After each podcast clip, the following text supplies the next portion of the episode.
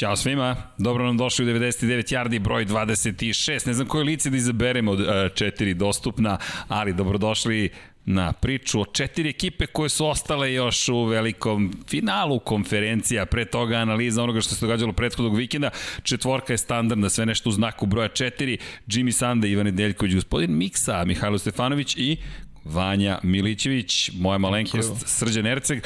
Iza nas kakav vikend, divizijska runda je završena i šta smo gledali? Dva buduća, to jest dve sadašnjosti NFL-a nisu završile utakmicu, a dva penzionera buduća ili u skorije vreme su za više nego završile utakmicu, otišlo u finala konferencija. Bilo uzbudljivo, pričat ćemo o svemu što se događalo prethodnog vikenda, najavit ćemo ono što nas čeka ovog vikenda.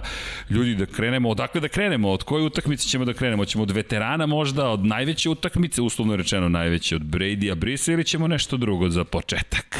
Pa možemo da napravimo neki miks, otko znam, da idemo mladi, stari, stari, mladi, otko znam. pa, ajmo, ajmo, dakle ćemo, imali smo ako šetnju. Ako ćemo NFC, onda stari, ako ćemo stari, AFC, onda ajmo, mladi. Stari, ha, budimo realni. Tom Brady protiv Drua Brisa prvi put i verovatno poslednji put u play-offu, iako se to još ne zna, na kraju dana 30-20, peti nosilac zvanično nacionalne futbolske konferencije, Tampa Bay Buccaneersi prošli u finale konferencije, 14. finale konferencije će biti za Brady, ali pre nego što odemo tamo, šta smo to videli u New Orleansu. Dve utakmice su dobili do sada, do sada Saintsi u, u, u regularnom delu sezone, treći duel i pripao je Baksima. A, pa prošle nedelje kad smo pričali o najavi ovog meča, čini mi se da smo uradili odličnu stvar kad smo rekli da će ključ poraza biti quarterback i mislim da se to ovde i desilo.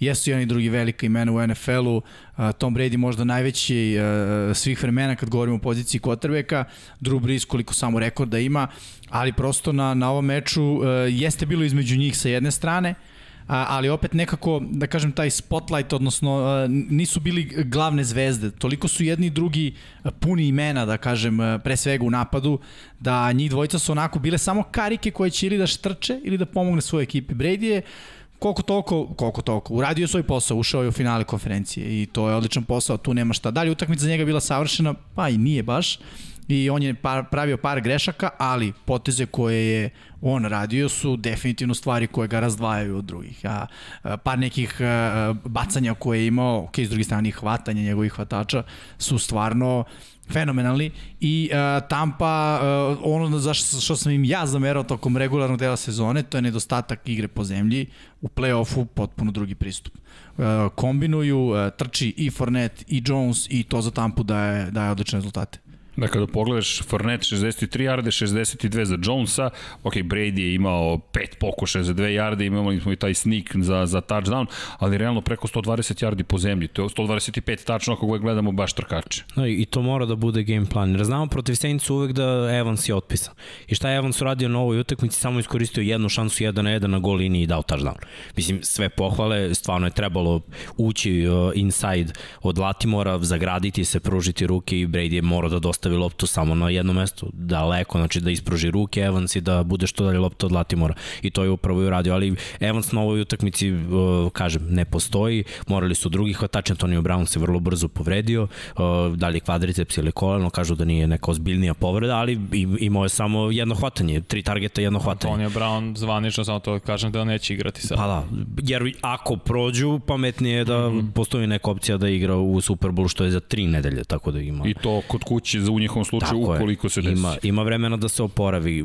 Zato je trčanje to bilo važno i bilo je važno o, o, da se iskoristi svaka prilika nakon turnovera, jer je odbrana odradila sjajan posao da da Tampi loptu na protivničkoj polovini nakon dva interseptiona i, i nakon jednog fumble recovery. To je vrlo važno, jer kada dobiješ loptu na 30-40, u jednom slučaju čak na 4 jarde u den zone protivnika, ne može field goal. Ne, nećeš dobiti utakmicu ako šutneš 3 field goala, to je 9 poena, a ovo je 21 poen, to je ta razlika 10 poena koja je na kraju bila. Stalno pričamo o tome, ti pogotovo to potencijaraš ku priču, isto stalno ponavljamo, 3 poena, jedna priča, touchdown i extra point, potpuno druga priča. Jednostavno menja se situacija u potpunosti. Ono što je meni fascinantno kada pogledam pogotovo u statistiku i Fornet koji i kao hvatač ljudi bio izuzetan i Fornet koji je rekao zato sam došao ovde, zato sam došao ovde, ovo je veličina, this is greatness i, i bio je, mikrofon je stajao na njemu i gledaš Forneta u nekom sjajnom izdanju i izdanju koje je, verujem da su navijači Tampe želeli da vide. Da, Fournette je došao po prsten, mislim, to nema šta, došao u ekipu koja je na papiru spremna da, da, da osvoji uh, Super Bowl uh, i vidjet ćemo ih sad ove nedelje kako će to biti protiv Green Bay, ali naravno pričat ćemo o tome kasnije. A Što da se tiče ovog meča, izvini samo kada pričamo o brojkama, uh, Drew Brees 134 yardi. To, to, su, to, to su dve strane, zapravo dve strane istog medaljona, istog novčića. Odbrana Tampe, pogotovo Devin White koji je bio fenomenalan, ponovo čovek koji je bio izuzetan i s druge strane utakmice. Drew Brees, ključni bukvalno igrač i Drew Brees suprotnost toga, tri presečena dodavanja, jedno danje za touchdown, samo 134 jarde. E, Tampa je takođe rešila još jedno pitanje, to je ofanzivna linija. Njihova ofanzivna linija igra fenomenalno.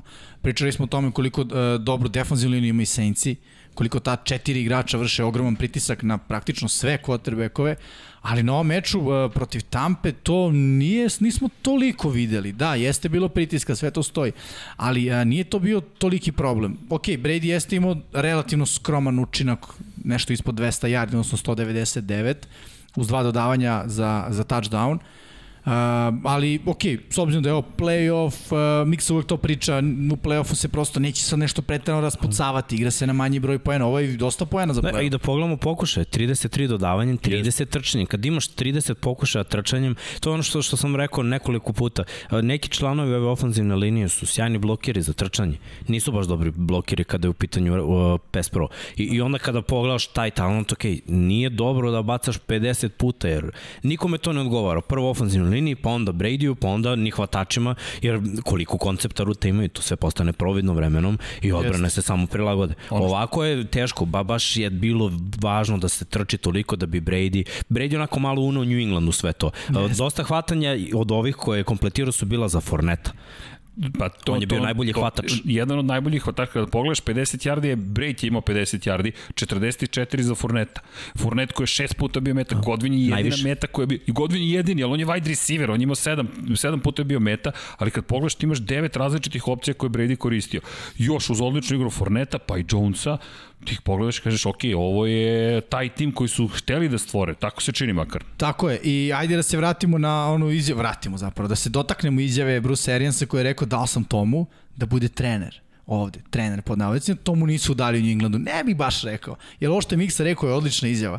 Uh, napad koji baš dosta posjećao na New England. I to one prve titule New Englanda, čak me više podsjećaju, gde se baš oslanjaš na trčanje od, od dobru odbranu i sve je i sve na nivou koji ti je neophodan. Sviš da su hvatači nikad bolje. Da, dobro, to je velika... O, osim one sezone kada je bio Ok, Randy Moss, pošto jeste. on bio faktor Anomalija. koji ne možeš da ne Faktor možeš, X. ne možeš da ga sačuvaš, to je to. Sad možeš svakog od ovih hvatača da sačuvaš, ali ih ima dosta, pa, pa se sve to promeni. I eto malo o Saintsima da kažemo, uh, oni su imali utakmicu u svojim rukama i, i držali su kontrolu, sve je bilo na njihovoj strani, ja sam radio meč. Bukvalno uh, čekao sam ko će da pogreši prvi i, i da ta greška ne, ne, neka promeni sve dok je utakmica bila u egalu. I taj moment uh, je bio fumble koji je napravio Jared Cook. Do, do, tad je Drew i u ovih 134, nije to strašno, jer tu je on pao, tu je pao čitav tim nakon onog fumbla Kuka, video si njega na sideline-u, peškir na glavi i, i kreće ono, ja opet sam ovaj, pogrešio, opet sve ide nizbor, čitav tim je nekako pao, nije to delovalo dobro, a u tom momentu su bili na polovini protivnika, taj fumble je bio na 40 yardi od protivničke end zone. isti playoff kao i u prethodnih nekoliko godina. Isti Jeste. playoff kada pogledaš.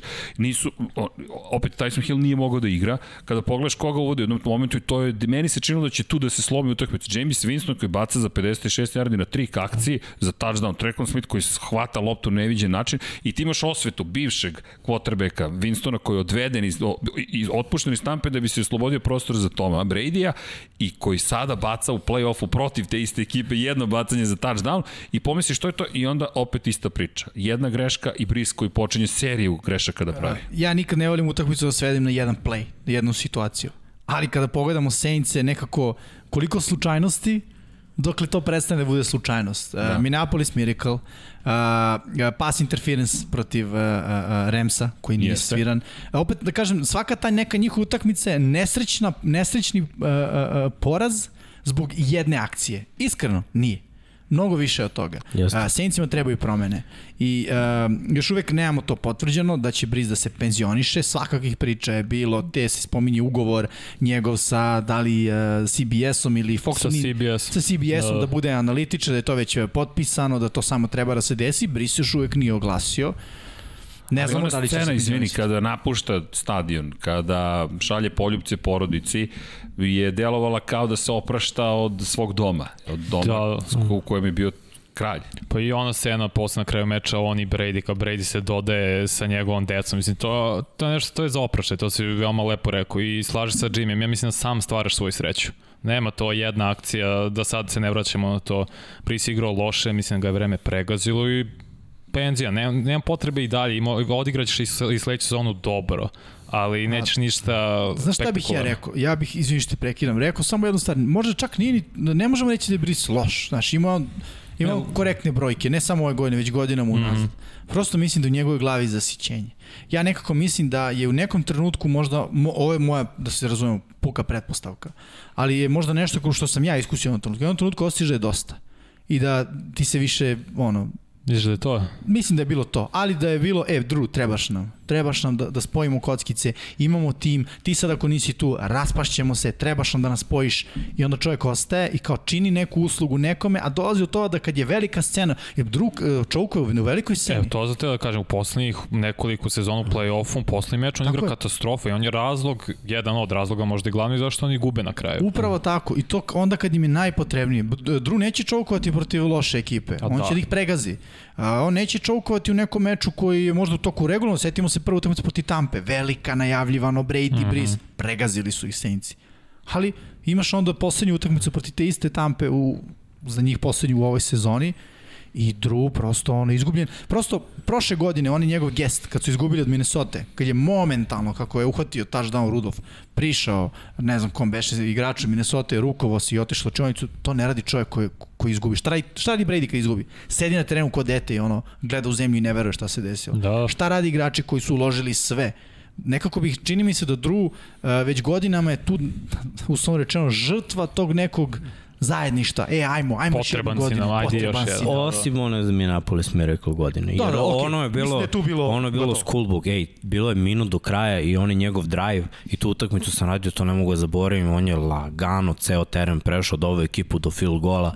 Mislim, ostaviš protivniku 15 sekundi, skoro je nemoguće. Ba, baš yes. je miracle ono što se desilo, nevjerovatno i to nije on pogrešio, Da, da, da, nego ne, ne. isključivo Pa, secondary. izvini, kažemo da ne svodimo na jedno, ali ako bismo mogli od svih ovih godina da izdvojimo jednu stvar, možda je to, kad ti kad neko slomi srce prosto. Ti si sve uradio. Mislim da Neko ti se slomi srce u tom trenutku. delimično da, ali više mislim da je možda Drew u svojoj glavi rekao ove godine smo jaki, idemo u Superbola, osvajamo i ja se penzionišem. To je to. E onda se to nije desilo, onda je bilo ajmo još jednu, pa onda on traži neki motiv u sebi i kopa duboko. Mislim, budimo realni, mi često gledamo profesionalne sportiste samo iz aspekta kad obuku dres i kada su na, na, na sportskom igralištu. To su ljudi. Oni su roditelji, oni su muževi, oni su braća, oni su prosto ljudi na kraju dana. I on hoće siguran sam da bude deo odrastanja svoje dece, a ne ceo život da bude neki tamo quarterback, neki New Orleans Saints. Pa da, manje više tata tu pola timu. Jer pola tima je na 22-3 godine, on, on je na 42-3 godine. I im postoji tu još jedna stvar. Drugo je kad igraš i kad si zdrav u tim godinama. Jer evo Brady poslednje 2-3 godine igra zdrav. Da. I kad igraš zdravo u tim godinama, budemo, ok, mogu ja još par, znaš, nije, jedna povreda je jača i dovedete u pitanje, ono, uh, kao, pa, znaš, to, to je Ruben lepo rekao, ono, kada smo ga videli, kaže, u početku karijere, utakmicu nedelju, ti si ono u ponedeljak veče već, u, super, znaš, kao, boli me, ali utorak sam spreman za trening, kako pet godina prođe, već je ono sreda, veče, uh, pa da li ću sutra da budem dobro kada igraš 10 godina, u nedelju ujutru si, ja, jer mora ovo, jer mora ovo opet. I Osim mislim... ako nisi Tom Brady. Da, pa, ali mislim da i njega boli, ja, samo, samo da nije imao ozbiljnu, ozbiljnu povredu, a drugo je imao pro, prošle Ima, godine pa ozbiljnu ove godine povredu ima i ove godine povredu, ozbiljnu. pa i rebra su stradala, tako to- je, to je- to je dve godine, povreda. dve ozbiljne povrede. Znaš, i dođeš do toga, ok, imam previše godina da bi me deca ovde tuklo po terenu. U svakom slučaju, kad sve saberemo i oduzmemo tri duela ove godine između dva velikana ovoga sporta, obojca u prvoj rundi kada dođe vreme za Hall of Fame, za kuću slavnih ulaze, sigurno, Jedna titula ostaje za Drewa Brisa, da li će se vratiti na teren, ostaje kao pitanje, ali Tampa Bay 30 naspram 20, kao gostujuća ekipa, zabeležila pobedu i kada pričamo o, o, onome što, što čeka Tampu, doći ćemo do toga, ali to je jedini tim zapravo koji je slavio na gostovanju i kao peti nosilac otišao u veliko finale protiv ni manje više Aarona Rodgersa. Kada pogledamo svu ovu statistiku, i, i možemo da vidimo fantastičnu treku ona Smitha, tri puta bio meta, tri hvatanja, 85 yardi, dva hvatanja za touchdown.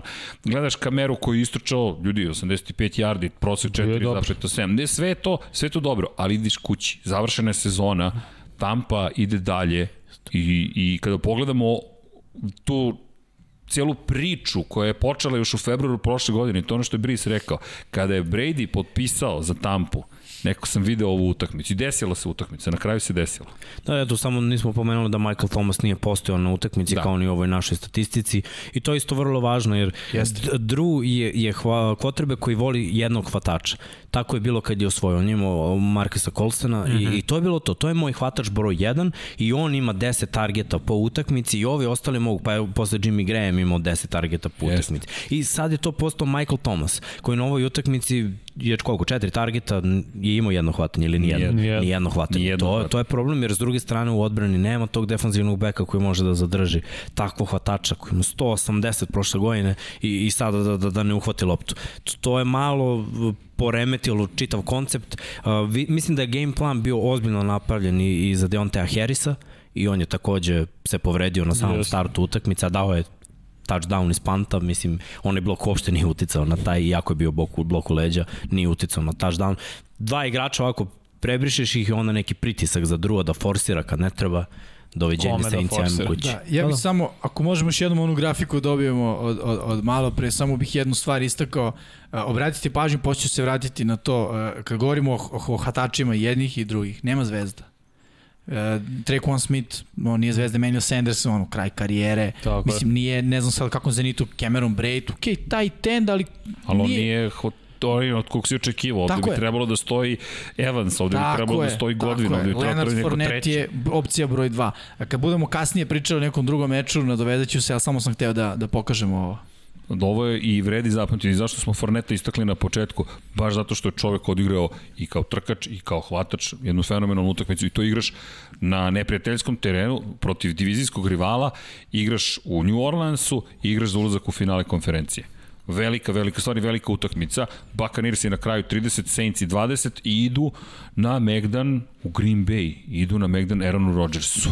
Rodgersu, ajde kada smo otvorili NFC, da, koji da, da, se mm -hmm. prošetao kroz ekipu LA Ramsa, iako u jednom momentu se činilo da LA ima šansu, budimo realni, Green Bay je držao stvari pod kontrolom. Da, mnogo volim izjavu, uh, imali su odlične šanse da ih pobede, sve dok meč nije počeo.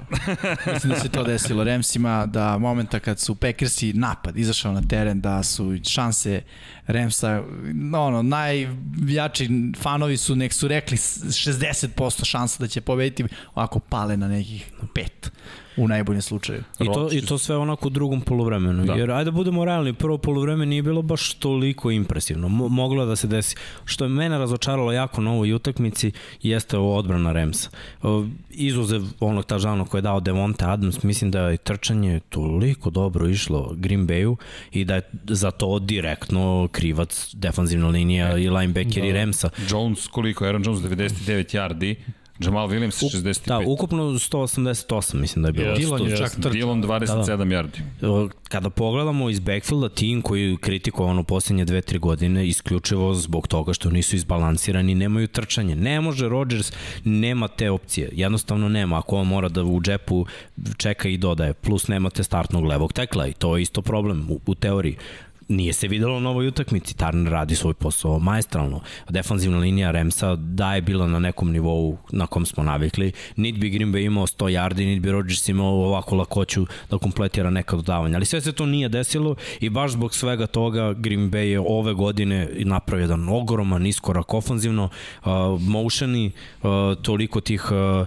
play actiona koji su ubacili još više u odnosu na prethodnu godinu zato što trčanje funkcioniše. Mislim da im je to pomoglo da postanu najozbiljniji tim u NFC, oni to definitivno jesu. Touchdown Davante Adamsa i način na koji je zapravo, to, to je to, to nije nešto što prvi put viđamo, to, to, to su stvari koje jesu sastavni deo NFL, ali to je školski primjer ka šta mogu da urade oni Rodgers, ta njihova kombinacija, mm. komunikacija očima. Meni ti kadrovi, kada Rodgers samo ako pogleda i samo uradi ovo, i to je dovoljno. Oni znaju već gde, gde ko treba da ide šta treba da radi. Najgor kad se nasmeši. Kad ima neki osmeh, kao nešto je već video i samo se nasmešio, prozvao akciju i odme neki big play pada. Uh, ja se slažem s, s onim što je Miksa rekao u smislu da je drugo polovreme bilo potpuno u, u znaku Green Bay Packersa, ali naš sam ja mislio kad sam rekao od samog starta, baš taj drive kad su dali touchdown.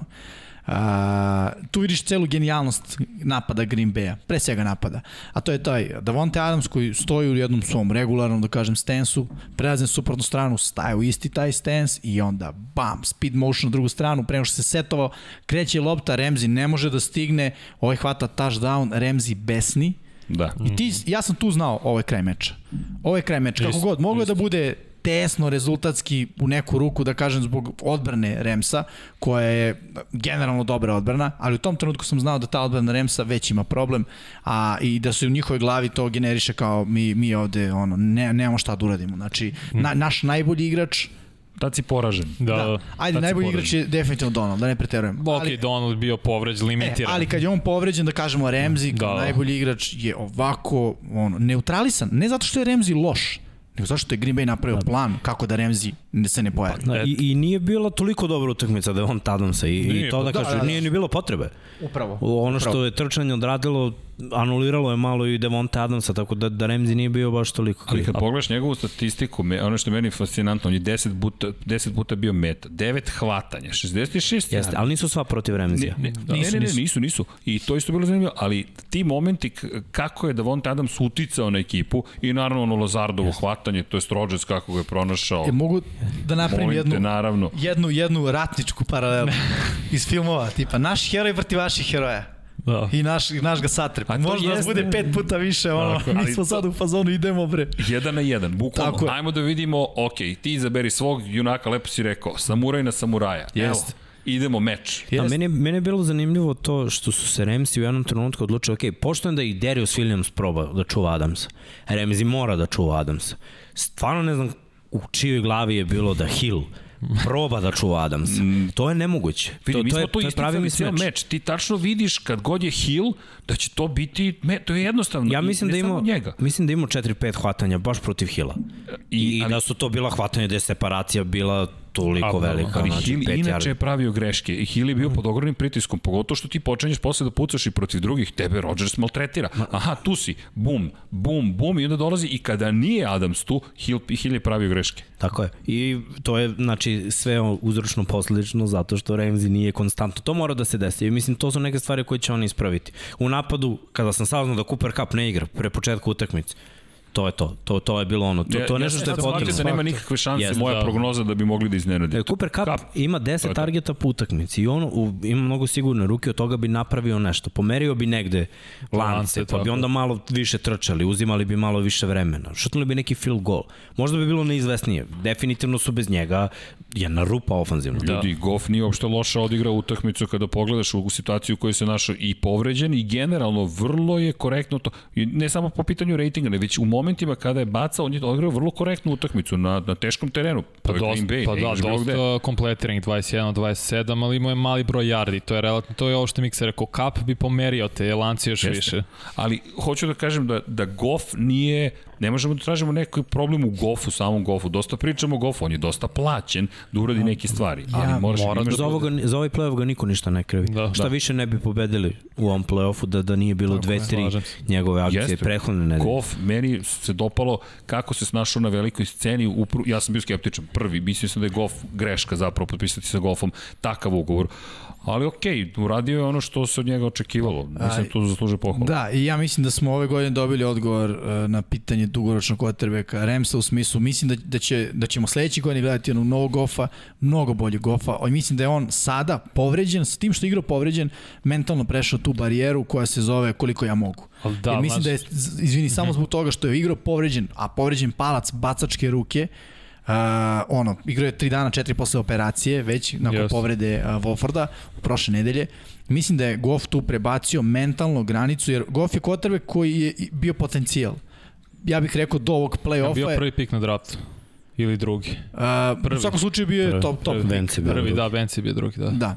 Uh, u svakom A slučaju... event ćemo pričati. Da, uh, mislim da je Goff sada prebacio tu, tu, ko što rekoh, mentalnu barijeru i da će Ramsey već sledeće godine biti ozbiljna ekipa. Što se tiče njihovog sekundarija, ja mislim da su oni isto dobar sekundari, da su samo uh, prosto ove godine bili žrtva toga što su relativno mlad sekundari i što relativno sada su ti igrači neki počeli da, da iskorače. Redko kad imamo situaciju u NFL-u da neko sad na poziciji defensivnog beka bude draftovan i prve godine da pokida. Redko kad. Kompleksna je pozicija, a, treba dosta da se Samo uči. najelitniji stvar. Samo najelitniji, tako je. To je kao i quarterbackovi. Mm. -hmm. Redko vidimo quarterbackove ala nasmi se Herbert. E, pa zaista. vidi taj osmeh. Koji A ruki, vidi ovaj osmeh, ovo je... koji ruki quarterback ima takvu sezonu? Ne, ne, ja, nema šta. Da smeje se s razlogom. Mislim da može da bude srećan za narednu Naravno. Deceniju praktično. Jeste. Pa stavio bi Spotlight ili Sportlight, ako hoćeš. Opa. tako. Da, igra reči na uh, Leflera, trener. Ovo je sve imao McCarthy pred dve godine. Iste ovi igrači, i Davante Adamsa, i Aaron Jonesa, i sve, isti napad je bio. Ali videli smo kakav je bio sa McCarthy. Nije bio isti napad, bio su isti igrači. Isti, ne, i da, upravo, isti igrači, a to koliko zavisi od trenera i od sistema. Filozofija, da. Nebo i zemlja. Da. Ali to je to ono što Jimmy i ja stalno pričamo. Da, iako je era dodavanja, svi očekuju dodavanja. I ako na tacni odbranik e, kažeš mi ćemo da dodajemo, onda bolje odmah zavi belu zastavicu oko motke i kreće da mašeš. Jer Da. nema poenta, znaš, mo- moraš da trčiš. Trčanje je osnova svega. Jer nakon dobrih trčanja, naročito u play-offu gde se kontroliše vreme i imaš dodavanja. Moraš da skup, spustiš malo ljudi u boks. Mnogo se lakše igra pasom kad je osam mm -hmm. ljudi u boksu. Pa da, i pa i to je, hoću da kažem, to je loš znak za generalno za Dallas. Sad sam uvukao Dallas zbog McCartija, jer vi ste videli kako, šta će McCarthy sad da uradi, ne znam, ali za secondary Ramsa ovo je super stvar, rekao si mogu još da napreduju, ali odbrana generalno, to je jezivo da pomisliš da su oni bili sad najbolje odbrana, mislim mogu i sledeće godine budu još bolja, pa zato što su neiskusni u secondary. To je Mada- stvarno jezivo Da. pomisliš. Mada vidjet ćemo sa, sa defanzivnim koordinatorom i to. Ali da, to ćemo je- uvesti. Da. Biće vest. Biće vesti. Pogotovo neki ovde imaju najzad svog trenera ponovo. Pričat ćemo, ali pričat ćemo, pričat da. ćemo da ne pobegnemo još od te zelene. Sad smo na žuto-zelenima. Kako god pogledate ljudi, Green Bay relativno lako, to je možda i očekivano lako je završio posao otišao u finale konferencije i Aaron Rodgers će prvi put zapravo na svom terenu biti domaćin u finalu konferencije.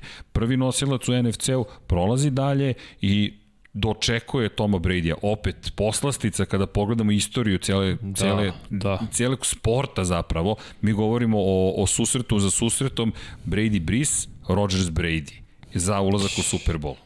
To je fantazija. Već sada Fantazija, svi imamo fan- osmeh na Plus licu. Lambeau Field. Plus I eto, Lambeau da, Field. i eto da kažemo da je Drew bio jednom u Super Bowlu i da je Rodgers bio samo jednom u Super Bowlu. Znači Jeste. oni nemaju u svojom renome, u CV-u da. nemaju poraz u Super Bowlu, a šta Tampu eventualno čeka ako pobede u toj utakmici domaći teren u Super Bowlu, Da, to, da, da. To je nismo nestvarno. videli. To je, to je ono što pričamo, bila ono Minnesota jedne godine i svake godine ono pomenemo Kad je to bilo? Minnesota kad je bio Miracle. Te godine su igrali Aha. u finalu konferencije, bilo ako pobede A Phil u ne, Philly. razumio sam te da je Minnesota igrala Super Bowl. Ne, Ne, ne, ne, ih, će, bilo je ono kao, e, moglo bi da se Da, da, desi. da. Svake Da. godine moglo bi da I se to desi. novi stadion, Tako je, i nikad nema gotovo sve teorije. fenomenalno i tako dalje. Sad ima neke teorije, da. Da, da. ali o tome ćemo O tome ćemo... e, a samo bi dodao, baš za Packers i generalno za Rodgersa, koliko od sledeće godine njemu otvoreni put u NFC-u. Sad, Da, NFC, ovo, stvarno je loš. Da. Mislim, Da NFC. imaš realno, kažemo, Seahawks i Russell Wilson sa novim ofenzivnim koordinatorom, Breeze vjerojatno ide u penziju, imaš Brady-a koji je stari i vidjet ćemo kako će Tampa biti generalno. Sem toga, šta ti zapravo imaš u NFC-u? Da, ja nekako mislim da, Realno. da, da, taj zapad bi mogao tu da se umeša, pre svega 49 ovi momci da se oporave i Da. onda je to jedna odbrana i igra trčanjem koja baš Green Bay ne leži. To ne mismeč, možda nismo bolji protiv drugih timova, ali za vas, brate, imamo lek. Eto, da imaš Dođi- dve, tri dođite ekipe ovamo. maksimalno. I Soran Rodgers, mislim, nema opravdanja. Imaš relativno lak put do više Superbola u narednih godina. Čekaj, da li su to prve naznake potencijalne kritike upućene ka Aaronu Rodgersu od strane Pa, našeg dragog to je čisto samo činjenice. NFC je slabiji. Za kad gledamo AFC... Dobro, nikad ne znaš kako Jeste. su stvari da kliknu sa novim trenerima i, i To da, ekipe. to Znaš, tačno. mogu Giants sledeće godine da budu boom ekipa. A možda Detroit to sve super. A može A da to i to. To već ne može, ali... Evo, ajmo na FC, ajmo na FC. E, ali čekajte, ko je domaćin sledeće godine 56. Superbola? Los Angeles. Da. Los SoFi. Angeles. SoFi Stadium. Gledamo te, vidi, gledamo te. Vidjet ćemo. To je AFC. A to je AFC. to, to, to, Gledamo Rams. Teška priča. Teške, teške teme. No, kada spominjemo AFC i teške teme, odakle ćemo da krenemo? Udri po tim odakle ćemo? temama. O, Tako je, Dom Dom Pablo. Dom Pablo Daj to odmah- teško. Daj tešku temu. Daj teško da Reč predajemo odmah. kralju.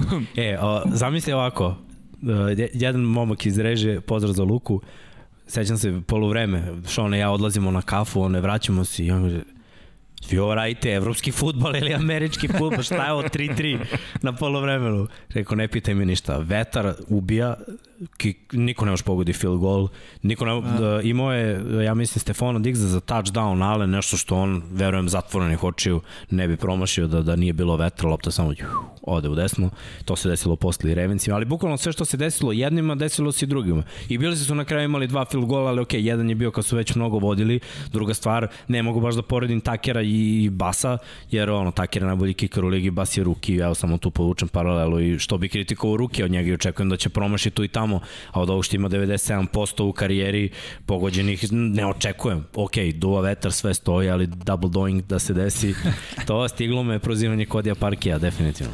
Ovaj, kako da, da analiziramo utakmicu? Utakmica je bila neizvesna, utakmica je bila na jedan posed, 3-3 je bilo u prvom polovremenu, bili su imali prvi napad u nastavku igre.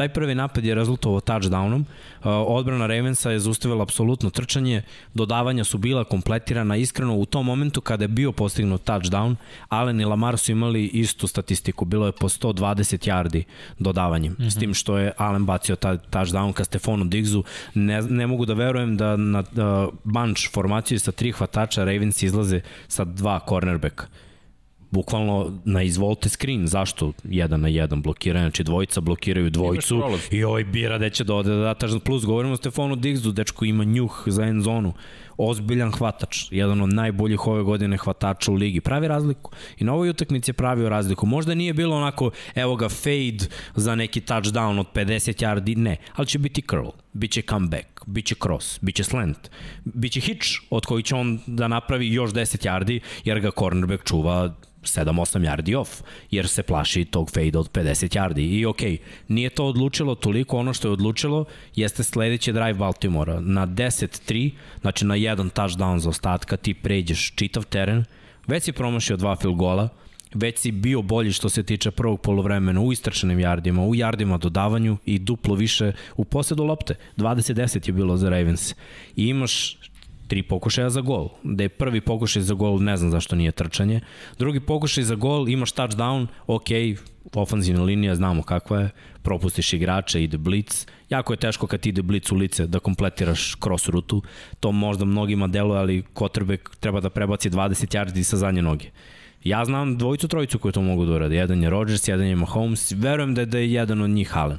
I zato, zato što je atleta i ima stvarno topinu u ruci. Jako je teško to dodati i onda sledeći play katastrofa. Znači, bukvalno katastrofa. Ali to je ona predvidivost Baltimora, jer imaš jednu metu od 1,90 da kažeš plus u end zoni, to je tight end, tight end koji je obično u double coverage u tim situacijama, jer se zna šta on trči, gotovo uvek ima ist, istu rutu. Ne možeš da veruješ Markisu Brownu u end zoni sa 1,70 ne možeš da veruješ Bojkinu koji onako prose hvatač, Des Brand gotovo da nije ni igrao, ne znam zašto, to je neka taktika bila da on ulazi na 15% snapova. Očekivao sam ga bar tu u crvenoj zoni. Baciš mu fade, outside. Pa ili će biti hvatanje ili lopta u out. Lopta u sredinu, sve pohvale za Terona Jonesa, koji je u toj situaciji na trećem downu pecao. Iskreno i da lopta išla na Vilija Snida, od Jimmy Tim ispravio, mislim da, da je on tačno podelio sredinu Da, da. i njegov moment reakcije je do lopte ovamo ili onamo. Gleda kvotrbeka i gleda da ide lopta. Gde krene lopta, on ima taj moment reakcije. Niti bi se lopta stigla do Snida, ni, možda ne bi bio interception, ali bi je skinuo sigurno, jer je bilo na ono 5 yardi razlike, to je za cornerbacka manje od sekundu, Da. ali ova lopta je bila bačena pravo u ruke. Katastrofalno rešenje, Uh, to se ne baca. Zašto? Ok, i da ne daš touchdown na trećem tom pokušu, imaš field goal. 10-6 je i utakmica je ružna, ali si igra na, ono, pobedit ćemo možda 12-10 na kraju. To je napravilo razliku jer je taj interception vraćen za 103 yarde. Ako bacimo pogled ponovno na statistiku, 0-3, 3-0, 0-14, 0-0. Tako je, taj 0-14, ovo interception vraćan za touchdown je, je tih 7 To je poena. to. Kraj utakmice. Kraj utakmice. Ok, možda nije bio još kraj utakmice, zašto? Ali? Za, za, zato što, što je bilo opet dva poseda razlike. I mogla da se stigne da kažem, Baltimore ofenzivno bio bolji. Ono što se desilo na ovoj utakmici stoti put ove sezone, to su dva snepa, 20 yardi iza quarterbacka. I prvi put je Lamar ne znam kako stigao do lopte, izvukao se i bacio je do, do linije skrimidža da bude nekompletan pas. Ovaj put M je bio intentional grounding, e, M ga je razbio, ne znam ko je bio momak, ali ga je on, sastavio sa Nije, zemljom. nije bio Jerry Hughes, nije? Dvojica su bile, jedan je bio noge, ovaj mm. gore mislim da je, da je 90 nešto bio, što, što ga je poklopio gore, tačno da udari kacigom u, u zemlju koja je naravno hladna jer je minus jedan stepen. Momentalni potres mozgom se nije podigao minut i po. To se videlo odmah da se neće vratiti na utakmicu. I tako, jedan loš snap ugasi do kraja meča. Izvini, to je ono što smo i rekli u uvodu na dovezivanje. Dva starija kvotrbeka završiše svoje utakmice, jedan uslovno rečeno stariji u vidu Rodgersa takođe završio, otišao dalje. Gledaš Lamara koji se ne podiže, kasnije smo sličnu scenu videli u Kansas City do koga ćemo doći, lelujanje Patrika Mahomesa i neverovatno koliko zapravo u trenutku sve može da se promeni. Jer ako se vratimo cijelu četvrtu četvrtinu, Baltimore je bio bez Lamara. Ko zna kako bi stvari izgledale u toj četvrtoj četvrtini. To je onaj moment kada se stvari menjaju.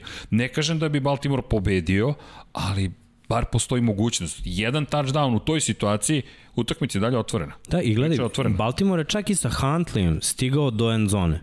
Išli su na sva četiri pokušaja za touchdown i lopta je bila u rukama Endruza dva puta u end zone. Jeste. Onaj post koji je bacio, nesavršeno bacio ono, sve pohvale za momka. Ne, Huntley je odlično odigrao. Tako je, i zato je Griffin opušten i Huntley će ostati kao backup, jer je ove godine ruki i bit će ono neku dovoljno da samo napomenemo koji. Robert Griffin, tre, Treći. koji Da, da, Robert Griffin treći. Zamena, ali, ali kako je to. Nikako. Mislim, Pa, samo je bio tu i slabo. trošio ne, Služio je neku... kao mentor više Lamar od prvih Ok, godina, od dve, vi, to je više, to. više ne Pa treba da. mentor. Plus da. Hunter stvarno dobro trči. I Odličan. da nije bilo vetra, što ti kažeš jedan touchdown, double move Markisu Browna je bio brutalan i tu se već vidio što on je već podivljao tamo video touchdown i stvarno je lopta išla u ruke i, I samo sve. vidiš kako samo odlazi, ali to je taj vetar. Čim je baciš gore da da bude lob, kao da upadne hvataču, nema toga po, po na 30 km na sat vetar, pa da, samo skrenu loptu. I mislim, ja bih pohvalio odbranu Billsa, Pohvalio bi obe odbrane, jer i odbrana Ravensa je dozvolila 10 poena, ali odbrana Billsa, ovo što su dozvolili samo 3, on, oni su pravi heroji i ovo je bila defanzivna utakmica, ona old school utakmica, ona kako smo gledali nekada, nije bilo lepo za gledati ako volite napade, ali ako volite odbranu, bilo je vrlo važno i Billsi u finalu konferencije, ja ono, ne pamtim, to je 94. Neverovatno. godina, tako? Mi svake nedelje ponovimo Bilsi prvi put od. Bilsi prvi put od. Bilsi prvi put od. Ljudi je u finalu konferencije i verujem da su i tekako, i tekako navijali da se Nemoj da desi. ih urekneš sada da kažeš Ništa pre. nisam ne. rekao, čekaj, čekaj, samo sam rekao da su, da verujem, navijali i tekako za Cleveland, jer ne zaboravimo, bili bi domaćini finala konferencije da je Cleveland iznenadio Kansas City Chiefs i Buffalo skidamo kapu. Ja mislim da svi kolektivno skidamo kapu. Nema to više veze sa Bills mafijom. Bills mafija je postala čak i pošalica, jer Billsi toliko nisu pretili nikome da izgledalo kao da to nije nikova mafija, već poruga gotovo. Ne, sad je ovo ozbiljna mafija. Da, kako kaže Jim Kelly, uh, mafija znači family. E, to je to. e sad znači jedna ozbiljna porodica, a ovo je sada već zapravo crime syndicate. Jer ti kada pogledaš, bez obzira, idu u Kansas City, ali pričat ćemo o, toj, o tom meču, međutim Buffalo Bills i delo kao ozbiljan tim i A, istočna polako. divizija. A, pa ne kažem za Kansas City nužno, ništa ne govorim dalje ozbiljno, neozbiljno. Samo kažem za Generalno za godine sezonu. koje dolaze i za Za sezonu. diviziju Buffalo svoju ozbiljno. Da. su bez premca, definitivno. To- I, I volio bih samo da kažem da i kad pobediš ružno, to znači da si sazreo. To je ono što su oni. Nisu toliko ozbiljan tim koliko su malo sazreli da dobiju ovakve utakmice. Jimmy nam ružne. se... Ne, ja se slažem, slažem se sa Miksom. Završio misao do kraja. I to sam se slažem u prvom trenutku i nisam toliko. Ali ovaj, da, slažem se, jesu zreli, definitivno su zreli. Alen je zreli, cela ekipa je, je apsolutno zrelija. Razlog, ja mislim da ono, Stefan Diggs pre svih, ali ima tu još Uh, još igrača, nije on sam naravno. Međutim, uh, ono što se meni na ovom meču nije svidelo, odnosno ono što sam mogao da vidim, to je, ok, Baltimore, svi smo znali kako će da napadne, to će biti trčanje, odbrana Buffalo je toliko dobra da može da se spremi bez problema da to neutrališe. Sa druge strane, znali smo da Baltimore ume da zaustavi trčanje jer su prošle nedelje zaustavili Henrya. Um, tako da uh, Baltimore je verovatno razmišljao, ok, znamo da su oni ekipa koji idu kroz vazduh, ali vidjet ćemo kako će da otvore meč. U smislu, ajde mi da zatvorimo trčanje. Trčanje je zato zatvoreno skroz. Znači, Ima samo Buffalo, 32 yarda. tako je, nije postoja uopšte. Što se tiče napada, nije ni to bio onaj napad kada Josh Allen ima 500 yardi kroz vazduh. Zašto? Ni iskustvo. Velika utakmica. Ja, vetar, naravno, slažem se u potpunosti sa, sa tim što je Miksa rekao, ali eto, na kraju dana je Allen imao dovoljno tih 206 yardi i jedan jedan bačen touchdown, ali e, pobeda koju je definitivno odnela, odnela odbrana. E, ono što mi je problematično kod Billsa je kako e, utakmice idu dalje, kako, da kažem, e, imaju progresiju kroz play-off, deluju mi nekako uplašenije. Nisam to očekivao, iskreno. Mislio sam da je ono, Allen, e, da je potrebim izraz usijana glava koja je nesvesna veličine Ide kroz momenta. zid. Da, ali definitivno to te izgleda stigne. U jednom trenutku kada se završi regularni deo sezone, kad se osvestiš da si konačno skinuo Patriote sa trona, da si konačno ti sad vest u svojoj diviziji, u svojoj konferenciji, da se ne lažemo, po skoru su bili Drugi. a, drugi u AFC-u iza Kansas City Chiefsa. A, mislim da u tom trenutku već počne ono priča o, o nečemu većem i da tu već malo onako uh, zaigra sve, sve u čoveku i da upravo tu treba da se desi neka vrsta sazrevanja. Sjetimo se i Mahomesa, on i onog poraza uh, kad je od Brady izgubio u svom prvom finalu A pazi, AFC-a. to nije bilo na njemu. Stvarno, Ne, ne, ne, od- mislim da je bilo na njemu. Uh, ge- mislim generalno ceo tim. U tom trenutku igraš protiv Patriota koji su ono zla imperija, Brady koji je uh, the GOAT i ti u tom trenutku, znaš, nije ti sve jedno. Ti razmišljaš o game planu i jedan deo tebe što nikad nije dobra stvar razmišlja o tome samo da ne napravim grešku. I kada imaš taj, znaš ono, kako zračiš, tako privlačiš. Kada imaš taj pristup, taj stav, a, privučeš grešku i desi se.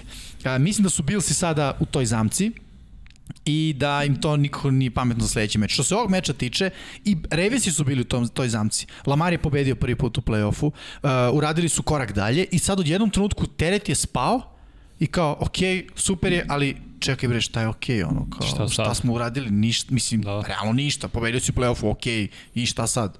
Ništa, isto je kao da si izgubio pre dve nedelje da se nisi plasirao u play-off, ne ideš u Super Bowl.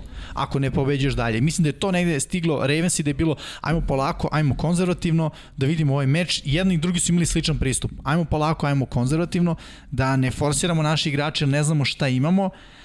Mislim da u ovom sledećem meču i da je Baltimore prošao, da taj pristup neće doneti puno toga. I, i, i- zato mislim da je ovaj meč bio s jedne strane onako ružan što kaže Miksa, ali pobeda je pobeda, definitivno, ali ljudi iskreno mogu i Baltimore da pobedi, bez problema. Da je pas Lamara prošli, je to bio touchdown, taj meč bi e, sigurno sam izgledao drugačije. Baltimore bi bio bolji momentu. Imali bismo ba, e, Buffalo koji lagano stagnira, bilo bi 10-10, a tako? Da. I Buffalo koji već ono, šta, 3-0, 0-3, 7-7 bi bilo u trećoj četvrtini i ta zadnja četvrtina bi bilo ko je, ko je dosledni nekom svom game planu. Ja bi se ipak držao game plana trčanja. Pa gledaj, ovo je bio game plan Baltimora. U game planu kad praviš za utakmicu, trener nikad ne računa izgubljenu loptu. Mi, znači, da. računaš, ok, oni da povedu jedan touchdown, ti izjednačiš i čekaš četvrtu četvrtinu da gnjaviš, da trčiš 3 po 3, 3 po 3 i ako istekne vreme na kraju ostane malo, taker pogodi, to mislim to je game plan, ali ne ide baš sve tako kao što zamisliš, mora da uračunaš i promašeni field goal i po neku izgubljenu loptu. Što bi rekao Mike Tyson, svi imaju plan dok ne dobiju udarac u glavu. Tako je. E, šta, su- šta se videlo u svim ovim utakmicama koje smo pomenuli? Da je izgubljena lopta u play-offu, znači doviđenja, idemo kući. I izgubljena lopta više, ajde. Saintsi su imali dve više od Bucksa. Brady je bacio dva interseptiona, ali Saintsi su imali četiri izgubljene lopte, Tako tri je. interseptiona i jedan fumble.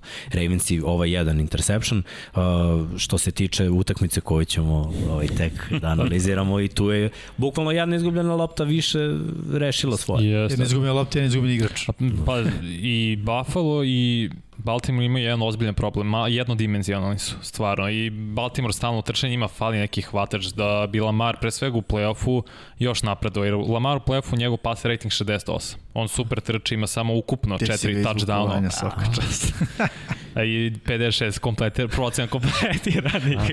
Znači, ne, ali je, stvarno je jedna dimenzija. U Buffalo je suprotno, samo pas, pas, pas. Bilo je ono kad su vezali koliko napada, samo dodavanje, prvih 10 ili koliko je bilo. I to, nema, to nemaš protiv Chiefsa Prvi koji put su, su... trčali na kraju prvog Da. da. polovremena, prvo trčanje Singletary je bilo da, na kraju prvog Malo pre polovremena. kad pogledaš statistiku i kad pogledaš Buffalo Billse, Singletary je imao 25 yardi trčanjem i on je je najbolji trkač ekipe Buffalo. A dobro, razmisli ovako, gde bi ti napao Ravens? Video si prošle Ne, ne, nedelje protiv Tennessee. Ne, ne kažem, ne, ne Da. kažem da ne treba, nego samo konstatujem da taj deo Da. igre prosto nije funkcionisao. Mislim da se nisu Nemaš- ni osanjali. Ovo što Ne. kaže Miksi i Vanj, mislim što je, što je bila činjenica, da su trčali Jeste. tek tako kasno. Ali to samo znači da game plan nije koji nije podrazumevao vetar.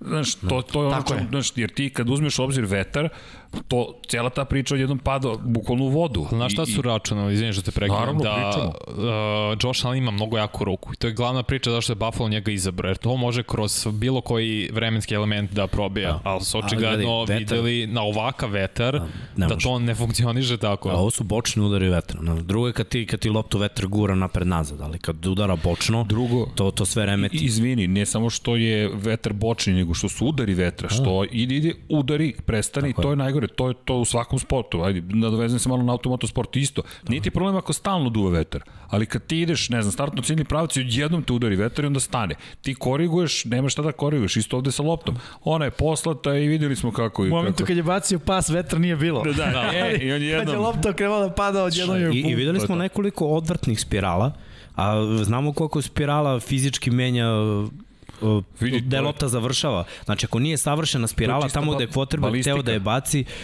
5 metara ide levo, desno, napred ili nazad. Da. Ljudi, Šta znači zrno- samo loša spirala? Zašto u cevi imaš oružja, ne volim da ga spominjem, ali imaš zapravo takve zareze, zapravo žljebove koji ti za, naprave spiralu i, i, i kada leti metak jednostavno to da tako dobija takvu putanju.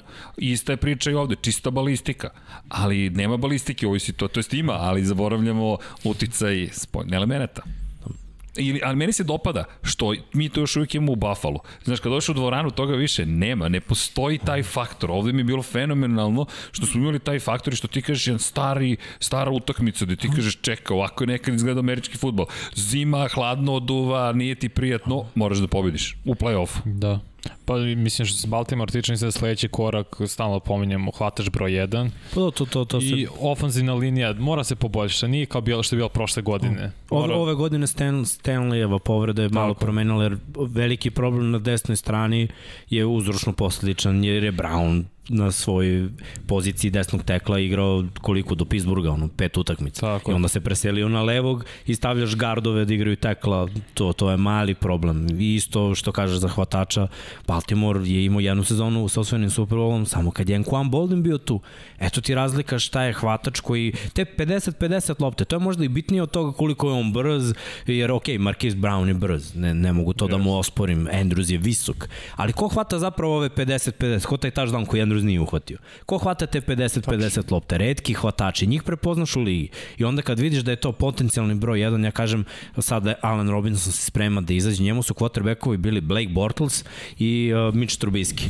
I eto malo falls. On, dečko, ima hiljadu yardi Da, svake nema sezone. ispuštenu loptu ove godine, to je sad najnovija znaš, statistika. Hvata ne, neke ludosti one koji su iza leđa, u noge, lopta koja se ono prevrće ko pan. Još jedna stvar koja je tome u prilog. Prva utakmica kad se vratio za Eaglese uh, Jeffrey, Uh -huh. kad je bio Hurts quarterback, odmah su bili mnogo bolji kroz vazduh. Jer Jeffrey je taj receiver koji za Filu je to prečara. 6-4, mislim, To je jasno, sve ti jasno. metar 95, 6 i dajmo loptu bre gore visoko. Kao i ono što pričamo, Stafford kada uh, nema svoju prvu opciju, Na Goladeja. Goladeja, i kada ima, druga ekipa Detroit. Apsolutno, pa evo, šta znači Dix? Opet je čovjek imao preko 100 yardi, opet je imao touchdown i to u play-offu. To kad je najbitnije, broj 1 hvatač, bam, Dix iskač. nije taj 50-50, da, evo, ali 108. Dix onaj koji pravi separaciju.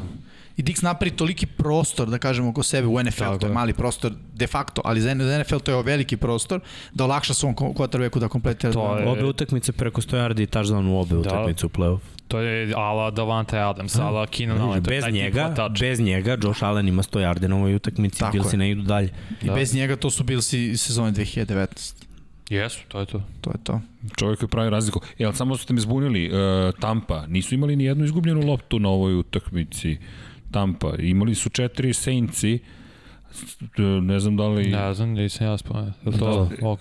Ja mislim da sam spomenuo. Ne, ne, to, to, to, to ste me izgubili, ali to, to, to je, ali mislim da, Evo, vi, pa, evo, da, Da, Dom nula, Pavelo, da, ne zato što znam da, da, da, da, da, da su čuvali loptu, da je to Da. jedna od pohvala za Bakse zapravo bila, ali, ali mislim da si, da si lepo rekao, jedna izgubljena pravi razlika, ove tri ne bih pripisao uopšte da nema one prve, ono što smo i rekli na početku, da, da ih nema, jer jedini tim koji mi se čini da bi mogao da ima više, da imaju izgubljene lopte i da pobedi su Kansas City Chiefs. Iako se to sad nije desilo, ali mislim da Kansas City Chiefs jesu sposobni za to. I kada spomenemo Kansas City Chiefs, ih spomenemo. ajmo mi da ih, da, ih, da ih malo više spomenemo. Ljudi, ajmo krenemo od, pa, možemo od statistike, ali ja bih krenuo od onog momenta kada se Patrick Mahomes tetura i ti vidiš da je to Knockdown. knockdown. kao bokser, kad treba da ustanem posle knockdown, bukvalno, ne, ne može da stoji na noge. A, mislim da je više dobio choke. Ali, Da, da, da. E, Da, moguće da je čok. Mi smo bili sve dalje čok ili, ili je to Ja ti temeljno- delovalo da udario Ne, vrhom ne, ne, glave? ne, Meni nije. ništa. Mene je delovalo da, da, da je bio malo iznad, Ugušen. iznad zemlje. Da. Više mi je delovalo da, da ona ruka, ono, ono bilo gušenje i ono taj rvački zahvat. Da, da, ono, bukvalno gubitak, uh, ono, pa Kiselnika. stisao mu je ovde tu neku, sad izvinite na izraz ako mašim, ljudi koji se razume neku glavnu ar arteriju, aortu, kako se to već kaže. U svakom slučaju da je tu došlo, valjda, do, e, bukvalno prekida ono kiselnika do mozga i da on čovjek uh, počeo se tetura.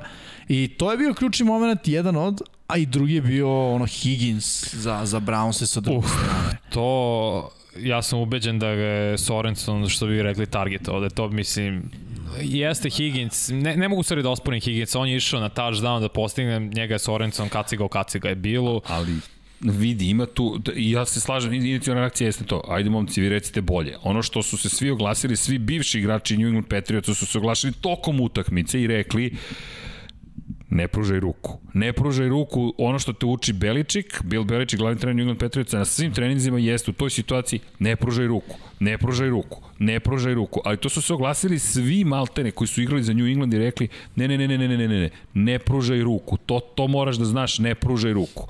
I ne krivim njega, nema tu krivaca, ali prosto taj moment i ono što smo kasnije čuli jeste zapravo bilo da je Stefanski rekao da jeste plan bio ukoliko se nađe u toj situaciji, ne pružaj ruku. Vidi, to je, to je školski, to se zove ono situacioni futbal, to je u smislu uh, minut 40 do kraja, uh, drugi za 10, ti istrčavaš da li ćeš da budeš grli da uđeš u end zonu ove godine ili ćeš da budeš grli od pre, koliko beše, dve ili prošle godine, kada ćeš da padneš ispred end zone i potrošiš vreme. To je situacioni futbol. Da li si svestan šta se dešava situacije ili ti igraš prvi za 10 svaki put?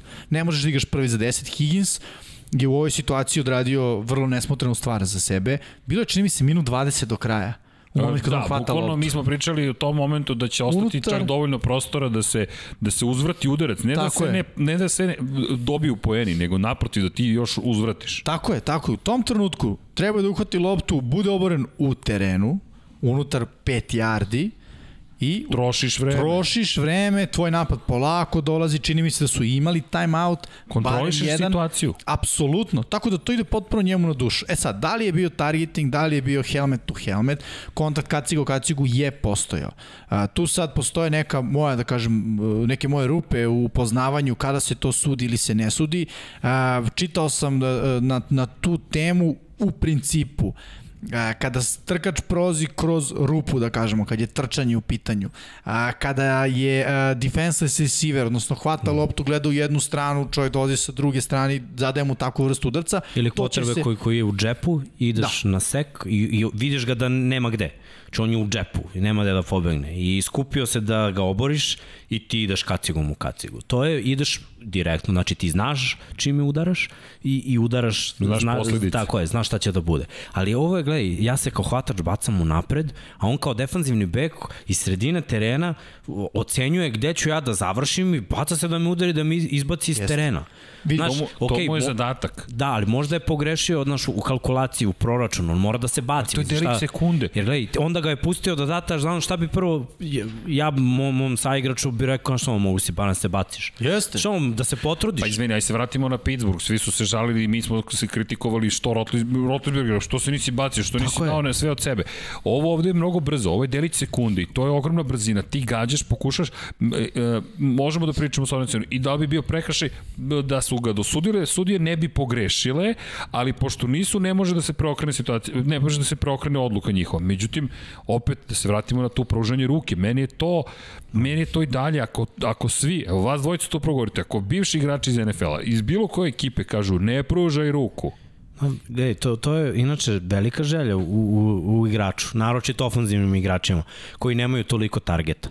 Uh, I na našem nivou isto postoji. Znaš, ti Ponese kada počneš želju. da igraš, tako je. I, I gledaj, ponekad jednostavno vidiš da, da, da možeš. Ja kažem, i u prvim sezonama i imao sam, bio jedan fumble u finalu i odmah sledeće godine, ja mislim druga utakmica koja isto bila, opet sam napravio fumble. Šta sam radio? Izbegao sam prvog igrača koji me promašao baranje, uđem između safety linebackera, pravim rolling. A imamo prvi down. I napravim fumble, naravno ja da krajem rollingu on me uvati za loptu, iščupa mi loptu, lopta padne, mi izgubimo loptu, ja dođem na sideline i meni kaže Ruben, tada uzu si prvi down. I to je tvojoj ekipi dovoljno. Ne moraš da daš touchdown svaki play. Daj da pređemo još malo terena i bit će akcija za tebe da daš touchdown. Ako ne na ovoj utakmici, sledeća utakmica je tvoja. Biće uvek jedan drive kad će biti touchdown za tebe. Nemoj po svaku cenu uvek da ideš da daš touchdown. Nisam imao fumble više nikad. Jer uvek kad sam bio u dva igrača, jed, ode lopta preko grudi druga ruka tu, okej, to je to. Uzeo sam prvi down, ne sam uzeo prvi down, to je ono što moje ekipi treba, novo četiri pokušaja, sad možemo da idemo dalje. Ako treba da se izađu u out, izađi u out, da, doći će trenutak. Imaš nekad moment kada izgoriš, on je uhvatio loptu, okrenuo se, DB je bio na 10 yardi od njega, end zona na 5. želiš. To je to, Želiš. razumeš, želiš, To si sanjao je. kao klinac. Ideš, tako je, daću touchdown, Okej. da, taj touchdown će da donese Brownsima neku pobedu, pružaš ruke, nadaš se. Ako me on udari u telo, lopta ne ispada. Ako me udari, uh, samo može me udari u lakat ili u šaku da mi ispadne lopta ili u glavu i dobio je nokaut. Šta Dobio bi radi? da je uspeo nova četiri pokuša, izvini, ali šta smo na kraju videli? Situaciju u kojoj Cleveland nije dobio ni jedan više pokušaj. Ljudi, ja bih se vratio i na, i na, na samu utakmicu na kraj. Da, Mahomes je eliminisan, magičan je bio Mahomes dok je igrao. Zaista ti pogledaš, onaj ulazak u end zonu gde se on okrene nonšalantno i onda loptu baci u publiku i ti odjednom imaš koga? Čekaj, ko je, ko je? Chet Henny. Šta? Ko, yes. zašto? Znamo da je tu, ali on ulazi u prvu playoff utakmicu u karijeri i treba da zameni Mahomes i da se odbrani od Brownsa. Ja samo moram se vratiti na prethodnu situaciju, da ponovo kažem, to je situacijani futbol sa jedne i sa druge strane a, lopte. Sorensen zna, ovo što kaže Mix, da ovaj hvati da skače u end zonu. Ti kao defanzivac znaš da kad on skače, ne skače u vis, on skače u dalj. Da bi do, postigo dalj, mora da bude na toj nekoj visini kuka ili da kažemo niže, šta je za tebe tu najbolja situacija da uradiš pa ovo što je Sorensen uradio, da gađaš njegovo bestežinsko stanje, jer čovjek kad skoči, kad se pruži, nema kontakt sa zemljom, on postaje laka meta, ti čoveka, ti 200 kila kad se odlepi od vazduha, možeš da gurneš praktično rukama jer je mnogo, mnogo je lakša stvar nego kada je na zemlji, kada ga gravitacija vuče dole. Sorensen uradio pravu stvar i slažem se s ovim što je Miksa rekao, ne može da pravi kalkulacije da li će on pogoditi u vazduhu kada ovaj skače, ide u napred, a ovaj skače sa tendencijom ka autu, gde će on njega da, da pogodi. Mislim da zato sudije nisu dosudile. Prekrši to mi potpunosti uh, ima smisla. I za mene je svaka čast za Sorensena, velika greška za, za Higginsa. Izvini, mora sam da se vratim. Ne, ne, sve okej, priču vidim da si, vidim se da ti, je, da ti na, na srcu stoji taj Da, moment. da. Opet hvatač Ali- i vidi kad neko dolazi u momentu kad se pružaš i vidiš da, da je na ono 10 cm, samo spustiš na grudi. Jer onda fumbluješ u out. Jest. I onda je prvi za gol. Vidim da vas je potreslo ovo, o, ozbiljno, Da. ne, ne razumem želju. I pokrenulo je dosta priča i onda neke priče su bile, to je, touchback je glupo pravilo. Nije glupo pravilo. To je pravilo. Idemo dalje. Ne samo što je pravilo, nego to je Ne samo fenomenalno pravilo. Ali moraš da vodiš računa. Više moraš da vodiš računa. Moraš da jeste, razmišljaš. ali Redko vidi, kad se Ne, dešava, meni se znaš. dopada, ja, ja nemam problem sa time. Zašto? Baš zbog ovoga. Zato što ti na kraju dana moraš da budeš svestan svega. I Vidi, želja, ok, ne želja, da, ne. Na kraju dana, evo ti balans. Mogu si da budeš heroj, sada si mega tragičar. Mega Mhm. tragičar. Mega. I verujem da sledeći put, nadam se makar zbog njega, i za koga god da igra, da će da kaže, čekaj, naučili smo nešto. Lezi, ne znam, radi šta god. A, možeš da se baciš, znaš, ne stigneš, okej. Mora da budeš svestan ko je pokušaj. Znaš, na četvrtom pokušaju za gol, ja nemam nikakav problem da, da uradi ovo. Sve jedno mi je da li će protivnički napad da krene s jednog jarda ili možda da postignemo touchdown i da bude touchback. Ali je, to je bio prvi down. Bio bi prvi za gol, unutar 5 yardi imaju dvojicu ubica u backfieldu. To je, oni su koliko? Na 80%? Miksa imaju preko minut vremena. Da, ali- Ajde, ali pet trčanjem su do kraja, gola znaš. izbijali. Ja mislim da vas je dotakla ova priča priče, ali... Ne, ali jeste interesantna situacija. Jeste, jeste, ali vidi, imamo i tu situaciju, znaš, da, da na kraju dana, to je, to, to je, to je jedan moment, i dalje si u utakmici, dalje imaš mogućnosti. Brownsi na kraju su imali šansu svoju, ispucali su loptu, predali su loptu, I zato je meni ta priča o Heniju isto toliko, takođe moćna, velika. On je bacio čovjek presečeno dodavanje. Direktno je poklonio Clevelandu loptu. Katastrofa je ono dodavanje. Katastrofalno, ne znam kome. Mora da ima interception, ono, bukvalno po statistici gledano, on je svake sezone ima više interception. Misliš, morao je da ima i ovoga puta. Bukvalno je Danny morao. Dimes pred... Da, da, Ne, ako pogledamo statistiku, ti pogledaš i kažeš, ok, šta je uradio? 8 pokušaja, 6 dodavanja, 66 yardi bez dodavanja za touchdown jedno presečeno dodavanje. Ali da nismo gledali utakmicu, pomislili bismo, pa šta sad, ja to, Da, čovjek je tragičan. 7 od 8, s tim da je jedno bilo protivnicima. Ali vidi, ljudi, prva utakmica u, u karijeri u play-offu, ti si veteran i ti menjaš jednog Patrika Mahomesa koji ga puno hvalio inače i on je između ostalog tražio da Henry ostane u ekipi i dođeš u situaciju da je tvoj posao da potrošiš vreme i da Clevelandu okay. više ne daš loptu ni jednom. I ti si uspeo u tome. Ti si bukvalno i uspeo u tome. 22-17 ljudi bilo je napeto na kraju. U jednom trenutku Brownsi su imali, Imali ozbiljnu šansu, tako je, da, da, da naprave najveće iznenađenje. Dva drajeva za pobedu. Ali to, onda je tu se pojavilo na iskustvo Baker Mayfielda i možda i nedostatak njegovog kvaliteta da privede te drajeve poenima nekim, zato što je sad, kaže, sad momentum je bio na strani Brownsa i ti nisi, mogu, ti nisi uspio to da prevedeš poen. I iskreno, u tim situacijama malo me začutilo što nisu trčali više. Isto, isto. Uh, isto Svi smo bili zbunjeni. I, I opet Baš smo bili zbunjeni. dolazim do još jednog onog ozbiljnog razmišljanja, znači treći levi tekl, koji čak ni nije ni tekl, Da. a igra levog tekla što je vrlo važno za kvotrbeka i, i ti pokušavaš toliko na, na dodavanja.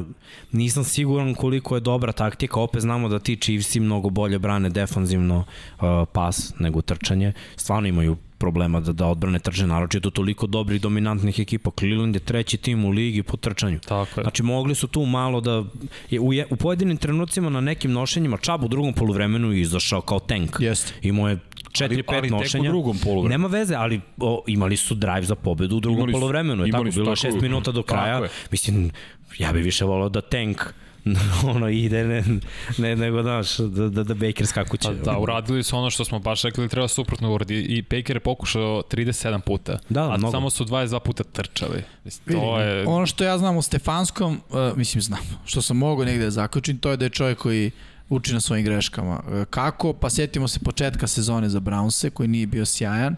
Ista bila, ista bila priča. Filozofija je bila Baker, Baker, Baker. Beckham na hrani sva ta gladna usta, čuda ovo. On je u jednom trenutku bilo stani. Na meču čini mi se protiv Cincinnati prvo. Šta je uradio Baker kad su oni imali odličan drive trčanjem, prvi pokušaj kroz vazduh, interception. Sledeći drive je bilo ne. Mi smo trkačka ekipa i od tog momenta za Brown se sve krenulo nekako u boljem smeru na, na nivou cele sezone. I mislim da će Stefanski iz ovoga naučiti. Ljudi, realno i njemu je ovo prvi playoff kao glavnom treneru. Drugačija je Da, da. uloga, drugačija je perspektiva igranja utakmicu u playoffu kad si koordinator i kad si, i kad si glavni trener. To ti je kao kad si roditelj i kad si stariji brat. Ti kad si stariji brat, pandan koordinatoru, tebi ako se mlađi brat povredi, pa i nisi ti toliko kriv. Realno su krivi mama i tata što ga nisu čuvali. A ti kad si roditelj, ti moraš da vodiš računa o, o, ono, o svoj deci. Tako i ovo, on je glavni trener. On treba da donese neke odluke. Utakmica mnogo brzo ide kad si, kad si uključen u nju, pogotovo kao trener. Evo ja to mogu da kažem iz svog iskustva. Odjednom, bam, samo proleti.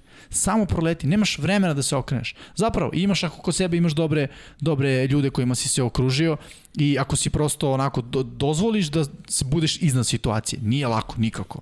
Nikako nije lako. Moraš da motivišeš, moraš da biraš akcije, moraš da gledaš gde se greši, gde oni greše, šta ti treba da radiš, koju akciju da izvučeš. Znači, mnogo stvari. A sve to je spakovano ono, čak nije ni u 8 sati da kažeš jedan prosečan radni, radni dan jednog čoveka zaposlenog u nekoj korporaciji ili E, bilo gde drugo. uzmimo u obzir još jednu stvar. Ovo je njemu prva utakmica na terenu. Ja, ajde, ajde U pohvalimo, ajde On čovjek pohvalimo, nije bio tu na terenu, ali Cleveland posle 18 godina je ušao u play-off. Ajde veliki pohvalimo čitav AFC. Ovo su sve momci ispod 25. Tako je. Ovo su sve Da, momci ispod tako 25. je. Čak i Mahomes koji je godinu dana, da kažeš ranije, ušao u ligu. 25 godina, Baker 25, Lamar i Allen uh, 24. Da. 24 godine. Inače, samo Mahomes nije iz iste draft klase. Znači, iz draft klase u kojoj je bilo pet quarterbackova u prvoj rundi, uh, trojica su bila u polufinalu, znači ili da kažeš u divizijskoj rundi Da, da. AFC-a. Izvini, NFC kada pogledaš, šta smo rekli, plus preko 35 Rodgers, preko 40 Brace i Brady i koliko godina Goff 26. I, dakle, čak i Goff je stariji od svih Da. u AFC-u. Tako je. A pogledamo koji je plafon Goffu, a koji je plafon svim ovim momcima u AFC-u. Porašće znači, plafon gofu sledeće. Uh, ali hoće, a, ali porašće i Bakeru, i Allenu, Da, da. i Lamaru, a mislim, meni deluje ima Holmesu. Jer s obzirom da, da sad nekako igra sa neki 50% lakoća, pročita odbranu odmah, meni deluje stvarno previše lako.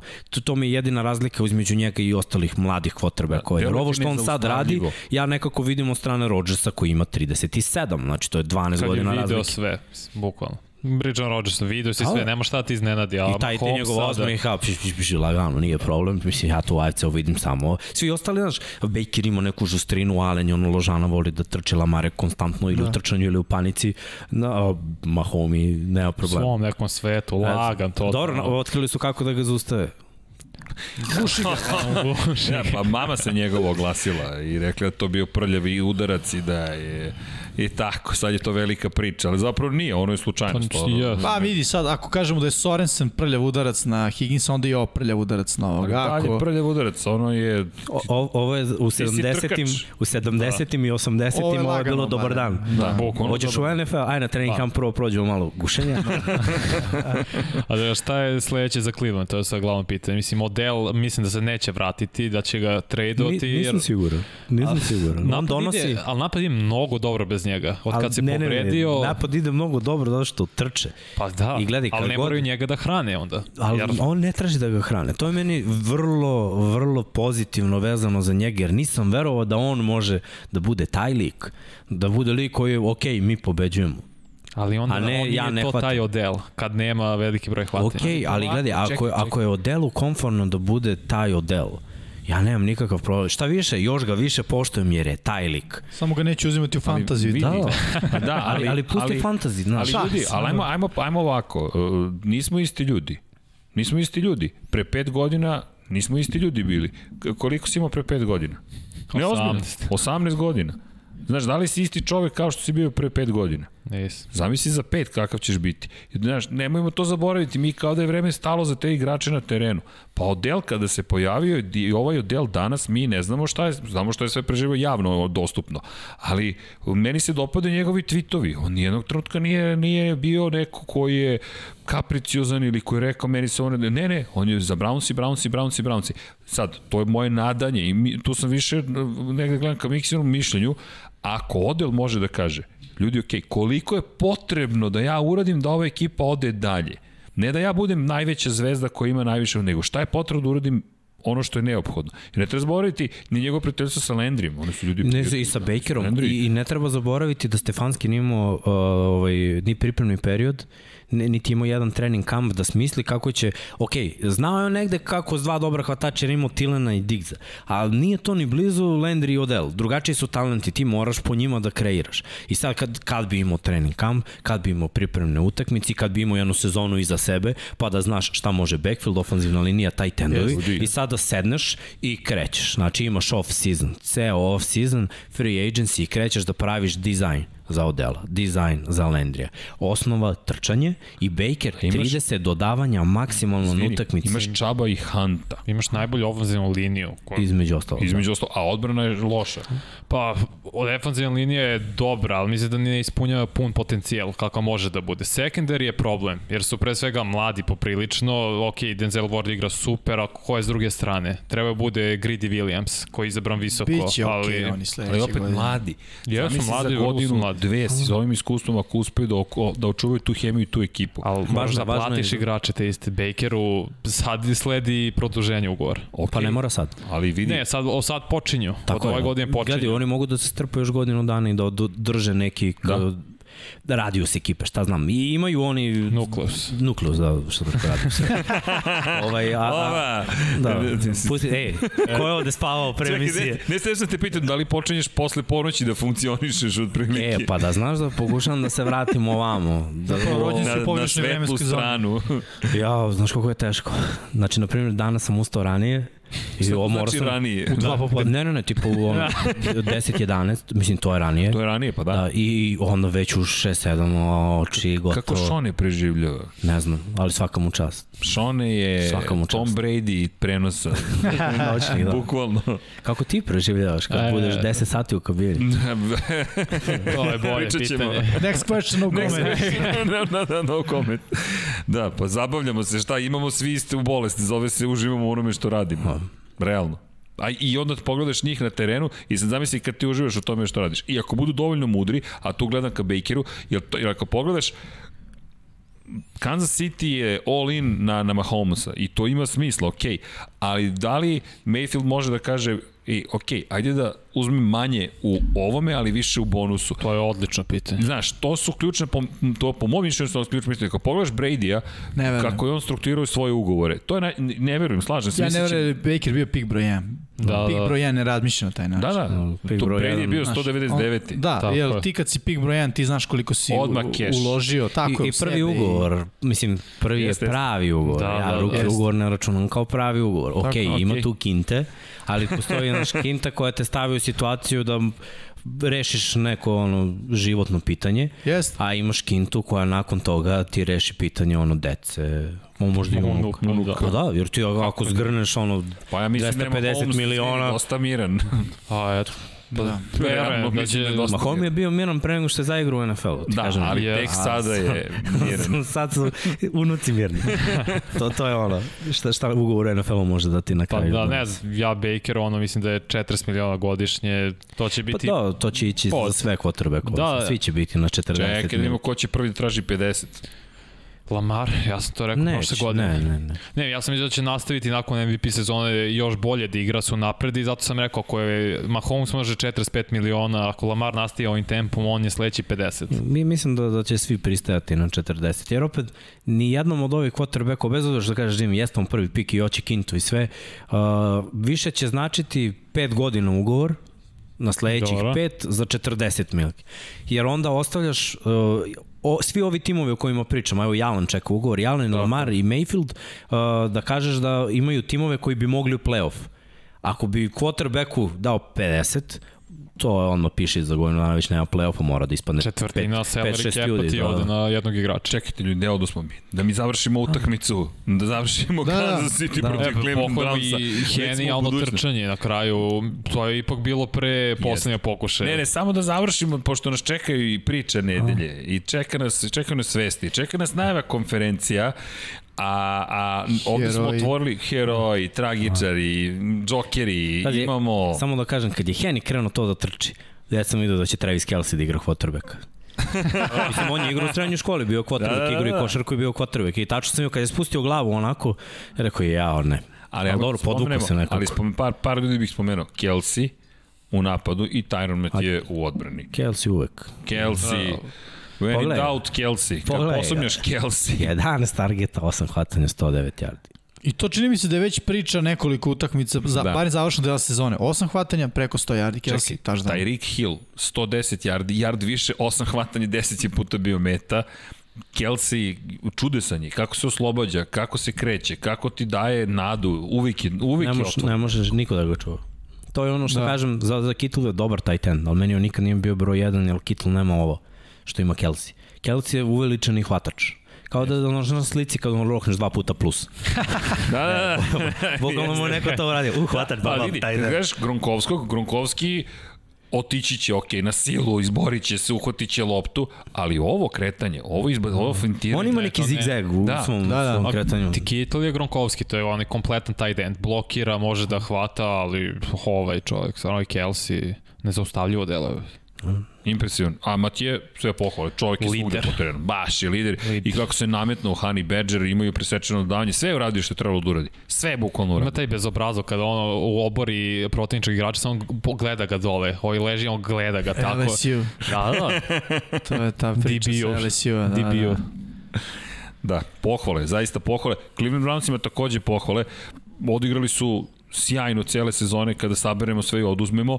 Ljudi, Od 2002. ih nije bilo u play-offu, zabeležili i pobedu, pobedili Pittsburgh Steelers bez obzira kakvi su bili Steelers, pobedili su ih, došli su na Megdan Kansas City i imali šansu da pobede. Bez obzira na pobedu, imali su šansu na kraju da Tako da pobede. Je. To su velike stvari. Ja mislim da ta ekipa odlazi mnogo hrabrija u off-season i da će u, u to ono što si ti rekao, hej, novo iskustvo su stekli, tako da sve pohvale, a Kansas City Chiefs uradili ono što se od njih očekuje, otišli dalje. Otišli dalje u finale no, konferencije. Pa smo ih stavili kao prvi tim, šta, ko da Nema tu šta. Čekaj on. Nema tu šta, samo pohvali što je Henry bio taj koji uskoči celu priču. No, idemo no. mi dalje. Gde ćemo dalje? Šta nam je doneo divizijski vikend? Šta nam je doneo divizijski vikend? Sreću. Rado se. Svaki vikend kad tu NFL. da. Pa to mislim da si lepo rekao, sreću. No, ajmo da krenemo da pričamo o herojima. Miksa, Pa mora da bude, o, jer ovo bio poslednje. Poslednje poentiranje u utakmici između Baltimora i Billsa bilo je Terona Johnsona za touchdown, pick six.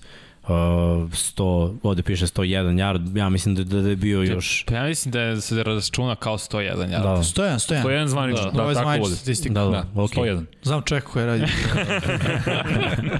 Vanja. o, bukvalno utakmica, rekli smo, Egal, jedan play može sve da promeni, jedna izgubljena lopta, majestralno vraćena. Mogu je da bude oboren u end zoni. Izbjegao je tu jedno obaranje, bio je dovoljno pametan da ne trči kroz sredinu, nego da pobegne na out, da sačeka svog lead blokera koji je bio spoljašnji korner i onda je pobegao Lamaru, ja od quarterbacka nijednog ne očekujem da pravi obaranja. To se nikad ne trenira i to je to. Sve pohvala. Jimmy. Hoćemo na mog. Mog, ajde, pa naravno. Ajde, ja sam e, stavio e, Devonte Adamsa, baš zato što sam napravio onu paralelu. Bilo je ono, naš heroj protiv vaših heroja i kao u filmu Troja, ono, skočio Brad Pitt, pa, pa, pocno ga sa strane, to se desilo Adamsu, to jest Adams je to uradio, da kažem, negde Remzi, taj, taj play, kad je dao taj touchdown prvi, e, to je za mene bio onako što kaže amerikanci, ono, set the tone, bukvalno je postavio je uh, uh, uh, uh, nivo, standard, kako će da izgleda ovaj meč, koliko će da bude teško Remsima. I ono, ta jedna akcija kad je on postigao touchdown, statistički gledano Adams je bio ok, da, 66 yardi, 9 e, e, hvatanja, 10 puta je bio meta, imao jedan touchdown, Uh, što ovako statistički nije sad ne znam kako spektakularan, ali bukvalno mislim da je to bio moment kad su Packersi uh, Ramsima dali do znanja da uh, ono, hvala što ste došli, ali vrata su tamo. Dalje da, da. nećeš moći. Da. Tako, ba ja ću se nadovežiti na tebe. Meni je ceo napad general Green Bay heroj ovoj nedelje, samo zato što sam, mislim, kao napad su imao 296 yardi dodavanjem, 188 yardi trkne, to je 484 yardi ukupno. To je najviše u Super Bowl eri da jedan napad ima protiv broja 1 odbrane u play-offu. Četiri tažalne ima su 28 prvih downova. Oni su konstantno lomili odbranu Remsa koja nije bila 100% zdrava, to on očigledno nije mogo da ide, ako je rekao pre toga da je spreman, nije bio spreman, bilo bi nešto drugačije meč, ali sve pohvale Lefleru, Rodgersu i naravno ostatku napada za jedan mislim, hiroški meč. Srđane? Ja ću da samo pričam o, o Heniju ponovo. I ova statistika nevažna. Poslednji drive Kansas City. Ljudi, on je dobio loptu i njegov posao je bio da ne dozvoli da ta lopta ode nazad Cleveland Brownsima.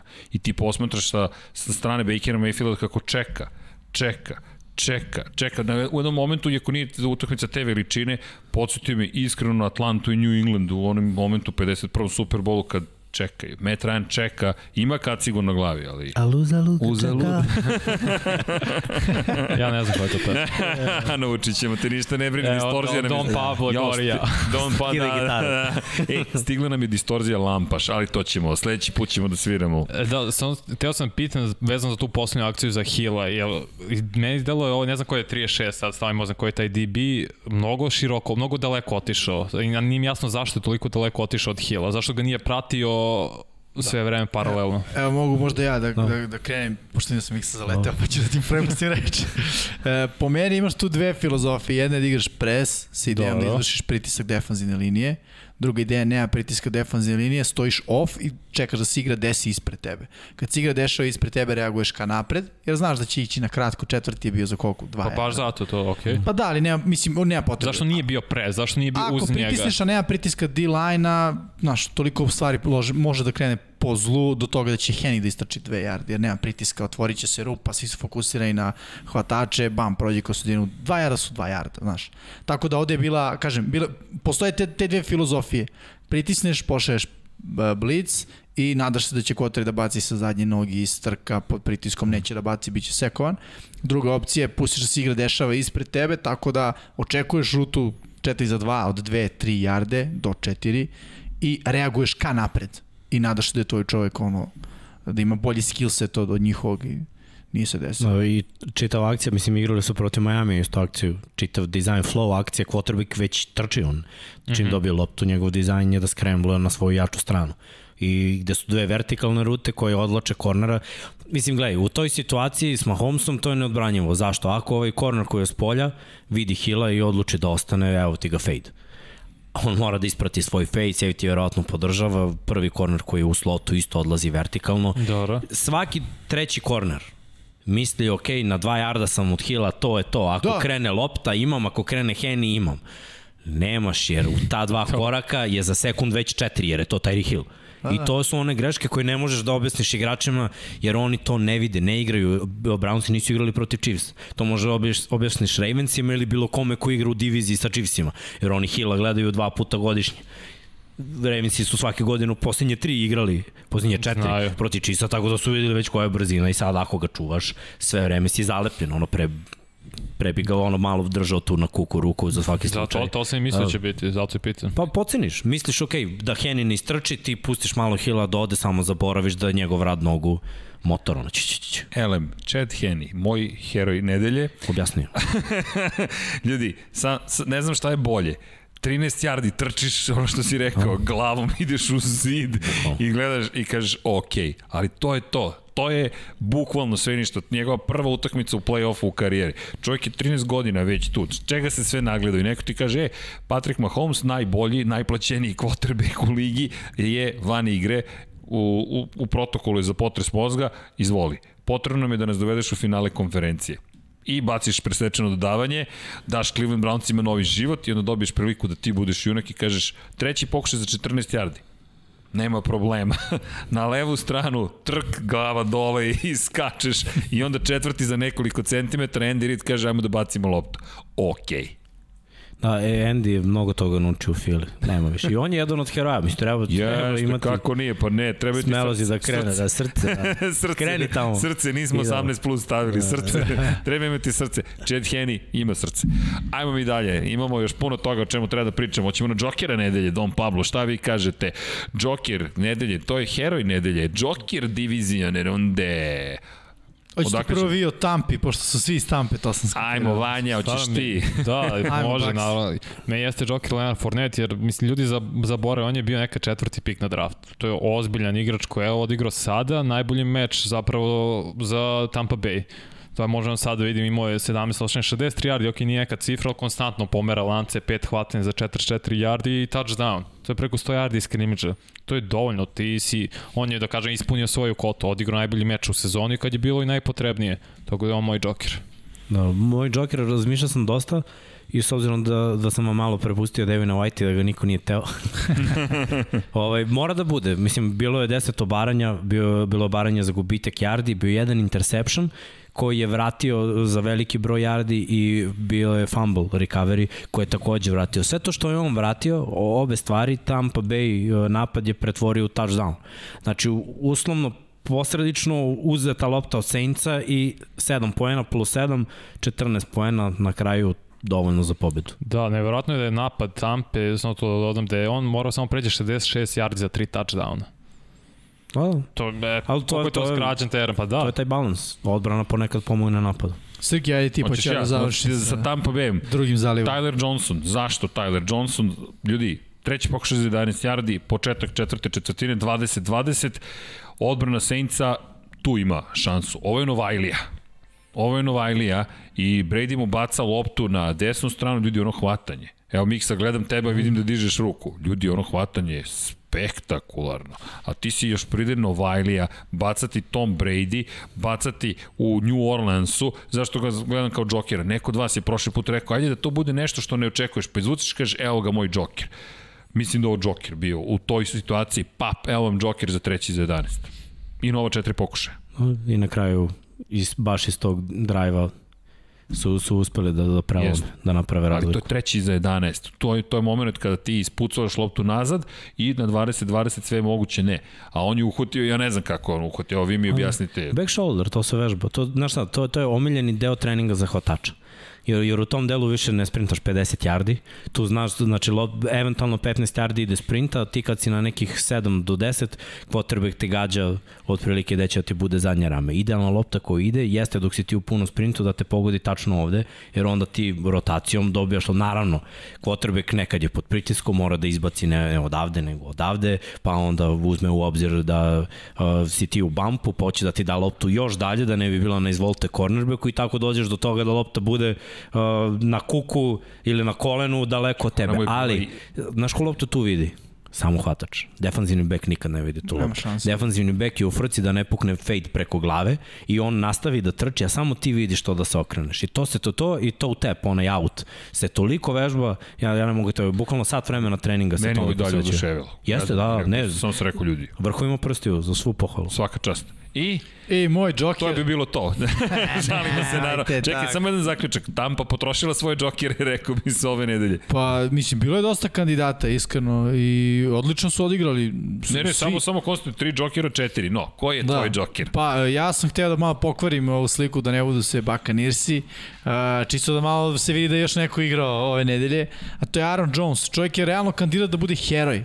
Ali, ok, odlučio sam se za Adamsa zbog onog poteza i kažem tog nekog utiska koji je ostavio na mene. Skoro 100 yardi trčanjem imao Jones, 99 tačnije, uh, jedan touchdown trčanjem, jedno i hvatanje za 14 yardi i maestralno, generalno sam mogao da izaberem i celu uh, trkački korpus Green Bay Packersa, jer uh, s jedne strane Tampa je počela da igra taj balansirani futbol, s druge strane Green Bay dosta duže ove sezone, uh, prepisao bih to činjenici da su oni kompletnija ekipa, odnosno da su i prošle godine bili manje više isti igrači na okupu, isti trener, što je najbitnije, naučeno iz tih nekih grešaka, evo Tampa je krenula to da da, da, da radi na sličan način, ali uh, igra po zemlji definitivno je nešto što mora da postoji u play-offu. Packersi ne samo ove nedelje, već nedeljama unazad to definitivno uh, eksploatišu na najbolji mogući način, a Aaron Jones sjajne brojke. I ova nedelja onako nije bilo neočekivano za mene da budem iskren, ali eto, kažem, pošto nije upao u heroje, pozitiva, druga je Joker. Da, Joker i heroji iza nas, tragičari su nam sledeći. Ajmo da pričamo malo o tome ko je bio tragičar ove nedelje i šta nas je to... Evo, šta... mogu bih ja da počnem. Hoćeš, molim te. Ajde, Jared Cook, a, iako imao pet hvatanja, 28 yardi skromno, ali ključni fumble. To je ono što je Miksa bio i pomenuo, čini mi se jednom trenutku. Nakon tog fumbla, Senci, propast, ne može. Jared Cook treba da bude veteran, treba da bude tight end koji radi ono što tight end radi, a to je ne pravi ovakve greške hvata neke malo teže lopte, a, koristi se kada je on u mismeču protiv nižih igrača, ako je to end zona, protiv linebackera, ako je neki, neka duža ruta, a, Jared Cook ne može to da radi i već nakon ove sezoni nekoliko godina unazad ja već počinjem da mislim da je Jared Cook onako jedna, jedan um, ajde da ne kažem, ma reći promašaj već i da, da, da više to nije to i da mu ono vrednost što se kaže, akcija pada o ove nedelje je bio po meni tragičar jer je bukvalno nakon tog uh, trenutka i tog fumbla ono, ceo, ceo tim Jordan Saintsa bam, propao. Kao Reggie Bush, jedna dobra sezona pa dve loše. O, ja mogu ja to, pošto isti tim, Drew Brees. Jedna izgubljena lopta i možeš da istoleriš. Jer, što kaže Jimmy često, ne odluči ovaj, jedna izgubljena lopta, jedan potez. Nekad ne odluči utakmicu. Tri odluče, tri i tekako odluče tri izgubljene lopte, Kotrbek ne sme da ima u play-offu. Mlad Kotrbek, pa da kažeš na iskustvo, da kažeš pojao ga je moment, quarterback koji je first ballot Hall of Fame ne može da ga pojede. Moment, niti može da se... Mogu isključivo da pripišem ovo, to, to i o želji, da po svaku cenu mora da se pobedi i onda idemo. Bunari, uh, vertikalna ruta za kameru bačena na taj back shoulder, Devin White je morao tu da se vidi da lopta ide preko ako već ide, uh, pet out, se isključivo baca 2-3 jarda ispred hvatača koje neko hvata, hvata hvatača koji je iza igrač koji čekića, lopta ide u noge, živiš za sledeći drive, imaš sjajnu odbranu, ne daješ protivniku prvi za gol nakon intersepšena i onaj treći, ajde, ok, lopta je pogodila Jareda Kuka u ruku i odbila se. Ali tri izgubljene lopte su tri izgubljene lopte i za druga brisa ja mislim da, da je ovo ono, meč koji ga prati u penziju na, na, na, na neslovnoj noti. Da, za mene Rashard Higgins i kada kažem tragičar, čak nije to kritika. Meni je samo tragičar. Prosto ono što sam i rekao kada smo pričali o ovoj utakmici, ti imaš u, to, to, to je završnica prvog poluvremena. 3, 16 je, tek 3 poena za Brownse, na 26 yardi od end zone Chiefsa, to je već pozicija za šut za 3 poena.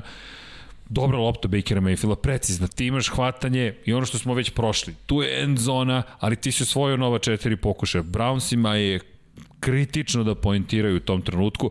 Razumem želju, sve razumem, ali prosto na kraju je bio veliki tragičar, jer ta, taj moment da je tu za, da je, da je stao, 3 poena, pa je 16-6, opet ti si poentirao drugo, po ono što si ti Jimmy rekao, potrošio si vreme, Mahomes ne može da uzvrati, a ti si dozvolio zapravo da se desi upravo suprotno i zato mi je tragičar, kažem, nije neka ni čak ni kritika, prosto mi je tragičar jer verujem da, da i u ovog momenta ima kamen u stomaku i razmišlja šta bi bilo da nisam pružio ili će mu se to vraćati jer nema šan, ja verujem da nema šanse da ne pomisli samo da se koliko puta mi pomislimo za mnogo manje stvari sam, samo da samo samo nešto Zato mi je Higgins i kažem, pogotovo što i kada objasnite celu situaciju iz druge perspektive, ne mislim da je išta lo, loše toliko učinio, da, ok, poneti trenutak, ali si na kraju bio tragičan.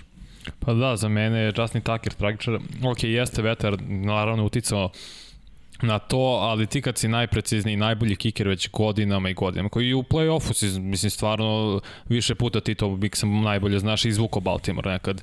Da na ovom meču ovako na kraju završiš sa 1-3, da si pogodio jedan samo, bilo bi totalno druga priča, zato je on za mene tragičar.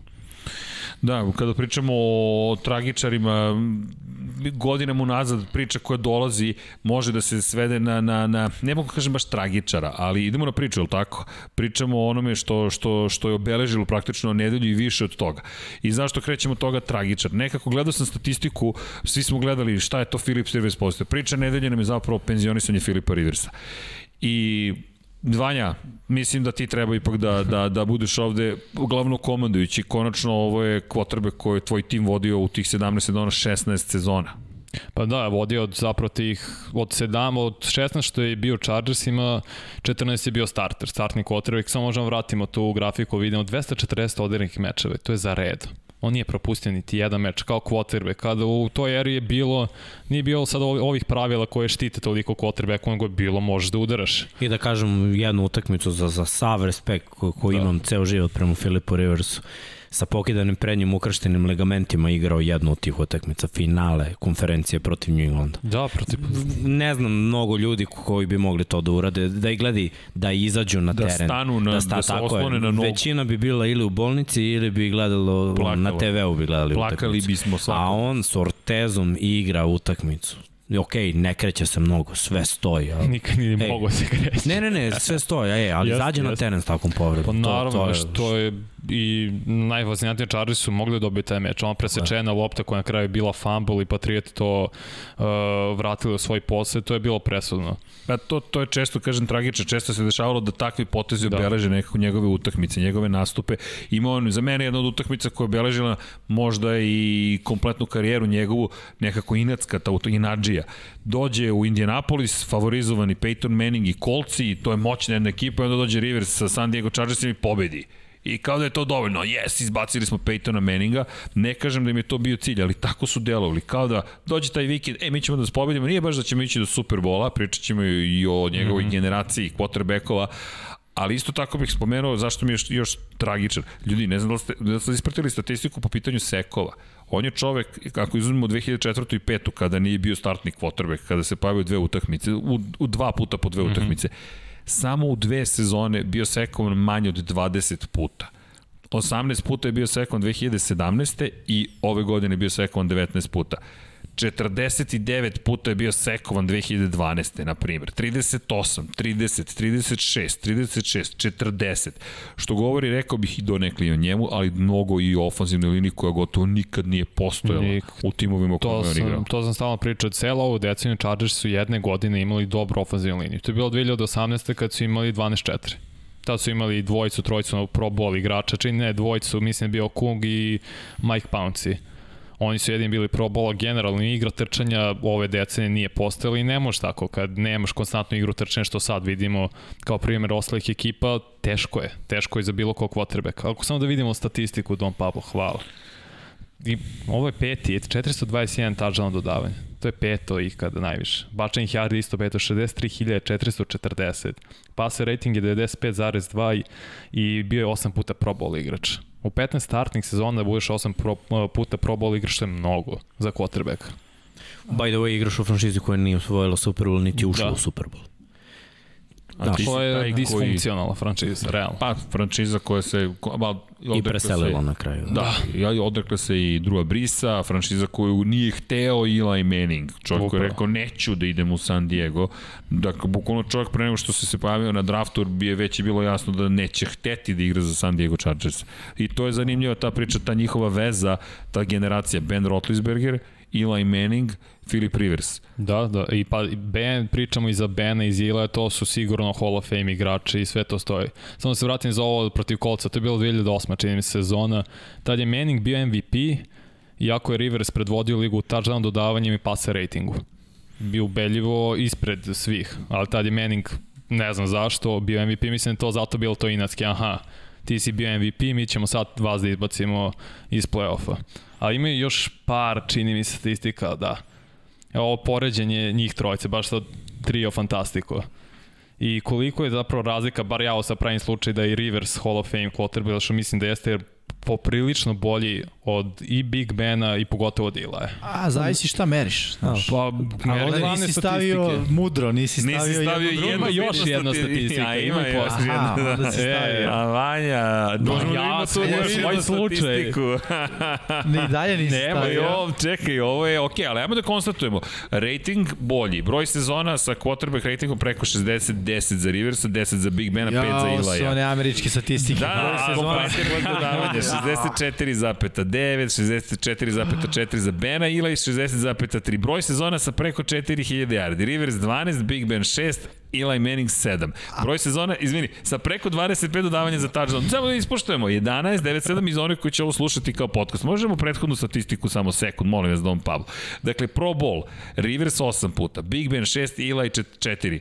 63.440 yardi Rivers, 60.348 Ben, Eli Manning 57.023 dodavanje za touchdown 421, da ispoštujemo, molim vas, za Riversa, 396 za Big Bena, Ilaj 366, presečenih dodavanja 209 Rivers, Big Ben 201, Ilaj 244. I koliko mečeva sa devetoro dece, to nisam da. pisao. čekaj, čekaj, čekaj, ili imamo još neku statistiku? Ne, ovo ću da... A da, nemamo više ka, Ne, ovo moram da pročitam A okej, okay, ne, mislim da nedostaje jedan grafikon ne, koji je dosta pali, važan. I mogu i sam će, da postoji.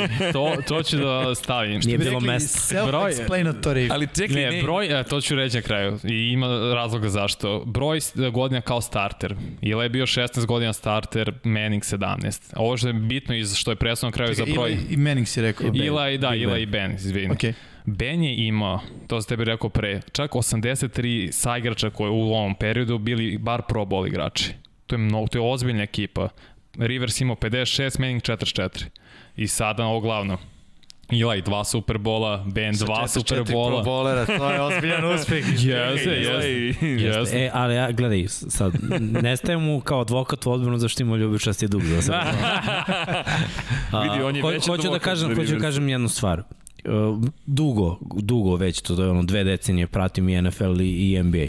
I, I za 20 godina pra, praćenja oba sporta, moram da kažem da, da postoje igrači u oba sporta koji nisu osvaja. Pazi, ok, u NFL-u se i desi da ređe osvaju, u NBA-u veliki igrači uglavnom naprave neku kombinaciju da odu u bolju ekipu i da, da, da uzmu prsten.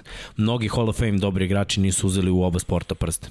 Uh, niti su bili šampioni. Niko ne može da ospori da je Barry Sanders Hall of Fame Je tako? Barry Sanders je ušao jednom u playoff Randy Moss važi za jednog od najboljih hvatača svih vremena. Stavite ga na broj 2 iza Jerrya Rice-a, nije uzao Super Bowl, učestvovao je u, u dva. Uh, Terrell Owens učestvovao u jednom, nije uzao Super Bowl. Mogu da nabram quarterbackova, yes, ima yes. ih, mogu da nabram defanzivnih igrača, njih tek ima. Uh, ovo je ultimativni timski sport, gde yes. nikad nije važno koliko si ti dobar. Uh, pogledao bih onako, osim test, ok, Vanja na, nabuđao ovu statistiku šta je dobro, a ostavio ovo šta je loše. Ali da budemo realni, koliko je Philip Rivers učinio svoju ekipu Jeste. konkurentnom. Pa, ajmo ovako, ako, Ne, izvini, jeste. A, ako smijem samo drugu, jednu drugu reč, koliko učinio Chargers relevantni? Srki, Mislim ne samo da ih je to. učinio mnogo relevantnijim nisu nego bili, što bi bili. Jeste, kolci nisu bili u play-offu prošle godine. Nisu? Ove godine su ušli u Jesu. play-off. E, pa, pa, Jedan od- koliko imali šansu da prođu jedan od dalje. faktora što je Jimmy rekao na početku sezone, nisam siguran da je Rivers to. Ja, ja sam rekao, okay, Rivers nije ono što je bio nekad, jer je nekad bio mnogo bolji dodavač. Ali Rivers je quarterback koga možeš da se plašiš, jer u svakom momentu ono što je Ladanian Tomlinson rekao sad nakon ove vesti o povlačenju, kada igraš sa Riversom i gubiš 10 razlike, 20 razlike, izlaziš na teren i u fazonu si, mi ovo možemo da stignemo. Od njega nikad ne znaš da li ćeš da dobiješ dva interceptiona ili tri touchdowna. On je taj lik. Sve može, a i ne mora. Znaš na koga me to sada podsjeća? To ti je napređena verzija Ryana Fitzpatricka. Znaš, sve je moguće ali ćemo biti pobednici. Bo, bolji je, ne, ne, uopšte ne poredimo. Mnogo ne mogu, ne, ne, mnogo, da, da, ali to je taj mentalitet. Sa Fitzpatrickom ti razmišljaš, pazi, dalje neka šansa postoji. E, sa Riversom ti znaš da možeš da ideš i u playoff, da možeš i do finala konferencije i da ima tu opciju, slažem se s tom, 3 minuta pre kraja, a Filip će nešto da baci. Ili ćemo da potonemo slavno, ili ćemo da pobedimo u ovoj utakmici. Ali ne izlaziš ravnodušno na teren. Sigurno nikad, i to ono što mi se dopada kod Riversa, mislim da je to jedna te ista priča. Nije bio nikad ravnodušan. E, slušaj, Nikad. za ovaj trash talk njegov treba da, u Hall of Fame. Tako Da, je. da, Hall of Fame trash Vidi, talker. nema. Neko top 5 Ne, ili... ne, uvek je, uvek je brblje bio. E, ljudi, slučajno, sticam, okolnosti, bio sam na utakmici na kojoj je on bio i on te ga gledaš izbliza i kažeš, čekaj, to je Filip Rivers, dobar je osjećaj. Dobar je osjećaj, to i dalje Filip Rivers i mislim da nema osobe za koju kažeš Filip Rivers da neće probuditi emociju tipa, ma, on ništa ne valja, ili ma, on je super. I to ti isto nešto govori. Govori i ja sam hteo da, da dodam, da kažem, svoje mišljenje o njemu. A, a, mnogo cenim njegovu karijeru, definitivno. Nisam njegov fan u smislu da mi je jedan od top quarterbackova, ali ono što je on rekao na, na, na, na a, mnogim konferencijama i čini mi se i na ovoj a, sad jednoj koji je... Koji je Izlazno je ovaj. Da, izlaznoj, a to je ono, ostavio sebe na, na terenu, svaki put. Jeste. I svaki put je uh, radio uh, maksimum, uh, svaki put je davao ono uh, sve od sebe i ulazio sa idejom da pobedi i da bude najbolji. A to je ta filozofija, Tim. izvini. To je ono što je Miksa rekao. Ideš da pobediš, uvek veruješ u pobedu i druga stvar. Daj sve od sebe. Čovječe, daj sve od sebe, nemoj da za pet godina kažeš, pa znaš, možda sam mogao više. On baš nije mogao više. I to je maksimum i to je okej. Okay. I lepo si rekao, timski sport, ej, neki put se ne poklope kockice. Pa, Da, da. Gle, imali su šanse, nije se Imali desilo, ali opet veliko poštovanje. I stalno Jeste. pričam, znaš, uvijek ćemo mi da damo poređenje s najboljim. Ne mogu svi da budu najbolji. A, a, i, znaš, i neće svi biti najbolji i uvijek će biti ono kao je ovo je bolje od ovog, ovo je bolje od ono. Je, meni ti najbolji igrači nikad nisu bili omiljeni igrači. Ja sam uvijek imao nekog drugog igrača kog više volim, jer je on morao da prevaziđe hiljadu stvari. Morao je prvo, nije bio dovoljno dobar od samog starta, pa je morao da radi, pa je morao da bude uporan, pa je morao da bude Pet istrajan, različitih pa, trenera. Ta, ima hiljadu, on je jedan od igrača koga ekstremno poštujem i kažem, da li je Hall of Fame? Jeste. Da li je Jeste. first ballot? Nije. Nije. Da li će biti izabrano sledećih 10 godina? Ne verujem. Da li mislim da bi trebalo? Možda i ne bi. Ima tu igrača koji kao, on, ok, Peyton Manning, promenio je nešto, u, vratio se posle brutalne povrede, osvojio Super Bowl, ima dva, ok, sa svim onim Manning statistikama legenda, gde je ono da. top 3, mora da bude first naravno, ballot Hall of Fame, je tako? Da. Isto verujem i za Drewa Brisa. Nije, ima jedan Super Bowl, ok, možda nije mnogo, bio je jednom u Super Bowlu, ali ajde da pogledamo rekorde. I, I ekipu za koju igrao, je. on je učinio New Orleans Tako je. toliko opasnim da kažeš svake godine gledaš ka New Orleansu i pitaš se hoće li ovo biti ta godina. I to je tim koji nije osvojio titulu nikada do dolaska drugog Slično rizika. je bilo i sa timovima uh, Riversa, odnosno sa Chargersima i sa, sa Coltsima. Baš tako i to je ono što kaže Miksa. Definitivno moraš da, da ono, obratiš pažnju na, na tim koji vodi Filip Rivers. Kažem tim zato što se ono, timovi čak i ako ista ekipa u pitanju, menjaju. Igrači dolaze i odlaze, ali kao što si i ti rekao u jednom trenutku, apsolutno učinio Coltse, a, izvinjam se, Chargerse sa ovakoj svojoj sezoni konkurentnim i to, to mora se skine kap. Da, pa samo imao tri gubitničke sezone, tako američke kažemo. Sve ostalo je bilo barem devet pobjede ili više. Vanja, ali mora da padne prozivka za odsustvo ove glavne kategorije, ali To lako to je ljubav prema svojoj Da, ja- ekipi, ja sam prema svom advokat, ja sam njegov advokat, da. Definitivno si njegov je ono, advokat. nije slagao, samo Nije neku istinu. ne, samo nije rekao sve. To. Ali, mislim da ovde svi bismo glasali sutra za Filipa Riversa u, u Kući slavnih. Da objasnimo, tek za pet godina može da bude nominovan za ulazak u Kuću slavnih, verovatno će biti nominovan, pa onda ide onaj čuveni izbor njih 15 koji ulaze u finale, pa od tih 15, 5 koliko znam idu u Kuću slavnih, oblače taj čuveni zlatni, žuti, kako god hoćete, sako i postoji deo kantona u Ohaju su, to je to je najveća čast koju možeš da imaš u NFL-u posle osvajanja šampionskog prstena i mislim da zaslužuje. I Mik se slaže se s tom, teško da će biti u prvoj rundi i za prvi put kada se pojavi izabran. Da, to je zavisi dosta ko, ko je tvoja na kraju generacija. generacija, Da. je. Ako i sad Drew Brees ode u penziju isto, to je on i Drew i onda ko, ne zna ko će još biti u penziji. To je sve zavisi od okolnosti da li ćeš biti prvi ili ne, ali nije ni bitno, mislim, koliko igrača čekalo da bude Terrell Owens čekao tri godine, Chris Carter ne znam koliko godina. Pazi, Terrell Owens. Ne, pa znaš, nekad nije sve statistika. Tako je. Uvijek će biti, to glasanje nije ono kao objektivno i ne gleda se samo broj, nego se gleda i neki uticaj i to je isto vrlo važno. Kažem, ne bi trebalo da se gleda ko osvaja, ko ne. Jer velike legende ovog sporta nisu ono, osvajale. Da. Da. Kažem, por, poredio sam dva koje gledam, sećam se one reklame gde Damian Lillard u Footlockeru radio reklamu, gde kao uzimo nove patike, kao mora da budemo ono, u novim patikama, ne mogu da budem kao oni igrači što su igrali i nisu osvajali i Barry Sanders ovako na, kao na kauču. Kao, ma ne ti Barry, nego oni kao drugi igrači koji su bili u play-offu kao i nisu i onda Ladenin Tomlinson gleda, ma ne ti, nego košarkaši ovi što nisu, razumiješ, onda stoji ko je bio? Carmelo. Carmelo, da. Chris Babo, ne, ne, Chris Weber, Weber, i, pa- i Carmelo, mislim, tu su Hall of Fame igrači u oba sporta. Nisu osvajali, šta više, neki nisu došli do finala, do Superbola ili do, do ok, Milon je bio u finalima, Chris Weber nije doživao da bude u finalu. Tako je. Tako da ono, ne, ne mora da znači, možete da budete vrhunski igrač, možete da budete i MVP sezone i sve i da, Da. se desi da ne osvojite ništa. Idemo dalje, priča nedelje, Filip Rivers i zaslužio je svoju priču nedelje, Vanja, hvala ti. Za dodatni trud, pazi, prvi put da smo dobili statistiku priče nedelje. Nešto je motivisalo, ja bih rekao, da, da, da, ceo ovaj doživljaj. Šta li je pitan? Tako Joe Flacco kad se povuče da napred. To opet zbog duksa. ne zbog uh, Jetsa. A, A, pa, hvala. Legenda Jetsa. Lek... Osvajač Superbola, molim vas. Samo ne u Jetsima. Samo mi spominjite Jetsa, mi imamo trenera, ja sam vam rekao. Je to priča nedelje? Nije. Idemo mi na vesti. Vest, vest nedelje, vest dana. Danas jedno od pitanja je bilo pre nego što smo počeli Mahomes na terenu, da ili ne, odgovor je da. Da. A Antonio Brown ne? Da, Antonio Brown to treba isto, vestima. tako je. Ali aj, Mahomes, Mahomes koji je cijel, ovih nekoliko dana, pet dana bio pod znakom pitanja, da li ćemo dozvoliti, nećemo dozvoliti u kakvom je stanju, pa onda da li je opet to utica i zvezda, utica i činjenice da je Patrick Mahomes, kako može da izađe iz protokola za potres mozga ukoliko drugi nisu, kako god pogledate. Zato Patrick što je bio čovuk. Zato što je bio Bio ugušen. Pa bukvalno. pa da. Privremeno. Sad treba Vuka da pozovem. Da mi kažu u MMA kako se zove taj MMA, e, to, bi to, e, to treba da bude poseban potez. Ali dobro, Činjenica je to najveća vest. Druga vest jeste Antonio Brown, neće biti dostupan Tampa Bay Buccaneersima za finale konferencije. Biće možda, ukoliko prođe u Super Bowl, tada je ono što si lepo rekao, možda će ga, da kažemo, hajde, odmoriti iz te perspektive jeste bitna stvar. Kada govorimo o trenerima, imamo još potvrđenih trenera, ti- hoćemo da komentarišemo. Da, da. Ćemo. Ajmo da komentarišemo, odakle ćemo da krenemo? Izaberi. Detroit. Ajmo Detroit. Dan Campbell. Dan Campbell i Da. konferencija za medije, bila je specifična.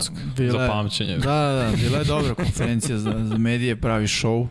To očekujem da će svaka naredna, ne samo više se njega tiče, nego generalno u NFL-u biti još veći show, pošto su ovaj, eh, da Da, kažem, baš visok standard se postavio. Pa jes, ali slično je pričao i Joe Judge prošle godine.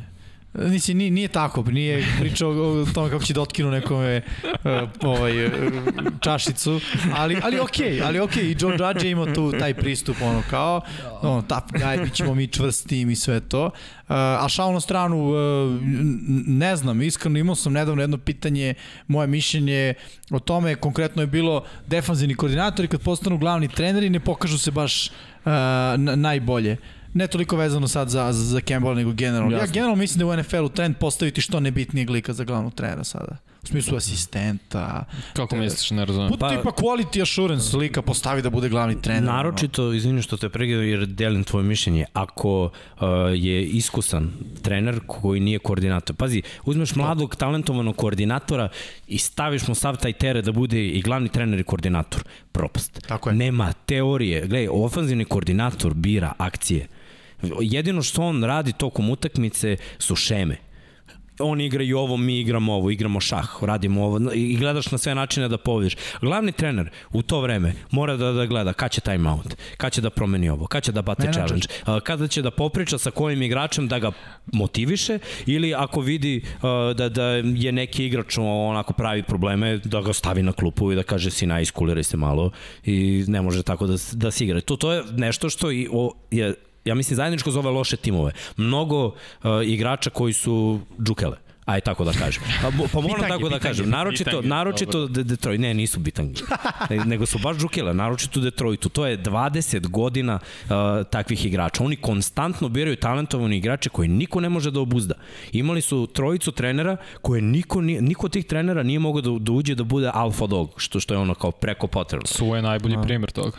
Jedan od primera, a imali su ih još, znaš, i, i to dovodi do toga da ono malo dobrih igrača koji su talentovani vide čitavu tu situaciju ko se ovdje timo kaže ne treba meni ovo u životu, idem kući da gledam NFL, ono, isto Barry Sanders i, i Calvin Johnson, znači bukvalno je bilo bežim ja odavde.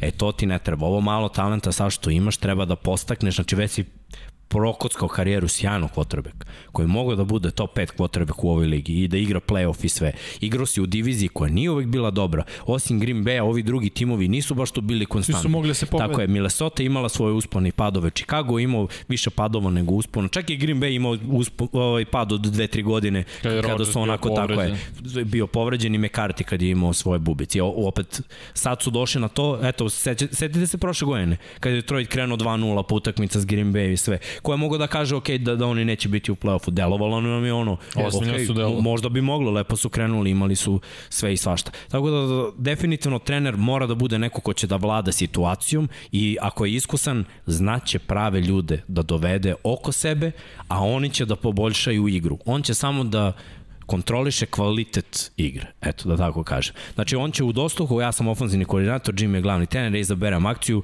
ako se Jimmy to ne sviđa sve uz ovo, on kaže ja ne bi to, ja bi ovo, ja kažem ok, imam ja nešto za to drugo. To je to. I on na kraju snosi krivicu. Nisam Tako ja kriv jer je on rekao amin ili nije. I to je nešto što njima treba. To, to je nešto što nisu imali jer uvek bilo prebacivanje krivice. Mislim da nekoliko ovde timova gde eto Gejs u Jetsima isto hoće da bude ofanzivni koordinator, hoće da bude trener, na kraju nije ništa i ko je kriv? Igrači. Ili GM. Ili Darnold. Da. Ili kogod. Ne druže, kriv si ti. Tako je. I isto bilo Brian. Niko drugi nije kriv, ti si kriv. Baš ti, teo si da budiš GM i trener. Ti si kriv. Kada pričamo o krivcima, i mogu ponekad da budu i drugi krivci, Cal McNair, moramo da ga spomenemo. Ljudi u Houston Texansima je haos. Kompletan haos. Kako sada stvari stoje, Deshaun Watson izgleda zaista, zavisi sad naravno ko, koje informacije čitate, ali čini se da je Deshaun rekao ćao. Da, Da, ne znam baš. Takav je utis. Ima ne, nešto, takav ne je znam da ste čuli nešto, da, a da, ugovor se zove. Da, a, Ne. ima prostora da se izvuče iz Da, ugovora. jer on ima ugovor u no trade clause. Tako je. Jedino ako on kaže ja hoću da budem trade, oni mogu njega da traduju. Ali sve je veći osjećaj generalno, što oni kažu amerikanci u sobi, među igračima i funkcionerima, da je Deshaun igrao poslednji snap. Da, va, gledaj, to sve može da se obije u glavu. Kad se Calvin Johnson odlučio da se penzioniše, znate šta je prvo hteo da uradi? On je potpisao ugovor, isto kao Deš, uh, Deshaun Watson. Potpisao ugovor za mnogo love. I onda je rekao, ok, ne mogu da igram više u Detroitu. A volio bi da me tradujete da igram negde drugi da probam da osvojim prste. Znate šta su rekli u Detroitu? Možeš da gledaš NFL kući na TV-u pošto nećeš da igraš nigde drugde. Pa kad odmoriš godinu dana, možeš da razmisliš da igraš ponovo za nas, pošto si potpisao ugovor. A ako nećeš da igraš za nas, Može da gledaš nas na TV-u Pa, od kuće. to nije to meni, bar nije ista situacija da što je Johnson stvarno bio, mi mislim, jeste legend Detroita. Devet sezona ti si dao svoje telo i to je Detroit meni baš ispao glupo, pusti čovjeka nek ide. On je dao sve što je mogo tebi kao franšizi, a deš on je drugo, četiri godine, jedno je već bio povređen, Mislim da se tu ne gleda to, nego se samo gleda, Srki, kako ovo da kažem za ispod 18. ne znam, ne znam. ovaj, Da, pokušaj. imamo to. Ovaj, sve u svemu, mislim da, da, da, da će doći do toga uh, da li je ovaj, čija je reč poslednja. Tako Ajde je, tako, da. tako je, čija je tako reč je, poslednja i ako vlasnik tu odluči da neće da ga ovaj, zeza jedan mladi igrač koji ono tek Čiji počeo ligi, glasniji? tako je, da, da će on odlučiti ok, nećeš igrati ili ok, draft, tradovat ćemo te za četiri pika prve runde. Pa ko je lud da da četiri pika prve runde, mi smo tu na dobitku. Ma ja. Pa da, ne, gledaj, ima timova koji bi možda i dali četiri pika prve runde. Ili tri pika prve runde i jednog druge. Ko To, zna. to je, ja mislim, minimum za igrača takvog kalibra. Ali svakako jedna situacija koja nije bila potrebna, jer on gde god ode, ja uvek kažem za te igrače, oni gde god da odu dalje, šta taj trener prvo pomisli o njima? Šta bi ti prvo pomenuo? Dolazi ti mladi igrač, znači ništa nije dokazao u ligi i on je Znači, da već nametne ubeđen da... neku svoju... Ne, to je ona skala ko, koliko si talentovan, koliko problema praviš. Tako Ako je. je. veći talent nego problemi, pa okej, okay, Zato on nije da. pro, problem Pa maker. nije, pa da. Ovo je prvi Ovo je problem. prvi problem, da. Ali gledaj, da je jedan, to je drugi. Mislim, to je, Istina, da, istina. zato Terrell Owens nije bio first ballot Hall of Famer. Baš zbog ovoga. Jer isto ovo je on pričao. Bukvalno. I onda je zbog tog- toga napravljen skandal kao da je nešto Jest. strašno. Je tako? Pa jeste, meni to, mislim, meni to malo da kažem bez veze. A danas je to normalno. strane, nečega što van terena nisi utiče na to da ćeš ti na kraju ući u Hall of Fame ili kad ćeš ući, to je meni to... Ali dobro, to je, to je potpuno druga priča, ali kad si sad, kad si sad rekao za, za, za Texans i generalno, mislim, uh, oni rade na tome da sklope pre svega osoblje i da onda uh, nastave dalje, da kažem, u, u tom. Da. Mislim, ispunili su mu želju. Intervjuisali su Bijenemija i Fila neće Jest. Bijenemija. Da. Ja ću to da kažem, hoćemo to da kažem. Možemo. Možemo, da. Bijenem je isto, nije ofenzivni koordinator Kansas City Chiefsa, dosta se o njemu priča, tu se sad dosta priča o diversifikaciji trenera, glavnih trenera u samom NFL-u, ali Bijenem je već godinama je neko koga intervjušu i nikada ne uspeva da dođe do toga da bude angažovan. Sad, zašto ima raznih teorija, opet ofenzivni koordinator je u pitanju, drugo kažu da, da je čudan tokom intervjua, to je neka priča koja glasi makar.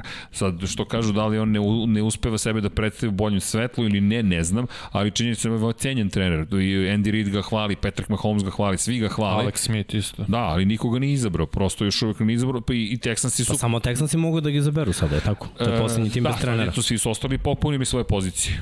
Texansi su jedini koji ostaju kao, kao opcija. Pa da, će eto, da završi najverovatnije. Sad da li sa Deshonom ili ne. Ja, ja da sam Miami imam pikove sad dve, dva u prvoj rundi ove godine, dam ta dva pika, dam tu i sledeće godine još jedan pika iz prve runde i eto ti Texans su se obnovili tako. da, da kažemo da Fila ima novog trenera. Da, Fila, mo, molim vas. Ma, recite vi slobodno, ja ne, dobio sam par pitanja šta misliš o njemu, ne, ne mislim ništa. Pa ne znam ni šta bi mogao da misliš. Pa upravo iskreno. tako, mislim. To, to je ne- ozbiljno pitanje.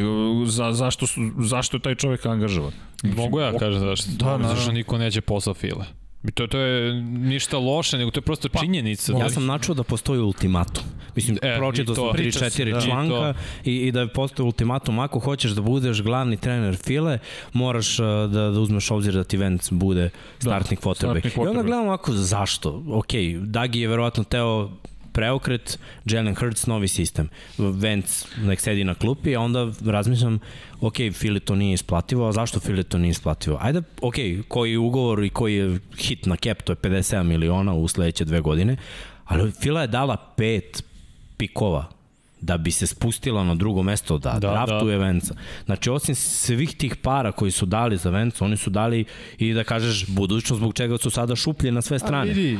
Vidi, dali pa pogrešili, mislim, znaš. Da, da, ali sada žele, po svaku cenu kasu ga već potpisali, da, Da. da mu daju još jednu šansu, jer su mnogo ulažeš. Znaš kad ulažeš u nešto, Da. ulažeš, ulažeš, ulažeš. Evo daću ono kretensko neko poređenje, ali to ti je ono kao duga veza koju znaš da... A, sad ćeš tu paralel. Koja je ono, to je dobro. koja, znaš, da, ali znaš, znaš, znaš da se završa, ali već si toliko dao sebe, uložio i sad ideš. Propadaš do kraja. Zato sam Mora da uspe. To ti je Ne- da- kockarski. To ti je kockarski. Jeste. Kada? Ne kune majka što se kladiš. to se vadiš. U aparat, guraj, doći će. Imamo i tu neke prozivke za pikove iz prethodnog kola, ali dobro. Dobri smo, doći ćemo dotle, Da, nismo da. loši. Kako koga slušate? Neki si dobar. Zvezdica. ne, ne, neki si dobar. Šalno strano, ali da kažem ovo za, Fil, za Filu, ne, ne znam, stvarno, ono, bukvalno ja jesam fan, ali nisam, nisam dokon, da budem Ali- iskren, ja ću da sačekam sezonu i da vidim, da vidim šta i kako, jer prosto enigma. Pa da, Nick Sirian čini mi se da je Nick zove čovjek. Jeste, da je, da. Nik Sirijani. On ima. Da, Sirijani. Imao je samo jednu sezonu gde je napad njegov, koji je on bio ofenzivni koordinator, bio top 10. To je ove godine sa Coltsima kad je Rivers bio quarterback. Znaš, i pre toga bilo 15 Nema iskustva 12, čovek. i to. Vidi, Frank Reich jeste da bio po, govori lepe reči o njemu, ali ti sada dovodiš čoveka, eh, jedno od mišljenja, Emanuel, Emanuel Ačo je rekao, moj utisak je, njegov utisak je, da je zapravo ovo čovek koji je jednostavno u rukama menadžmenta i da si ti jednostavno neko kojim će, ko, ki- kime će menadžment da upravlja, jer koje je moje razmišljanje? Možeš da žrtvuješ nepoznato ime, čak i da on propadne u toj ulozi, ti možeš sutra kažeš, ok, sad ćemo da vedemo ozbiljnog trenera.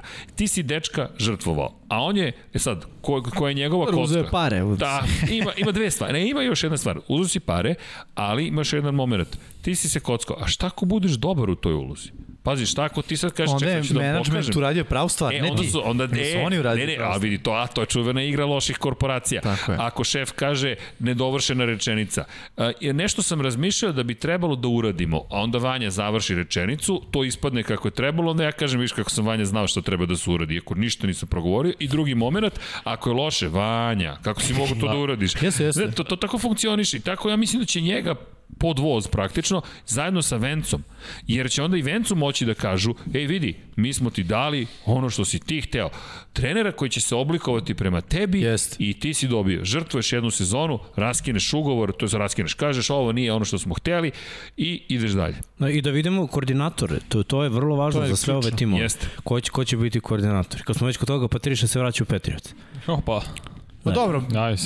to od meni ima potpuno I, smisla. I bit će još nekoliko ovih glavnih trenera koji su dobili nogu, pa, pa da vidimo gde oni mogu da budu koordinatori. Znači Brady da se vrati, čekaj Evo, sad, si čekaj. pomenuo uh, glavnog trenera koji je dobio nogu koordinator, uh, bilo Brian je ofenzivni koordinator na Univerzitetu Alabama. Vratio, da. mislim, vratio, otišao na koleđ kod potez. Sabana, da, i eto, to je ono... Osveži karijeru svoju. Pa da, da, za njega je to, za njega je to dobro, mislim i okej, okay, ali da se da se vratim na ovo, da Patriša u u, u Patriota cool. Iskreno. Ok, pa jeste cool, bit će zanimljivo. Pazi, ako dobiju dobro quarterbacka, bila ne treba pocenjivati, to će se, složit će se tu kockice i onda u diviziju koju imaš Buffalo koji deluje da će biti moćan, imaš Miami koji je sve bolji i imaš England koji će biti... buduće, ne, ne, ne, ne buduće svače divizije. A, izvinjavam se, izvinjavam se. Jesmo mi spomenuli za Salaha? Jesmo, Ja, yes, prošli da, put da. kako, pa naravno. Da. Možda sam spomeni i Brandon Staley sad, novi trener Chargersa. Da, Zanimljivo. I nisam očekivao njega, ali opet kad vidim rezime da ti vodiš odbranu i nje to treba Chargersima. Ostaće isti ofenzivni koordinator, super, no, spa, pravi se neka hemija sa Herbertom, ali treba malo nešto u odbrani. I treba bude zdravo, ali mislim da je ovo super potez. Znate koga su do Texans intervjuisali za glavnog trenera? Hajde. koga? Josha McCowna. No pa... Šta? Koji je, Odličan koji je je. jedan Odličan. intelektualac, E, da ti kažem, Jimmy viši Graham. quarterback, da, Pa da, da, i da. mentor. Sigurno da bivši. Da li znaš ko? On ima ugovor sa Filom ove godine. A, kauč ugovor. Kauč ugovor, ali ugovor. Ali, ugo, molim vas, ali, ali mi, uh, Vanja i ja smo prošle godine radili priču o Joshu McCownu. Da, da. I to je ta prelepa priča. Jeste, mi smo da, potpuno ispratio sam. svi oduševljeni Joshu McCownu. Josh McCown meni je je kultna ličnost i ono što si ti rekao. Ima dresova timova koji igraju koliko mi ovde u studiju. Da.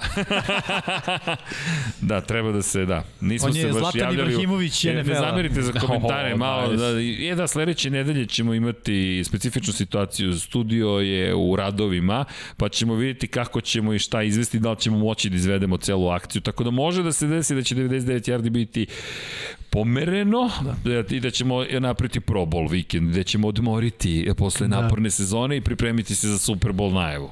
A ko zna, možda ismislimo nešto umeđu vremenu. Ali, Da. Ali ovo mi je zanimljivo za Josh McCowna, bez Super. ikakvog iskustva i čega odjednom. Si rekao glavni trener. Za glavnog Šta, trenera, bre? pa to mi je... Intervju za glavnog trenera, sad sam pročitao. Evo malo ovde Da, ni, čitujem. ni, ni, nikakve veze s vezom. Ajde, ofenzivni koordinator, kube, coach, nešto prvo, mislim. Je to ovaj, Google ili je neki pouzdan sajt? Ne, ne, ne, To nije kao ono kad googlaš simptome. Pa imaš sve. Da, I od koordinatora Ravensa, na primjer, sve što je u odbrani, osim Martindela, ide. I linebacker coach i defensivne linije i sad evo vidim da, da je okay. Dean Peace uh, za Falconse I, da i Falcons su sklopili Da, da, i, idu sada u, da. i oni u smeru da, da pojačaju pa, odbranu. Staley je pokupio linebacker coacha Ramsa isto. Mislim da će on biti defensivni koordinator sa Chargers. A defensivni koordinator Jaguarsa će biti trend linebackera Ravensa bivši, Joe Cullen. I vesti. kada već smo, da, zatvorili vesti, da krenemo sa onim što, će, što je najvažnija stvar ovoga vikenda, ljudi, najva finala, konferencija, Ajmo da krenemo od NFC-a zašto? Zato što verujem da šampion, to je branilac titule, mora da dođe na kraju. O njemu je poslednja priča o Kansas City-u i da krenemo od duela Aaron Rodgers Tom Brady. Dva zaliva. Ljudi. Da, Tampa dva Bay, zaliva, Tampa Green i Green Bay. Hoće Tampa zaliv ili zeleni zaliv da A, budu bolji. Mada koliko god to bile zalivi, obojice su California Boy. Ej, to je neki Bay, Bay da, da. Baha, Kalifornija.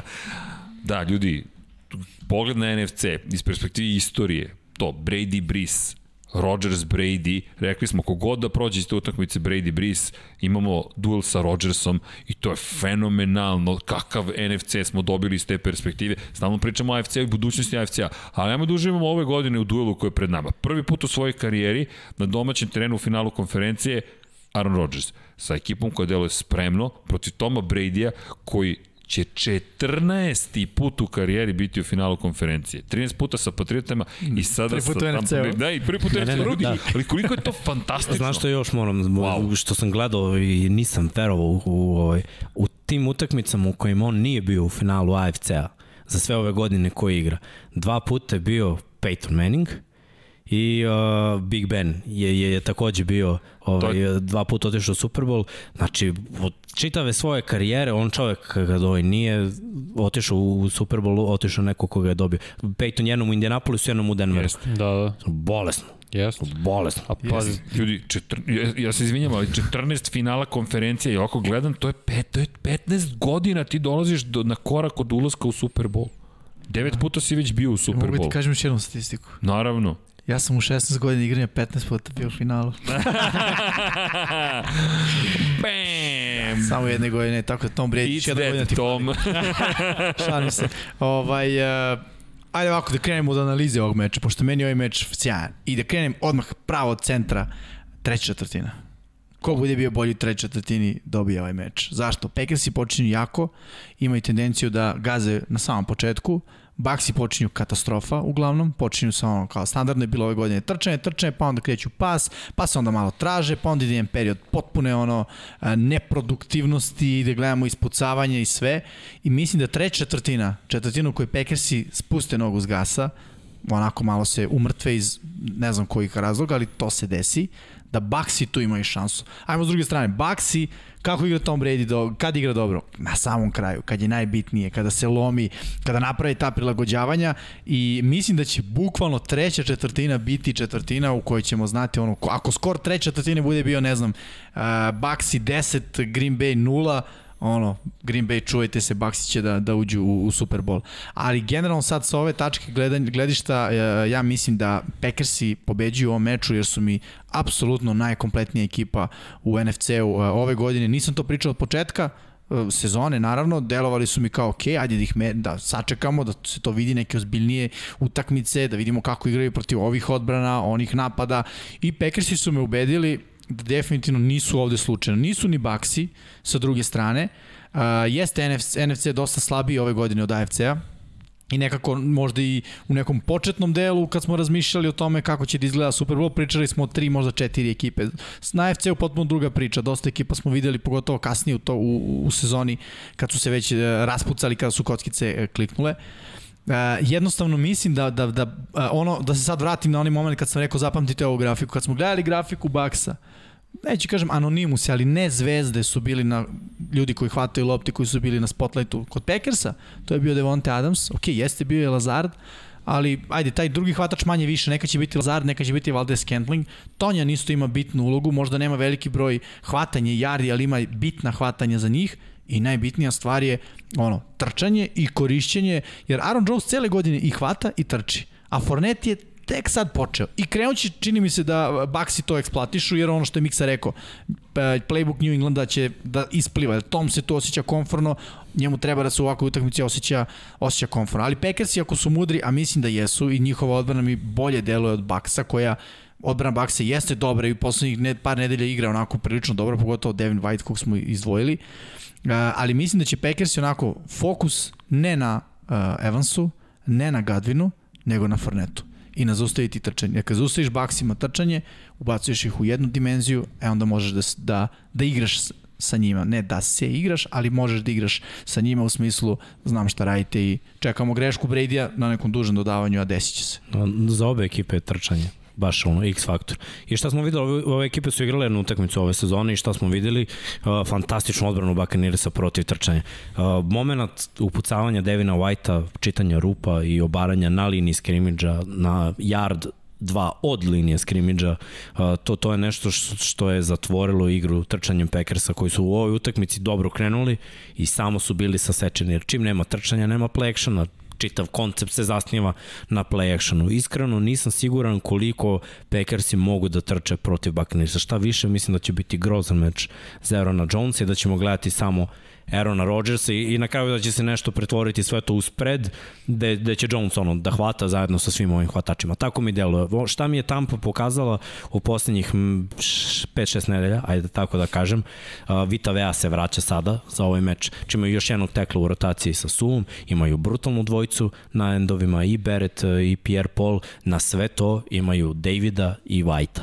Uh, šest igrača sasvim dovoljno da se nadjača ova ofenzivna linija. Packersa ko, koja nije imala da, da kažem ovakve probleme protiv drugih timova kao što je imala protiv Buccaneersa. Naravno, neće biti isti meč uh, i verujem da će Packersi pronaći rešenje kako da se anulira ili Lavonte David ili Devin White. Ali će to moći, nisam siguran. Jer ono što sam vidio od Whitea, ta brzina, fizikalija, ako on skloni blok, i do, dođe do pozicionja na ovoj utakmici prošloj imao 10 obaranja i opet za minus i opet je i u coverage dobar mnogo dobar uh, linebacker s druge strane baš me zanima da vidim uh, Smith Smith za Darius Smith rekao sam nekako sam ga za prethodnu utakmicu najavio da, da bi mogao da bude faktor jer jako inteligentno reaguje na, na te uh, opšene bootleg, rollout, sve, sve to i odradio na utakmici protiv Ramsa, to baš i nije palilo. Sada nema toliko rollouta, ali ima tih dodavanja iz backfielda kojima ti pričaš on mora to da pogleda. Jer ako njega prođe, defanzivni back dostigne, to je novi prvi down. To, to smo ili 5-6 yardi, što je sasvim dovoljno. 5-6, 5-6, pomeraju sa lanci, baš ono što je Fornet radio. Tako da ti endovi moraju Mar, bar malo da zakače running back. Samo ću dodati jednu stvar, slažem se s tobom, ali vidi, sad sve što si nabrojao za zaustavljanje trčanja Tampe, što treba da uradi da zaustavi trčanje Green Bay-a, je unutra. Da. Spolja su šuplji defanzivni bekovi nisu jesu. dobra potpora za ovo. A šta je Green Bay, šta Green Bay radi? Jako dobro, i, i sam si to rekao. Kretnje pre snepa to je nešto što su relativno novo implementirali, relativno mislim novu sezonu i kako je sezona odmicala sve više je bilo tih kretnji. Tu će mislim da bude ključ. Yes, Ta trčanje okolo, zatvaranja, zatvaranja tih spoljnih ivica, korišćenje hvatača pre snepa, davanje lopte njima, to rade Packers isto. Ili Valdez Kentling ili Lazard protrči da im Rodgers da. Mislim da ćemo toga više gledati ovde u kombinaciji sa pasevima na pre svega Adamsa i ove ostale hvatače s polja, jer će poenta, mm -hmm. Meni bi poenta bila ono, radi sve s polja, tu su tanki, nisu baš idealni na cornerbackovima i na, i na generalno defanzivnim bekovima, teroriši ih s polja, daj Adamsu da radi ono dobro što zna da radi, unutra njemu se petaš sa ovim, ovim ludacima, ovim defanzivnom linijom i linebackerima. Beži od toga. Kada ih poraziš s polja, kada oni kažu kako ovo e onda cepaj kroz sredinu. Tako da mislim da će onako trčanje s polja biti dobar i neki logičan game plan za, Jeste, za da. S tim što ako, što kažeš ti, Mike Tyson što je rekao, kada dobiješ udarac usta ne ide. Baš to su dobili i na tim trčanjima s polja. Ja White-a nisam vidio u bržim upucavanjima. I dijagonalno iz sredine on stigne do linije skrimidža kad i Isto. running back. Jedno pitanje. Ofanzivne linije i jednih i drugih. Dobro. Moraju da da mo, moraju da fantastično. Da li sada tu gledamo opet ka njima jer meni tu deluje kao da neka od njih će popustiti. Ajde ovako analiziramo trčanje ofenzivne linije Green Bay i Tampa. Koja bi rekao da, da je bolja? Ja bih rekao su prilično izjednačene, su dobri jedna i druga. Možda i prednost da blagu dao Tampi. A šta je problem Tampe? Ne trči toliko. Počeli su u poslednje vreme. Green Bay mnogo više koristi trčanje. I kada onda poredimo igru uh, uh, ofenzivna linija kako blokira kad je pas, Green Bay bih uzeo bez problema. Da, lagano. Uvek. Mm -hmm. Tako da, Ovdje imamo minimalnu razliku, ovdje imamo veliku razliku. Stoga dajem prednost ofenzivnoj liniji Green Bay, ali slažem se da će biti ključni faktor i da jesu dobri jedna i druga. Da, pa da se ja vratim ovo što ste rekao, treća četvrtina će biti ključna. Hoće zato što Packers u drugoj četvrtini terorišu odbrane. Oni su postavili najviši broj poena za, u toj četvrtini ikada, za bilo koje ekipe, što je neverovatno. To će biti ključ za treću, da li mogu da prenesu taj momentum, kao što redko kad rade, i ako uspiju to, kao što sad na ovom meču, ok, posle samo šest poena, ali su konstantno bili u napadu i pritiskali su Remse. A kako će da zaustave Baxi Adamsa, to ne znam. Nema ko da ga zaustavi, ko će njega čuva jedan je, mora bude double team konstantno. S druge strane imaš neko ko će Evansa da zaustavi, to je Jair Alexander, koji igra kao možda i najbolji cornerback realno u NFL-u. Iako kada red kad spominjemo, stvarno on je, šta da zove, minus 3 yardi prošle nelje. Tako taj matchup mislim će biti ključ Evans i Alexander. Ima jedan, ima jedan uh, uh, način kako da neutrališeš Devonte Adams. Šalji blic uvek na strani na koje je on. Ako se on linuje levo, ti blicu s leve strane da Rodgers mora gleda na suprotnu ili da odmah baca loptu ka njemu. Uh, ako nemaš dobro DB-a da ga pokrije. Mislim, ne znam da li će to biti game plan. Možda, jasno, jasno. Znaš, uvek imaš koordinator koji kaže šta, nemam čoveka, sad ćeš da vidiš koga ja imam. A pa, kao Mike Tyson, buf. Mnogo znači to što su igrali zapravo te prvi meč. Znači. I Green Bay, mislim, i videli smo i prošle nedelje, Saints su rast, rastorili bakse prva dva puta i šta je bilo treći mm. put? Adjustments. Ok, to novi to. game plan, videli smo šta ovi umeju. Mislim da će to i Packers izurade, pogotovo, mislim, opet vremenski uslovi su totalno drugačiji. To je bilo 25 stepeni, Tampa, toplo sve ovde, sneg će biti, oh. bit će vjerojatno minus minus... Će piti sneg? Mislim da hoće. Ma sneg pada sve vreme, samo oni očita teren. Da. I pitanje je da li ima u tom trenutku padavina, da, da. napolju se vidu, deca se sankaju. Proverit ćemo relativno brzo. Da, i Brady... Najava za nedelju, evo izvini samo, minus 11, donja temperatura gornja. Minus 11? Da, donja, ja. To u Celzijusima? Da. Dobro, i bolje. da, da. Čisto vidi da... Kad, Aj, Fahrenheit. Da, ne, nemoj, nemojmo preterivati, ali minus 2 je gornja temperatura, donja je minus 11, očekuju se padavine. Jedini dan kada se očekuju padavine, nedelja. Ja, ono šta mi smešno, kad, je, kad sam gledao Football Live za Iceball, koji si igrao na, da. u, u Green Bayu, i ovaj, tad je bilo minus 20, nešto je veter je ubijao i ba, baš je bilo prehlano i jedan tamnoputi hvatač najjača izjava igra, da kaže, trener je zabranio da igramo u bilo kakvim rukavicama jer ne možeš da uhvatiš loptu. Klizi, kao sreća da mi tamnoputi smo koristili ono, kožne brown rukavice. kao, kaže kao, držiš ovde i samo izvučeš i kao nije video. jer ono sneg pada i ne vidi se ništa i onda je moglo da prođe. A pazi sad ovo, izvini, mhm. najava je oluje zapravo, snežna oluja u Viskonsinu za vikend. Čisto da bude zabava I, I onda možeš tačno da anuliraš sva cutback trčanja. Ne, na snegu u ogromnom ne, Jest, ono, mora da ne, nema cutback trčanja. Znači, bukvalno des, desi za, za putio, tu ideš. Ja, da. Nema ono kao idem leva desno. da, i druga stvar, Brady je 9-4 sad u konferencijama, od tih 4 puta on je 3 puta izgubio u gostima kad igra. I znači to, on je konstantno više puta igrao naravno kod kuće i domaći teren znači. Kako vreme ga je čekalo tad kod kuće? Jeste, Bilo a ove ostale nije čekalo. stadionu. A ove ostale nije čekalo. U, u Massachusettsu. Slažem se s tobom, ali i, i mislim da Green Bay ima ogromnu prednost po tom pitanju. Ali, znaš kako, da, ja, statistika jeste, ok, pokazuje nešto, možda izlučimo zaključke, ali ti si 14. put u finalu konferencije. Samo, samo, samo... To samo, je statistika. Ne, ne, ne, nešto drugo hoću kažem, nešto drugo hoću. Ti imaš iskustvo.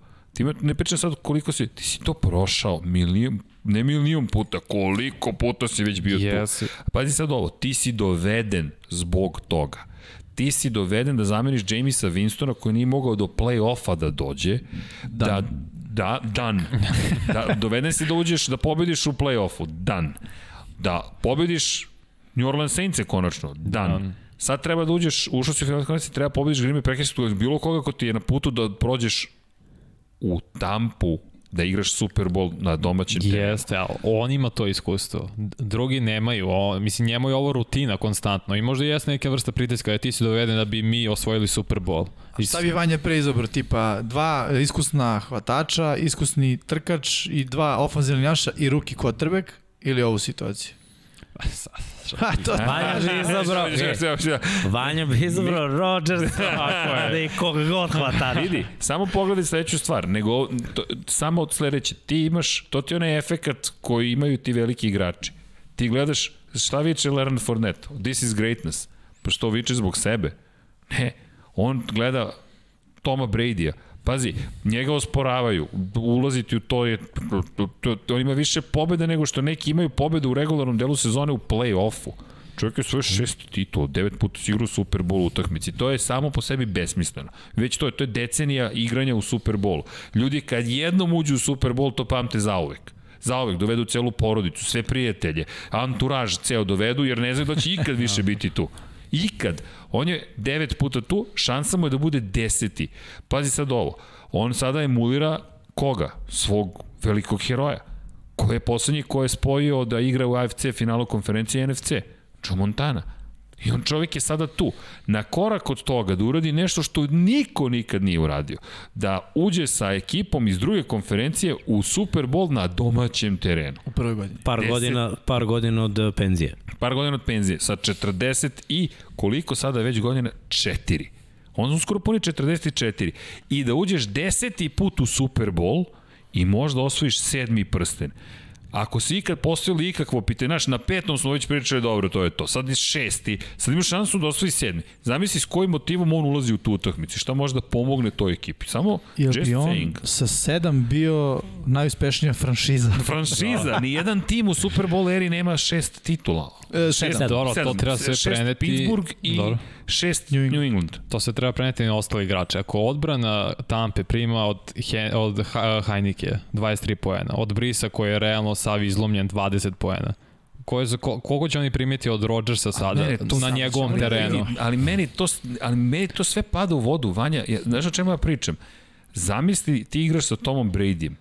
E, igraš sa Tom Bradyjem. Ili sa Aaronom Rodgersom. Ne, ne pravim razliku tog tipa. Ali ne Madden.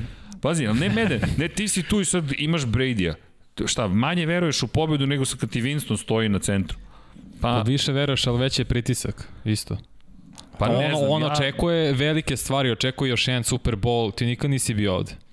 Pa vidi, Kako ćeš ti biti Pa što njihova igraš onda reakcija na američki to? futbol? Mislim, što onda igraš? Ako ćeš tu da kažeš, pa dobro, znaš, a možda ja da ipak... To je njih stvar. Pa vidi, ja mislim da, da, da si subjektivan, vrlo. Za te Jesam. pitao, Joe, pa to je, da vidi, to ti je, bi? ne, ali ne, to je okej. Okay. Ja, sad, ja, ja ne kažem da će on pobediti ili neće pobediti, samo koji moment, čemu mi prisustujemo. A sa druge strane je Rodgers koji, koji verujem da hoće da pokaže, ne, ja sam najbolji. Uvek je tražio samo domaći teren Ja da sam, imamo. Pa vidi, meni je to onda razočaravajuće. Ja bih uvek tražio da dođe Tom Brady da mu pokažem da sam bolji od njega. Ako mu je važniji domaći teren, Ne, ja to je mislim da je pričao to konstantno u karijeri. Nikad Jeste, imao domaći teren. Super, ali ja mislim da je važnija priča eno ti ga Brady preko puta. Za njega kažu da je najveći svih vremena. A ti imaš jednu titulu i imao si te me karti mi ne valja, te nemam domaći teren, A te ne da imam bolju ne liniju, te da imamo ovo, te da imamo ono.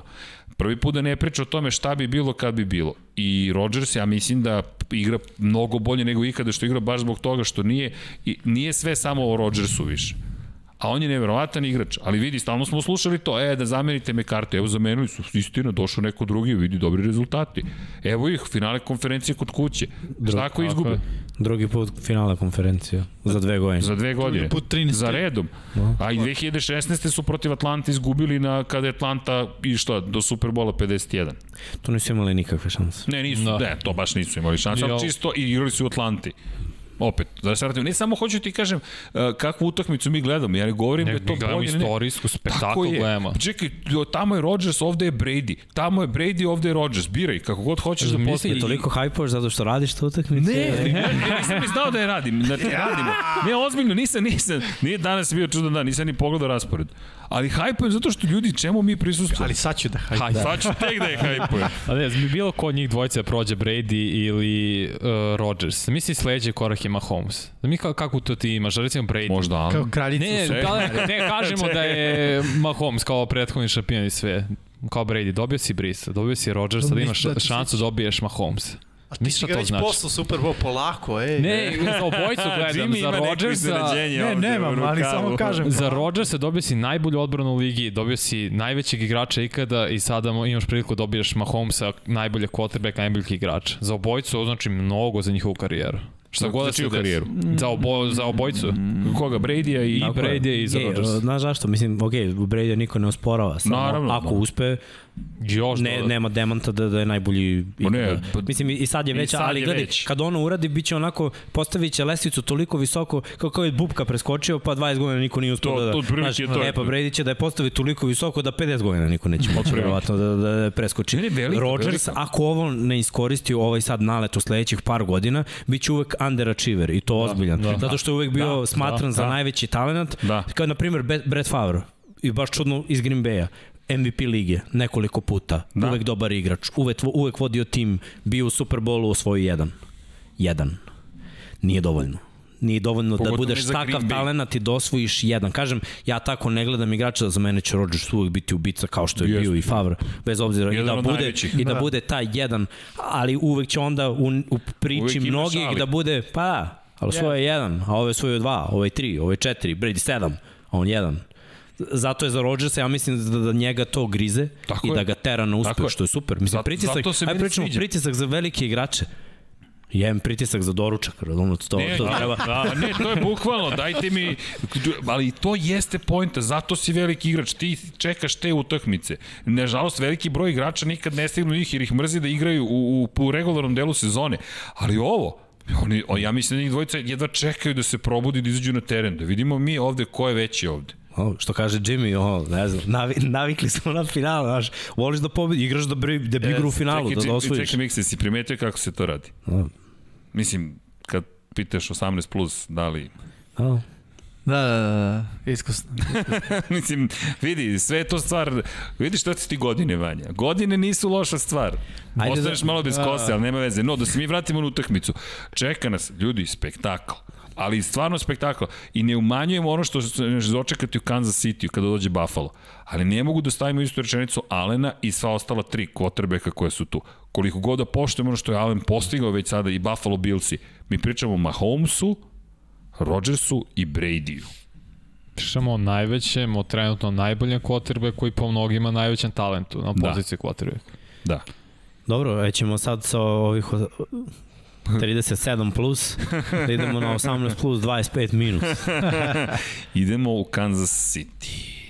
I Finale. gde će isto da pada sneg. Da, isto će da pada sneg, igra se na polju, I gde ima publike. ima publike. Isto kao, mislim, za Green Bay je bilo publike i, Jeste, i u jeste, novoj jeste, utakmici. jeste, jeste. Nije bilo mnogo, ali uh, u Kansas City je više publike. Jeste. I ne samo da, da, da je više publike, Pravo, nego je... 16.000. Tako, Tako je, je, da. nego je dizajn stadiona tako da akustika Tako je. pojačava. Znači njih 16... Jedan daje, bilo bi super. Ne, da, ali Školski 16.000 forum, daje kao, amfiteatar kao da pravi. ih je 30. Jeste. Još šiba vetar, znači isto je hladno.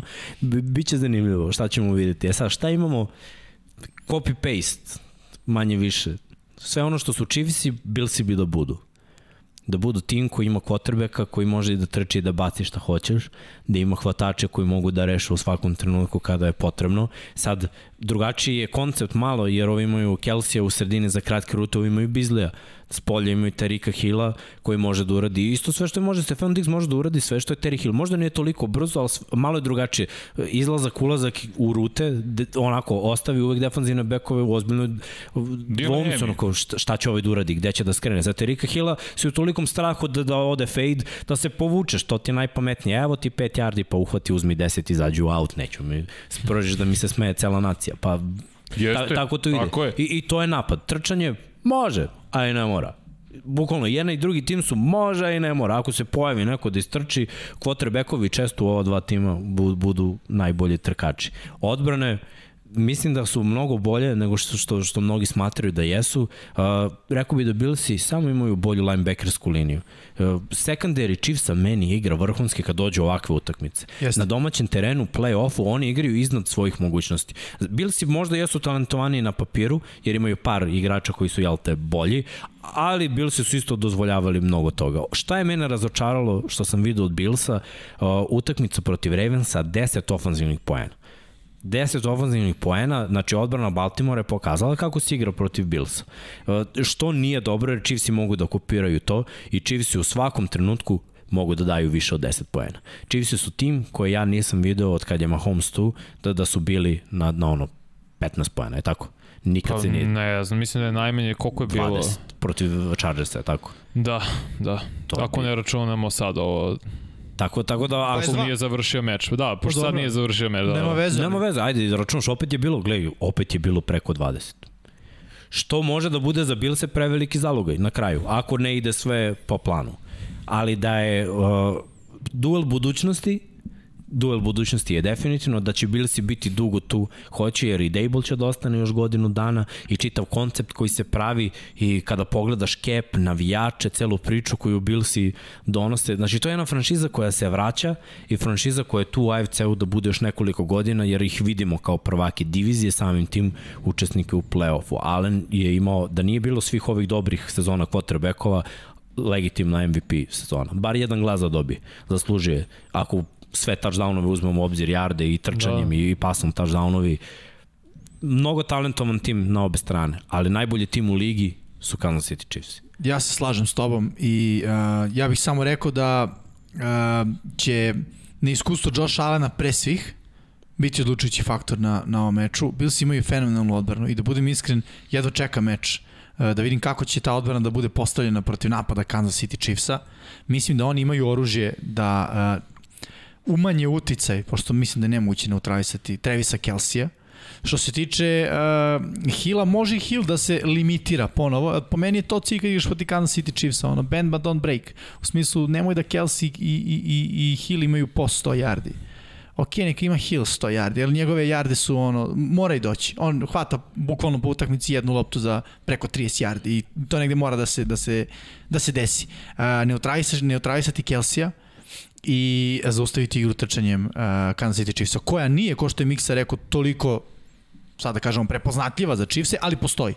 I kada poredim dve ekipe, Chiefs imaju bolju igru po, po zemlji, mnogo bolju igru trčanjem, uh, nego, nego Billsi. Billsi i Oni su odustali, ne? bukvalno Pa, poslednjih i- 3-4 nelje odustali su te igre I odustali su i kada Mosa nema. Će Mos igrati ovaj Ne. meč? Ne. E, Završio sezonu Moss. Ok, da, to sam mislio, ali rekao da proverim za svaki slučaj. Uh, kada Mosa nema, Bills izgledaju drugačije i više igraju uh, kroz vazduh. Uh, kada poredim dve igre kroz vazduh, jako blizu, ono što je Miksa rekao, vrlo blizu jedna i druga. Mislim da ofenzivne linije su takođe odlične i za jedne i za druge. Ne samo ofenzivne, već ceo s- način protekcije quarterback jednih i drugih je fantastično uh, urađen. E sad, gledamo odbrane, jeste odbrana Chiefsa dobra i zna da se pojavi i pojavit će se na ovom meču, siguran sam jer će im biti negde uh, fokus, ajmo da zaustavimo igru kroz vazduh, to je malo lakša, lakša stvar nego, nego uh, sa suprotne strane. I uh, odbrana uh, Buffalo sa druge strane će imati baš, baš onako veliki zadatak. I ako oni odgovore, a mislim da će odgovoriti, samo će meč biti neizvestan, ali po meni ovde Chiefs onako odnose pobedu na neiskustvo Alena i očekujem greške greške Alena. Jer mi je protiv Baltimora pokazao da nije baš kadar da bude ono što bi rekli amerikanci laser sharp, nego da ima i on trzavice uh, u, u svojoj igri, što je negde očekivano obzirom na to da je uh, u nekoj fazi onako nije još Patrick Mahomes. Pa da, nešto je stepen ili dva možda ispod toga trenutno. Ono, Da, ali napreduje, ali da. nije još Da, da, da. Da, napreduju jedan i drugi. Tako. Ljudi, oni su ispod 5 godina u ligi. A ja ne smatram kotrbe kada je dostigao pun potencijal dok ne bude bar 8 sezona.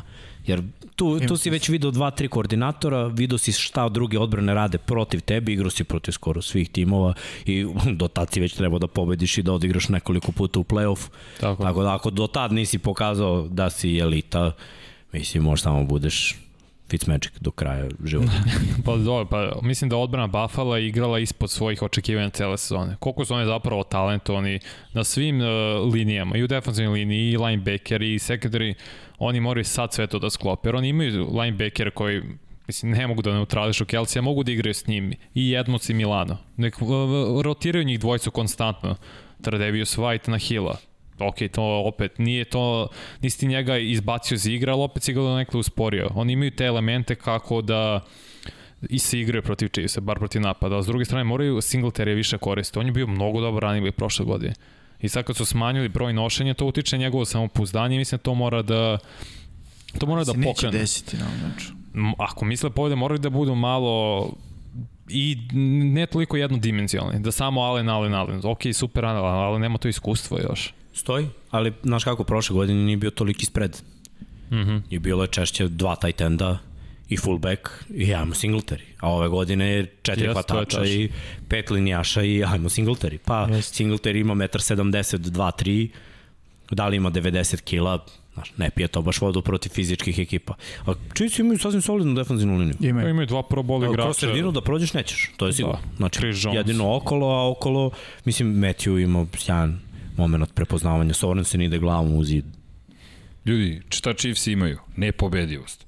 Ja mislim da je to ono što smo i pričali na početku. Jedini tim koji može i da gubi, to smo videli prošle godine, i da ne brine. Da ne brine, da, da, da, da kaže, ok, mi imamo Patrika Mahomes, mi imamo celu ovu ekipu, oni, oni toliko veruju u sebe, toliko su sigurni u svoj uspeh, toliko ne paniče. Da li ste i jednog eh, trenutka u poslednjih, pa sada već dve godine videli ekipu Chiefsa da je u panici? Pa, Jedino ove godine kad su izgubili onaj meč sa Mahomes da odmahuje glavom Da. u smislu ne funkcioniše. Ali panic mod, Ali to ne, je bilo, nikad. ali nema pa, tako Nema. je. Samo nešto mora da se promeni. Malo je bilo zabrinjavajuće kada se povredio Mahomes, tu su bili. Jeste. Ali pogledaj šta Rika Hila koji... A nije bio panic mod i dalje? Ne, on, je- on, je- ali on je rekao, ne, ja ću, mi ćemo da pobedimo, ja sam i dalje agresivan, ima da se igra na pobedu, Jeste. mi igramo Kelsey koji se odmah pojavio, pa i Henija su po, podigli, oni su ga podigli, ok, možeš ti to, zaleće se to glavom, kao, kao ovan, ideš, taj tim jednostavno veruje da će da pobedi. Zato mislim da su gotovo nepobedivi. Čak i sa greškama mislim da će ih biti, to je jedan od onih timova, znaš da gube 10 razlike, 2 minuta 12 sekundi, 15, 18 sekundi pre kraja i pitaš se kako li će pobediti. Ne pitaš se da li će se izvući, nego kako će pobediti. Gotovo tako mi izgledaju uvek, stalno. A imamo informaciju za onu povredu Mahomesa? Uh, Uh, levo stopalo. To. Da, pa to je palac, nabijen palac. To nije povreda koja te sprečava da igraš, ali jeste povreda koja te spreče da, da neke Šnovo, stvari... Da, je. ne, pa ne toliko da trčiš, da bacaš koliko kada da ulaziš u bacanje da daš sav osnovac, jer uh, ta dodavanja koji idu kratko, mora da rotiraš kukove i uh, prednja noga mora da ti bude na, na vrhovima prstiju. Znači leva noga, kad znači, bacaš na levo, pet out, desne strane. da, da ga nateraš na to i 3-4 puta je podbacio pet out, ja njega nisam vidio u životu da podbaci pet out, ali očigledno je bilo nelagodnosti i odluka da on trči nakon svega toga, malo naivna, ali okej, okay, mislim. Dešava I se. opet su pobedili. I opet su pobedili, da. Zato Mislim, kad su posljednji put izgubili da igra Mahomes, ova jedna protiv Raidersa ove godine, prošle godine od kad se vratio nakon povrede, ni jedna je tako. Da. Pa od kad je on starter u poslednjih, to je Imali sad su kad igra... 24-1, čini mi se. Da, ja sam sad to 24-1, da, da. Eto, toliko o tome. Ne pobedi. Gotovo ne pobedi. Ali to je NFL playoff, ko zna. No da vidimo da li je kralj pobediv. Da bacimo da. pogled na naše progne, prognoze. Šta kaže Dom Pablo? Kralj je go. Žule je pun gaz dao u play-offu. E, ovako se igra play-off. Ja vidiš, Vanja, vidiš šta ti iskustvo? Ja sam kralj regularnog dela sezona. Lamar. Ej, izjednačen si sa mnom. Znači, mislim da ti, da ti gore od toga ne treba. Okrugli procenti. mi se Okrugli su, da, ali pazi, 9-1 žule, svaka čast. S 4-0 u divizijskoj rundi, sve je pogodio. Vanja i Jimmy 7 pobjeda, 3 poraza i Miksa i Srđan 6 pobjeda i 4 poraza. E sad, gledaj, gledaj kako čitav ovaj playoff ide. Uglavnom, kad je bio blowout, svi smo bili na strani pobednika. Niko nije failovao da će Ramsey da. Da. da dobiju Green Bay, ja mislim, je tako. Da. I niko nije izabrao, ili Je, tako. je. Ja. A, da, jeste. Ok. Ali ti si poznat po tome. Ove, a, ali ajde da pogledamo ove utakmice koje su egal. Gde uvek kažemo da, da je ono, ko sad? Pa, Za ovo finale Ajmo da konferencija. vidimo, I, da li, molim te, evo ga. Green Bay, svi ste izabrali osim mene. Tako je, jer gledaj, Green Bay imao 100 načina da dobije Ramse, Ramsi Jeste. su imali samo jedan način se da, da, da igralo. dobiju uh, Packerse. To je Ali- bilo da istrče 200 yardi i da odbrana zaustavi Green Bay na ispod 20 poena. Ali, e, ali, da, ali ajmo da pogledamo ostale utakmice. Gledaj, ostale utakmice, evo, uh, ti i ja smo pogrešili Baltimore. Ja sam samo zbog jedne stvari izabrao Baltimore jer sam verovao da će game plan biti, pogodio sam ga 100% i za jedne i za druge. Znao sam da neće trčati uopšte Buffalo, znao sam da će Ravensi da imaju duplo više poseda u svom, uh, lopte u svom posedu. Ono što nisam mogao prepostaviti jeste da treneri postave game plane, igrači greše, interception za pick six. Dobri, I, povreda i Lamara. tako je, i, i promeni se čitava utakmica. četvrtina bez Lomara Tako je, kao, kao, drugačija kao i Saintsi. Znaš, ja ne vidim da će Drew Brees u eventualno poslednjoj utakmici protiv Brady da baci tri interseptiona u napred. možemo svi da kažemo ok, videlo se nije ovo ono, je video neko da će on da, da pogreši tri puta. Bukvalno ta tri Ne ali pazi, ne.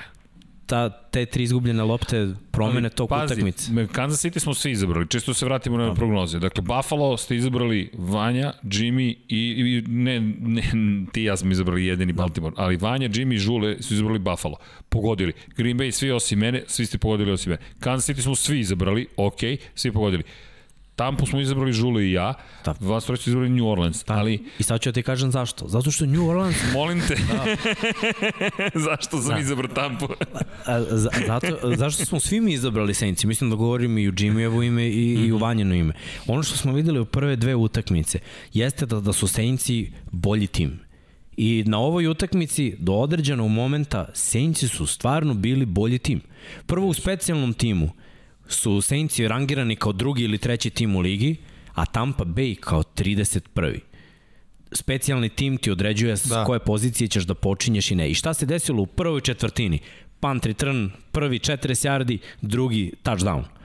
Poništen blok u leđa, prva greška. Znači, to, to su one gluposti povreda. koje pravi. I onda povreda Diontea Harrisa. I nakon toga opet imamo egal utakmicu.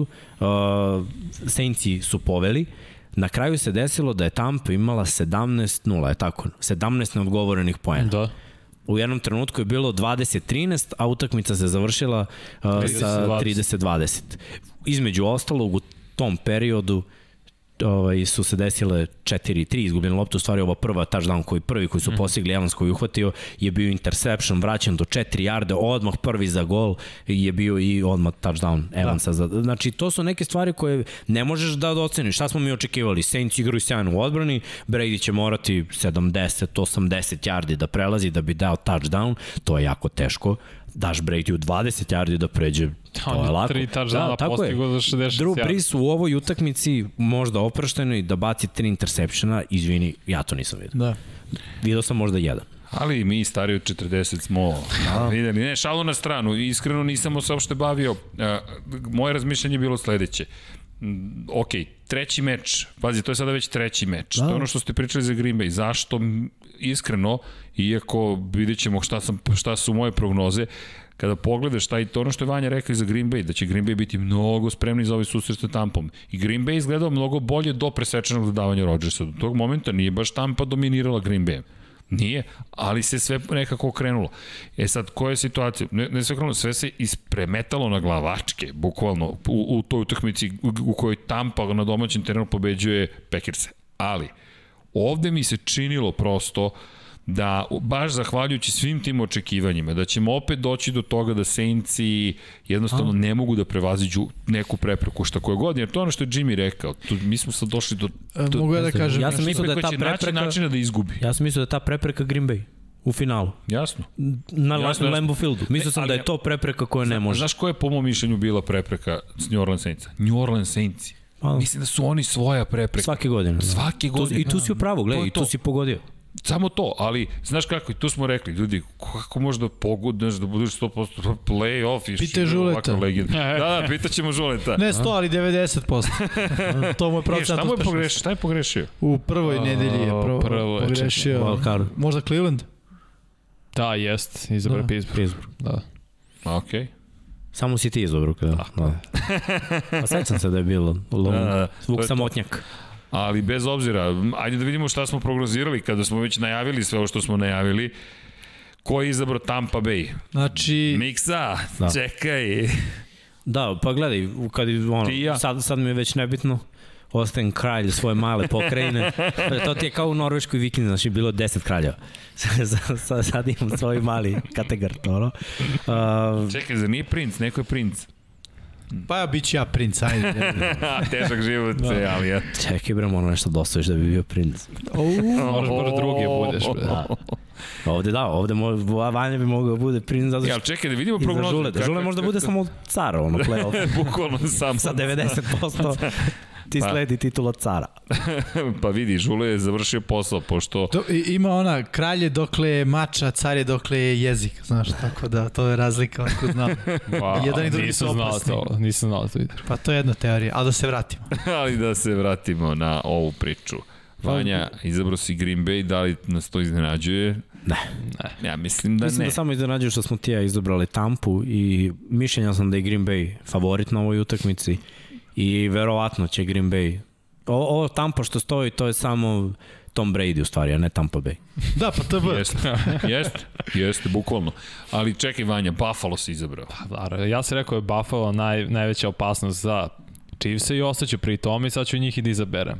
Znači, pre, pre šest nelja prvi sam to rekao Buffalo, Buffalo i ostaću pri tome. Mislim da će sad Buffalo napokon da odigra kompletnu ne kompletan čak ni meč, nego odbrana će odigrati kompletno sa njihove strane. Napokon će sad staviti sav talent da se pokaže. Ne znam, ja ću da se držim onoga što mi je rekao Ruben Drones, jedan, ne postoji prekidač. Kao, e, ajmo sad da kliknemo pa će odjedno magija da se desi. Mora da bude to ono, Konstantno. day in, day out. A vidjeli smo da Buffalo ume da... Pazi, Juri mi žulite, znaš, to je... Dobro, istina. Ali Evo razlog, evo način. Ima da- šansu? Da. Ako Žule pogreši ove dve. Ne, dve, ne, ne, ne, ali Vanja i on su- Ke, ne, Kansas. može samo da igra nerešeno sa Žuletom. Pa da. Jer Žula i on imaju, izabrali su Green Bay. Da bude... I Jimmy isto, ali Jimmy ne, ne može. Jimmy, jedini Samo ne može, može. stigne Žuleta je Vanja sad. Da, Da, pa, pa to. dobro. Pa Ima Super Bowl. Pa da. I onda Ja mogu Super da Bowl za nerešeno. Ja jurim princa. Da A nije, drugi. plašim se da će Žule ići na Green Bay isto u Super Bowlu, tako da je to... Ja ću isto izabrati ako prođe Green Bay. Pa lahko, nedelja za nedelju. A da, Ako on ako- neće. Samo ću ti reći, ako prođe Tampa, drama u Super Bowlu za uh, prinčevsku poziciju. Devet Izradit ćemo. Smo najavili. Izradit ćemo krunu iza princa, ne brini. da, da vidimo, a gde ćete gledati zapravo, ko će biti princ? Baka, Bakanirsi protiv Packersa, nedelja 21.05 Sport Klub 2, direktno i ekskluzivno. Billsi posećuju Kansas City, nedelja na ponedeljak, Sunday Night Football, 0-0, 40, 40 minuta posle pomoći, Sport Klub 1. Ljudi, ostali su dve utakmice, uzbuđenje Kažemo, raste. prvi meč ti žule, drugi meč naše kolege iz noćne smene. Da. Miksa. Noćna smena, E, ovo nije noćna sme smena. Da radi. Ovo nije Ovo noćna je smena, ovo je vrh. da vam kažem, znači, finale zapadne konferencije ili ono, divizijska tamo u NBA-u je počinjala u pola pet.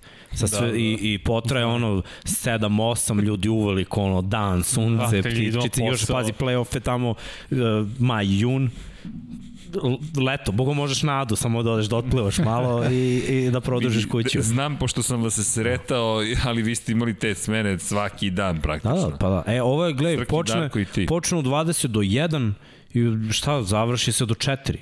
To je ono Vreme prvo ručka. polovreme, da, to, je, to je prvo polovreme one utakmice U vreme snimanja 99 regularne. yardi, Da. pazi, sad smo mnogo smo poranili, ne snimamo više posle u 6 ujutro. Da. Veruj mi, sve smo već videli. Ne, ne, ništa ne može da mi iznenadi. Čak je Vukov jednom kad sam radio bilo odlaganje utakmice od 3 sata zbog oluje. Vukovi iz Majevi i onda posle 3 sata se vraćaju na teren, ja 7 sati tamo čekam kraj, ajde bre neka pobedi neko. Neka zaigra, Da. Kome li je bilo teže, ovim igračima ili njemu, a? Mislim, ovim igračima. Da, čujeno, YouTube subscribe, subscribeujte se, ali nismo završili, uvek odvojimo 15 minuta za to 15. neko, pe, 15, Koga ti lažeš?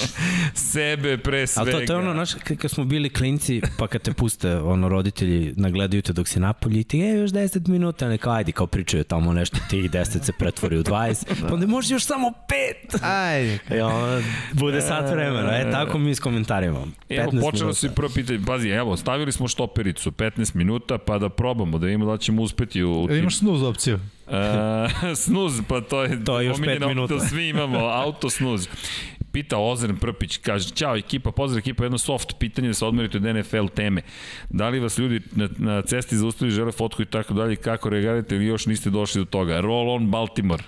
Pa evo, O, neko pa- odgovori Balti, Bal- Baltimore. Pre nego što vam govori, mene je zapravo, ako smije to kažem, Jimmyeva kuma zaustavila kad sam bio sa devojkom. Bukvalno njen dečko, kao je vidi deo, evo ga Opa! van iz 99 yardi i onda mi ona ispričala pa... Čekaj, izvini, da i? I on, i on ispričala, pa ja sam Jimmyeva kuma i sve to, ja kao, wow, ovaj mali svet. Ja još bez očiva ne vidim ništa, bukvalno slepo ga gledam ko je ono... Ajde, kad si je pomenuo pozdrav za kuminog dečka. Znam da nas prati. Da, sigurno. Ja, ja ću da iskoristim situaciju. Pozdrav za gospodina kod koga smo danas, kod koga sam gledao roll kartu za boje, e, dakle, RAL karta, izvinjam se za, za boje, pošto biramo boje za studio i rekao je večeras 99 yardi, ali ću vratno ujutru da gledam, pošto kasno počinje dok završi, ali pozdrav, tako da, da, Da, a evo mogu možda ja da odgovori. odgovorim ne. Kratko, ne. I e, ono, možda neko kaže, e, ćao, zdravo, vi radite, ono, da, to je to, ali nismo na tom nivou i šta da kažem, mislim, ono, okej. Okay. So far, so good. so far not so too good. bad, not too terrible. Miksa. Boje da ne kaže. Nije, bude da. samo, ja, to je onaj što samo... Mogu bi malo manje. Pošto je 18 plus, Okej. to je čekaj, kad prođemo 12, tad je 18 Nismo još plus. prošli, pazi, je sad O, onda, 11.52. onda je ovo bio komentar. Idemo dalje. Aleksa, veliki pozdrav Niša, da li mislite da moderni zatvoreni stadion ubijaju draže NFL-a? Ne. Pa i ja mislim da ne. Koje pitanje bilo? Da li ubijaju draže NFL-a zatvoreni moderni Domovi stadion? kao zatvorene Pa, dvorane. ne, mislim, Ali da mora da draža ima... malo nedostaje. Meni nedostaje da ima da ipak bude balans između tih Ali otvorenih. da, da, da. odzvanja. Buka je. Jeste. Zar nije? Mislim, sve ima svoje za i protiv, to ne, hoću ne, da za- kažem. Ali kažem, Ali- balans. Ne, samo mislim da ne treba da ostanemo bez otvorenih stadiona. Ništa drugo. Slažem se. Nikad se neće ni Samo desiti. to, samo to. Ne, A Svako što ima se svoju tiče priču. podlogi i dalje nisu svi veštačka trava, ja sam u bravo, da, tako? da, Nisu. nisu. Nisu, ali nisu. mislim da se ide ka tome. Da. Mislim, e, e, iz nekog svog iskustva brže je podloga. Mada mislim da u NFL-u ta druga trava prirodna koju oni koriste je takođe u fenomenalnom stanju, da ne, nema velike razlike. Inače, informacija od Branislava Devića. Bulldog choke se zove zahvat nad Mahomijem. A, okej. Okay. Hvala. Okej. To je dobio. Da, to je Bulldog choke. Pitanje za Miksu. Koji free agent je po njemu najbolji za jačanje sekundarija Ravensa? Uh, nisam siguran da si ima para za to. da, mislim da će Everett, koji ove godine imao neku ulogu da bude treći DB, o, i odigrao je vrhunski biti ba, baš taj igrač, da će što se tiče defanzivnih bekova, cornerbackova ostati isti i, i, i to je to.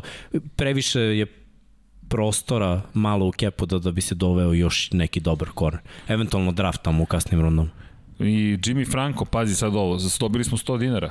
Upravo je super stikeri, super chatovi. E, ljudi, super stiker, super chat, tamo gde je nacrtan dolar, kliknete pap i pružite, pazi, ovo je sad youtuberski moment, pružite podršku ekipi Infinity Lighthouse-a. Dobili smo 100 dinara od Jimmya Franka. Hvala Jimmy, kaže neki tipovi za touchdown igrača. Pazi, ovo je sad već zarađujemo na... ne znam da, kako će ovo da izgleda. Gledam ka tebi, pazi. Da, evo sad upravo... za 100 dinara, pazi. Da. A, Devon I da Adams. poštujemo svaki nijer. Ja, da ja bi isto rekao. Devon Adams. Devon Adams. Adams. Da. Okej. To, to je tip. jedan igrač. A... Jimmy, eto ga tip. Aleksandar Seči, povukao je poruku. Aleksandre, tu smo, pitajte šta go treba. Nenad Jovanović, zanimljiva konstatacija. Mala ispravka, Srđan ima skor 7-3, niste ispravili grešku iz prošle nedelje. Ne, ne, ne, is... Ne znam da li je Mo- postala Mislim da je greška. grafika bila loša. Grafika, je grafika, samo ne, bila... grafika, grafika, ali kriv sam ja, nisam dobro birao. Pitanje za Vanju, da li si trenirao neki sport, pošto deluje da previše, da se previše oslanja na statistiku? Uh, Jer je bilo pitanje da li si trenirao neki sport i zašto ne. zašto? Da, Šalim se, ne, da. igrao sam košarku pre da, dugo, do, pre, do prošle godine sam bio u Turskoj. ti si igrao i u Turskoj košarku, tako? I bio si u Americi jednu Pa godinu. to je jedino zato što nisam nikad igrao NFL, ne, ne znam toliko dobro kao Niko nije Pa Jimmy. Niko nije igrao. Ne, da, ne. američki futbol, ne. Nije, pa ne, dobro, to je tvoj pristup i to je okej, okay, svaka Da, da, posmatra na, jedna, na, na svoj način te stvari. Inače, Lazar Kurtoš pita, hitno mi treba pomoć kako da zustavim kaver 1 i kaver 4. Cenim da je ovo meden pitanje, tako da... Kako zustiš kaver 1 Jedan i kaver kaver 4, četiri, rute na tako. spolja. Rute na spolje. Kako da zustiš kaver, ne razumem, valjda kako da ga Kako da pobediš. Pa Dobro, to kako da ga popa. Ako će da dobro, pobedi rute to je na to. spolja, ono 10 out od keč, kečeva iz spoljnih hvatača i ima cepaš. Super. Ili Comeback, mogu i slotovi, comeback comeback, rollout. bravo, bravo, comeback, comeback. Eto odgovora. Da li ste primetili prilikom jednog pleja kako je Stefan Diggs izbjegao da uhvati loptu koju imao zbog double tima koji je išao oštro? Kako komentarišete tu svest njegovu? Ma dečko ubica. U, nema. u, u toliko reči. Uh, pa da, gledaj, kad je neko toliko kompletan, ima kalkulaciju. Ja ne mogu da ocenim loše utakmicu hvatača koji dve utakmice, touchdown 100 plus yardi. Dovodi svoj tim uvek u situaciju kada treba i toliko je opasan. Sad, ako on proceni nešto, ko sam ja sad, ja ću mu kažem, e, tu si trebao, ili ovo nisi. Radi svoj posao na vrhunskom nivou. Mogu, da kažem da, da je ove godine top 3 hvatač. definitivno. Ok, imamo, imamo zanimljivo pitanje, uh, samo izvinjam se, pobeže mi chat. Da li ste ču, pozdrav ekipa, da li ste ču, ne, upravo konstatacija, nema šanse da Tampa dobije Packers na snegu, PSRaš neće postojati. Aleksandar, vidit ćemo, Aleksandre. Pozdrav ekipa, da li ste čuli da je Swift postao receiver? Koji Swift? Deandre Swift. DeAndre Swift, DeAndre postavljam, running back, Georgie, je li tako? Bi posadio Detroit i Da, ok, da, ali Ne, ne znam. nije, eto, proverit Možda ćemo. ima još neki Swift, mislim, Da, ne kaže ako postoji još neki Swift, ne znam, možda na koleđa sad, ne znam. Da, evo, ako može pomoći Stefane, koji da. Swift samo. Pavle, Green Bay osvaja sve po meni najkompletnija ekipa u napadu, odbrane Rodgers u prime odlična konekcija sa Adamsom i Laflerov, odličan balans dodavanja i trčanja Nije šampionska šema. Ok. Nisu Nije najkompletniji tim, Chiefs su kompletniji tim. Slažem se, ali nije nemoguće. Da, Da, da li, da li pre, da recimo rekli, boje za studiju crno i, crna i žuta, Rijed Reković. A, crna i zlatna. A, crna i Teška Ta, priča. ta, te boje teško. To zbog New Orleans Saints. Pa, mislim, Šalim se naravno, pa čekajte. Na, da, Dobro, ne, mo, pazi, To grafika je crno. Steelersi, Da. ko zna, ne znam. Ovo, ovo Black and Yellow da mi podhitno promenite. O, e, mogli bismo u skladu sa ekipom ko može. Može, dobar predlog. Uh, Bojez, da li će Pavle u sledeći... fazonu, nikako. Nikako, uh, da, čekaj da vidimo kako nam teče vreme. Ma, ko, ko, ko, ko, ko još prati vreme? Još 14 i pol minuta. Tako je, da li će sledeće sezone možda biti nekih manjih tribina za publiku za emisiju 99 yardi, pita Aleksa Đokić. Biće tribina, ali kada epidemiološka situacija to dozvoli. Najdiplomatski odgovor. sada- Da, reci, ali ne, to, to, to, to, to sam već naučio na Lab 76. Radimo na tome. Radimo, ali da, plan jeste da imamo ovde tribine, iako Dom Pablo Domaho je glavno kaže nema, od tog, od tog filma neće biti ničega, nemojte da brinete. Mi znamo kako da podmitimo Dom Pablo. Nemojte ništa da brinete. U svakom slučaju, da li ste za promjenu pravila touchback? Ja Ne. nisam. Ne. Igor Ninić? Ne. nema potrebe menjaš. Ja bih samo i obrazložio, uh, prosto moraš i odbrani da daš šansu da ima ono Da. da ima opciju da napravi big play. Ne dešava se često, ajde da budemo realni i čini mi se u podcastu da sam ga poredio sa onside kickom kada ga ekipa vrati. Treba da postoji šansa i prosto treba da bude mala i teško izvodljiva i da samo oni najsvesniji, da kažem naj... Uh, Srećniji. Pa da, ima tu možda i tog faktora, mada ajde ja ne verujem u sreću. Ali da će lopta da se odbije. Znaš, Da. ima jedna izreka, da. kaže, život je kao lopta za američki futbol. Nikad ne znaš gde će da odskoči. Da, Pa, pazi- ali u svakom slučaju ja bar nisam. A, Pa ja, mnogo pravila je svako u poslednjih par godina promenjeno da bude na strani napada. Tako da nema potrebe sad i još jedno pravilo se dodaje. Istina. U, pobeži mi. O, scroll i mnogo pitanja. E, dobro, da li ste vi mislili da Tampa Bay dobila utakmicu zato što je Breeze bacio dva presečena davanja ili je odbrana Tampa bila dobra, ipak su četiri lopte osvojili, a Tom je uspio da to pretvori touchdown ne u tri poena.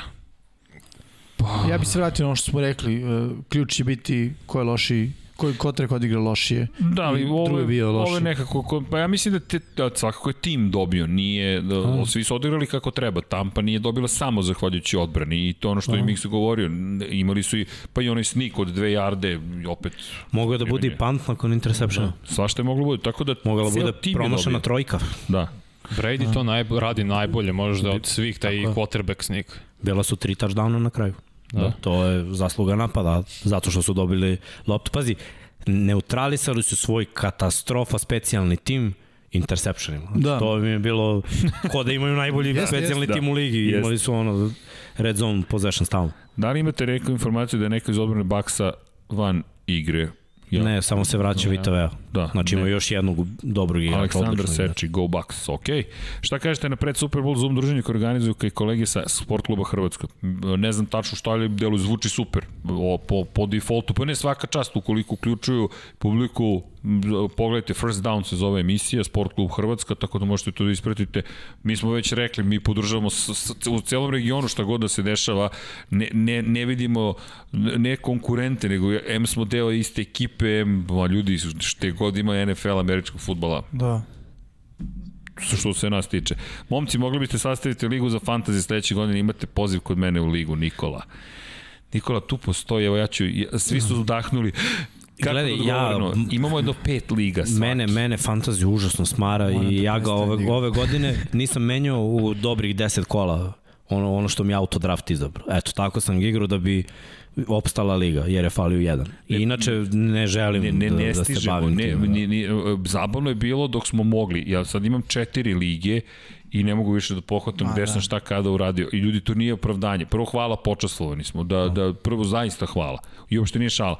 Ajmo da tentatively accepted s jedne strane. Da kažemo hvala, pa ćemo da vidimo naredne sezone da će nešto se desiti. Ja ću vam gledam kažem, nema šanse. Ne, pa Vanja nikad nije. ne, Vanja je pametan najmlađi. i Vanja je je pametan i ispalio, izbegao to. ispalio, pa sam ja morao da igram zato što je on ispalio. Vanja je to pametno izbegao video da je to mnogo obaveza, rekao nema sile. Ja to ovako gledam, ja ovako gledam da manje vremena provodim sa telefonom. Da.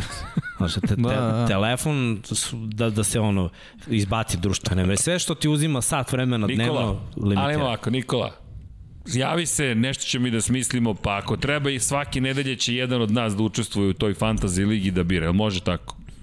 Svi ćute, ok, ne može. će da Dom vrati. Pablo, Dom Pablo ćemo da, da, da ubacimo. Šalu na stranu, ne, ajmo, ajmo, zajedno smo u ovoj cijeloj priči. Da znam. Da. Jeste li čuli da je Detroit objavio da je DeAndre Swift postao receiver? Evo pita i Stefan Nikola. Da, Diandre, nismo, nismo, Nismo čuli. čuli, ali hvala. Bože, koja Da, glup, glupa odluka. Pa ne, ne. znam. Možda Dan Campbell hoće da ga se otarasi. Ne znam. Ne znam, Ne, baš malo nema smisla odluka. Imalo bi mi smisla da je uhvati ono touchdown protiv Bersa u onom posljednjem napadu, a pošto to ne mogu da uhvati, definicija receivera bi trebala da bude da hvata loptu. Da li će Cardinals u sledećoj sezoni sazresti i biti playoff tim, pita Matija. Može. Pa, vrlo moguće jer je NFC generalno otvoreniji nego AFC. Jeste, ali njihova divizija je zatvorenija. Je, Jer će to je biti bolji, San tačno. Francisco će definitivno biti Da, bolji, a da. Seattle ne vidim da će se išta promeniti. Biće napeto. Ako četiri tima uđu iz jedne divizije, oplakaću, bukvalno. e, znaš?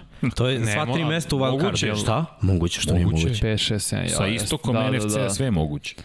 Da, o, Sve po jedan i tri tima iz jedne to divizije. je balans sile, znaš, imaš tamnu stranu i svetlu stranu.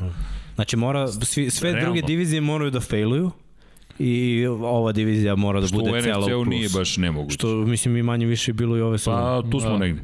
Na Lambo Fieldu je prava trava, da, trava kaže Marko. Jeste, ne, Jeste, ima, jeste, ima jeste, da. 10 terena pra, sa prirodnom travom. I jedina mana veštačke trave je brzina te podloge, jer ok, brzina na našem nivou je jedno, a da kreneš na ljudsko telo, jel te ligamenti, sve to pomaže u kočenju. U toj brzini sa 100 plus kila iz punog sprinta u 0 km na čas nešto ode. I vidimo, na primjer, ove godine Jeste, na MetLife-u su bile 3-4 povrede pre njih ugršenih ligamenata. To je Jeste. veštak. Jeste, jeste. Tako da to, to je jedini razlog zašto, na primjer, u Las Vegasu je sada prirodna trava. Iako je hala, na primjer. Trava izlazi napolje, pa se sunča zaliva i vrati se onda unutra. Ajde, Don Pablo, raduj se, pohvalio sam ti tebe. Hoće ovde konfete neke. Virtualno. Ra- Radimo na tome. Radimo na tome. Prolazko fetan posle možeš da usisavaš i čistiš. Pa virtualno. A, a virtu? A, nemoj da otkrivaš previše polako. Molim te. Na Lambo, ok, ne znam da li ste pričali, Matt Patricia se vratio u New England. Spominjali smo Ne, na da, početku, da. Zvuči, zvuči da. cool. Stvarno zvuči dobro. Tata, primi me nazad, kao što si, kao što si McDaniels. Nismo bili dobri kao to. glavni trenir, ali po tvojim zaštitničkim krilom. Da li ste posle onog nedosuđenog kaciga o kacigu na utakmici između Clevelanda i Kansas City da se uvede da svaka situacija može da se pregleda? Ne. Pa mnogo je to stvarno i usporilo bi igru da sve može da se pregleda da. i stvarno bi trajalo ne 3,5 nego 4, 4,5 Tako je, sata. ukinuo bi četiri timeouta. Ok. Kako misliš 4? Pa da ne bude reklama. Nego znaš ono kad je... To, taj film se, ta, to se neće desiti Znam, nikada. To je jedino što bi ja promenio. To se neće Kao desiti. bez 2 minute warninga. To misliš? Ne, ne, ne, ostavio bi Ne. tu minute warning. Ali znaš ono, na primjer, uh, Obavezni TV. prvi napad i punt. I onda timeout. Što? Ajde vidimo drugi napad, pa Ne, onda tek je zbog A misliš televizijski taj Da, malo? da, Ja bi da, ukinuo da. sve televizijski Pa taj da, ne možeš sve, ajde bar po jedan, Mada. bar jedan po četvrtini. Mada, budućnost broadcasta je vrlo tu zanimljiva. Samo što će onda Game Pass da, da, da poskupi ko gleda na Game Passu. A oni koji gledaju na sport klubu, nema tih reklama. Ekipa je stalno tu, inače zvoni mi sad, kaže, prošlo 15 minuta, nisam ga video. Možeš pet minuta. Može, naravno. Šta mislite, hoće li Aaron Jones potpisati sa Packersima? Ko? Ko? Aaron Jones. Aaron Jones, da. Pa, potreban je. Da. I, i te ima, i Green Bay ima generalnu tendenciju da ne potpisuje vrlo dobre igrače. To je primjer Casey Hayward koji je bio dobar cornerback i oni ga nisu potpisali. Mislim da neće sad tu praviti istu grešku sa Lafleur. Ja mislim da će Lefer želeti da ga zadrži. Da, da. Ali ne znam šta će tu da se desi iskreno. Promenili su se oni malo. Nije mi jasno šta su sada. Pre sam znao šta su. Neće potpišu nikog i neće da dovedu nikog. Sad su već doveli, potpisali. Znaš šta je problem? To što oni nemaju vlasnika nego to Srđa može da objasni bolje to kako se oni zapravo ekipa njih dr, grad je A zapravo mora da imaju vlasnik upravni odbor, znaš. E, da, za ali Green nema- Bay? da, Pa Green Bay ima taj community model zapravo, mm. -hmm. ali to je specifično. Nije to baš potpuno istina. Community model je takav da jesu oni vlasnici i, su, i, i suvlasnici su svi koji zapravo kupe, imaš mogućnost da kupiš akcije, da budeš capital. akcionar, jeste. Ali tu postoji razlika u tome da li imaš kontrolne akcije ili imaš akcije gde si ti samo član praktično, Ma da, samo, uslovno kontrolne rečeno. ne- se ne je. verovatno. Kontrolne se ne prodaju. Ti zapravo ne možeš da, ti možeš da, da dođeš na, na, na, na, na, na, na godišnji sastanak. Ti možeš da utičeš na određeni način na ekipu. Ali suštinski ovo što Jimmy rekao, Ti upravni si odbor... manjinski vlasnik. Tako je. Da. Ti možeš da utičeš, ali ti se suštinski ne pitaš toliko. Međutim, taj, ta ravnoteža postoji, ni- ne treba analizovati taj osjećaj vlasništva. Uh, ideja, na primjer, mi koji imamo za Moto3 šam, uh, ekipu u šampionatu sveta, jeste da na sličan način napravimo community model da ljudi budu suvlasnici u ekipi. Zašto? Zato što ako ti skupiš 100.000 ljudi koja kaže evo 15 evra godišnje, ti imaš milijon i po evra budžeta koji ti je potreban za jednu ekipu u svetskom šampionatu. To je Jasno. mnogo para za pojedinca, ali ako imaš mnogo ljudi koji da malo, svaki broj pomnožen, svaki veliki broj pomnožen malim, bilo kojim brojem je veliki broj, zakon da. velikih brojki. I sad, šta rade Green Bay Packersi? Ti si u jednom malom gradu u Wisconsinu. Ništa se ne dešava, osim što se dešava sve. Ti imaš Lambeau Field, ti si centar sveta. Ej, mi danas pričamo ovde o nekom Green Bayu u državi Wisconsin, gde je hladno i realno, osim toga, nije baš da mnogo ljudi zna zašto bi trebalo da ide u Pa Green da. Bay. I sad, daš jedan lokalni moment, svi mi volimo te stvari koje su nam u lokalu i neko ti kaže ti možeš da budeš vlasnik ovoga i ti znaš da ti zapravo pomažeš svojoj ekipi da postoji, da ne zavisi od jednog velikog sponzora, da ne zavisi od kor mega korporacije, ali na kraju dana upravni odbor je upravni odbor. I ti ne, zapravo ne odlučuješ. Neće do, doći na skupštinu ko će da bude glavni trener. Neće doći na skupštinu ko je, ne znam, asistent. Jasno. Ne. Ali ti se osjećaš delom. Ja bih uvek bio član takve ekipe. Ja bih, da bi živ, zamisli da živim u Wisconsinu. Ma molim vas, evo je članska karta odmah. Ma, pa, Ne znam kako da ti kažem, ali Da? Ne zvuči taj Wisconsin tako loše. Ne, ne, ne, nije, ne, ne, ne, ne, nije, nije loš Wisconsin, samo kažem, e, to je mali grad. Ne, Ako pričamo o Njurku, zašto spomenjamo Jetse, Los Angeles kao velika tržišta? Ne pocenjujem male gradove, oni su divni, šarmantni, romantični, ali isto tako, kada govoriš o novcu, kapitalu, pa kad, kada su iz LA Ramsey otišli u St. Louis, iako su dobili mega dvoranu, neverovatne uslove, sve je bilo spektakularno, ti si napustio Los Angeles. isto. Nije isto. Mi možemo da se lažemo, ali kada gledamo kapital, mi, mi makar ovde ne patimo toga gde, ko je gde rođen i, i, i odakle potiče, to je ne, nevažno, bitno je kakav si čovek. To je jedino što je bitno, koje su tvoje akcije, akcije, koji su tvoji potezi u životu. Ali kad pogledaš, novac, nema te ekipe bez novca. I šta onda ima jedan tim u malom gradu? Ima zajednicu koja dođe i kaže, evo novac. Da, ali to je, me, mislim, ne sviđam se, ja bih volao da imaju vlasnika, nikad se to neće desiti, jer taj neki vlasnik koji je moćan kao Jerry Jones, on može ima to financijsku sredstava grešiš, da pređe... Ne, nije to, Može ne da ti kaže, sutra se selim u Las Vegas. Jeste, ali ne znam kako to zamišljaš u smislu treba da pročitaš bukvalno taj ono statut o osnivanju Green Bay ekipe Packersa Da. da, vidiš, hoće kažem, ni ja tačno ne znam šta je to. Ne, da je Evo Vanja, evo samo samo izvini jedan primjer. Sad kaže neko u Teksasu, eto San Antonio kaže mi hoćemo ekipu. I ti si vlasnik Green Bay-a. I kažeš koliko nudite? Pa, pa daćemo ti novi stadion, 5-7 milijardi Ali ćemo nemaju vlasnika. To Pa pa ne- imaju odbor. Da... Pa da, ali zamisli da imaju. Imaju. Zamisli da ga imaju. I on kaže važi, selimo se. Što? Pa isplati mi se. Isplati mi se. I ti odjednom, plop, nema Lambo Fielda. Otišao iz Green Bay, otišao iz Wisconsina. To deluje nemoguće, ne, to se nikad neće Ne, če, mislim što se toga tiče sada ne ulazim u toliko, ne znam sad toliko zapravo, ali Baš NFL, ne, Da. da. NFL mislim da ima glavnu reč. Gde mali NFL uđe, je mogao ušao. da zabrani Chargersima da ostanu u San Diego, da ne odu u LA. Oni su imali na kraju poslednju To reč. se zove lobiranje. Znam, Jeste. znam, i Supersonicsi Ili su... mito. I jeste, i Supersonicsima su rekli neće nikada otići Supersonics iz Sijetla. Mm -hmm. Ali da, odo smo mi negde predaleko. Srki, da preselimo mi ovih 99 yardi na Vidikovac. Tako je. Prvi put. za. Miksu. Ne, izvini, pitanje za tebe. Rekao si da si počeo da navijaš za Baltimore nakon ove krimi serije čije je radnja u Baltimoru. Da li bi Lamara Jacksona mogao poistovetiti sa nekim od likova? Opa! Ne bi. Ovo je kom... Niko nije bio toliko brzo, a? Niko nije bio Ali toliko čekaj, brzo. ko je glavni detektiv? Pa da, nekako sam Pendletona u- najviše, najviše gotivio to. Ej, ali znaš gde se pojavljuje posle? Kako se zove glumac što glumi u Brooklyn Nine-Nine? Pa to je taj čovjek. To je taj lik. Da, pa to je taj lik. Glumac koji je A ne znam kako se zove. čim ima 9-9 u svom nazivu emi- serije, to je dobro. Mislim, budite realni. E, pozdrav. Iz žice ili ko bi to bio? Aha, odeljenje za ubistva iz žice. Da, da. radite opak posao živi bili. Hvala. Ekipa ove godine je trebalo da idemo u London NFL, ali korona. Čim prođe idemo u London NFL, pa kad budete raditi prenes tamo očekujte 99 yardi i hashtag SKNFL neku parolu. O, hvala, hvala. Ko? Zamisli na tribinama stvarno. SKNFL 99 yardi. A pa ne, onda moramo da dođemo da radimo utakmicu sa lice mesta. Daj da odemo da radimo te. Može, može. Hoće li Vanja u komentatorske vode? Ne. Zašto? Ne, pa zato što mi se više sviđa ovo ovde što radim. Da, Vanja je vredan u Infinity Lighthouse. To. Dobro. Nemoj nemoj. Samo do Vidikovca. Da, da, da. da. Kad se preseli. Da li, mislite- da, da, da, da, li, da li se igra naša liga 2021. godine u celosti? Za sad se igra. Dobro. Da li mislite da će Green Bay biti poslednji koji će napraviti krov? Tendencija da se pravi zatvoren stadion gde je hladno ili mnogo topo? Vegas, Dallas, Minnesota, Arizona.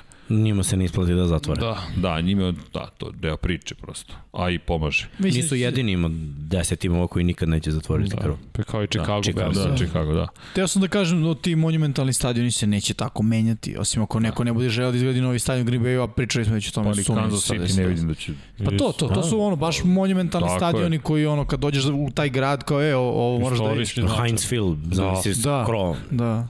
Propastili bi. I Jimmy Franco, dajte još tipova za touchdown. Da, Jimmy, pa za 100 dinara, kako? Šalim se, naravno, ne treba novac, ne treba novac, samo se šalim, samo se šalim, nemamo predstavu. Ajmo, šta ćemo? Pa ja eto to rekoh uh, Adams uh, sa druge strane uh, Kelsey, a? Pa razmišljam ja Kelsey smeru često Kelsey. postiže ta velika. Kelsey, mislim da. Dix, Dix treba.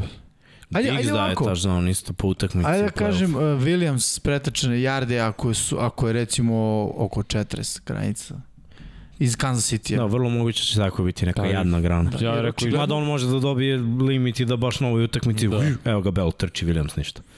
ja bih rekao i Josh Allen isto, yardi trčanje plus. Sad ne znam koliko je granica, ali ono, ako misle da pobede, morat će sve da radi. Pa šta misliš koliko može da pretrči?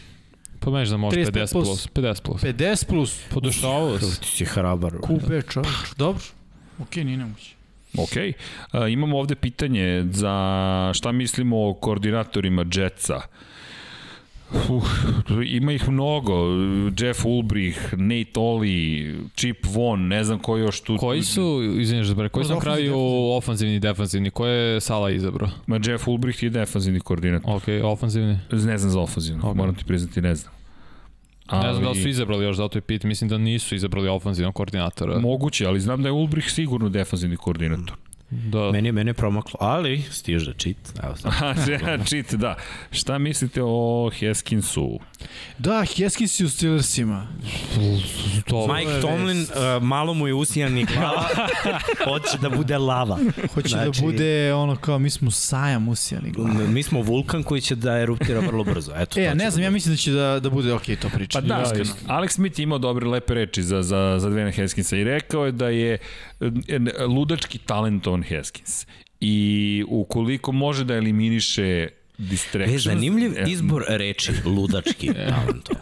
Da, je, da. To je citat, bukvalo Crazy Gifted, tako je rekao Alex Da, Smith. Da. Gifted crazy? Ne, crazy gifted. Aha, okej.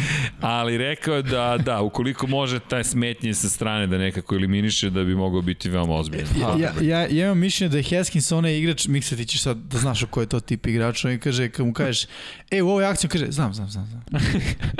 Noćna Ali- mora za trenere. Nije mu Noćna neki... mora, znaš, Ali, pogrešio. ali, ovde si imao, nisi ali, pa onda ide. Da, pazi, nije mu neki uzor Big Ben, pravo ti kažem, tako, ma nadam se da će bar Tomlin da ima bolji uticaj nego Ben. Ja, Tomlin i utici. Vidi se da imaš Vere, da, vere u minus. ljude, da, 25 minus, da. A vidi, nije, imao je Brauna, imao je Bela, imao je celu tu ekipu, sve se raspalo. Tomlin baš i nije dokazao za sada da može da se nosi. s Neće tim. imati sreće Haskinsa, ni Ben, ni Pa Tomlin. neće cijela ekipa imati i to jeste suština problema. Ali okej, ajde, možda, možda grešimo, možda će se nešto ipak, ipak desiti.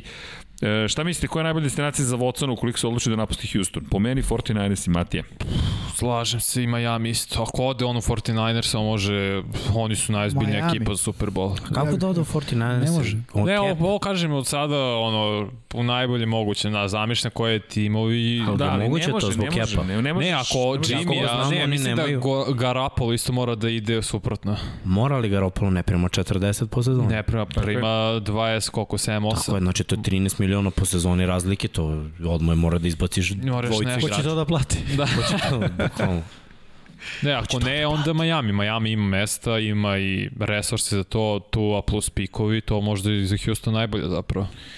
U, ovde je zanimljivo jedno pitanje. Stefan Masa, Masal, Masal, izvinjam se, kaže, ko pozdrav, ko je najveći čouker u play-offu po vama? Dakle, ko, ko si je taj koji uvek podbaci po, u Pa velikoj jedan je utakmici? Bris, po meni.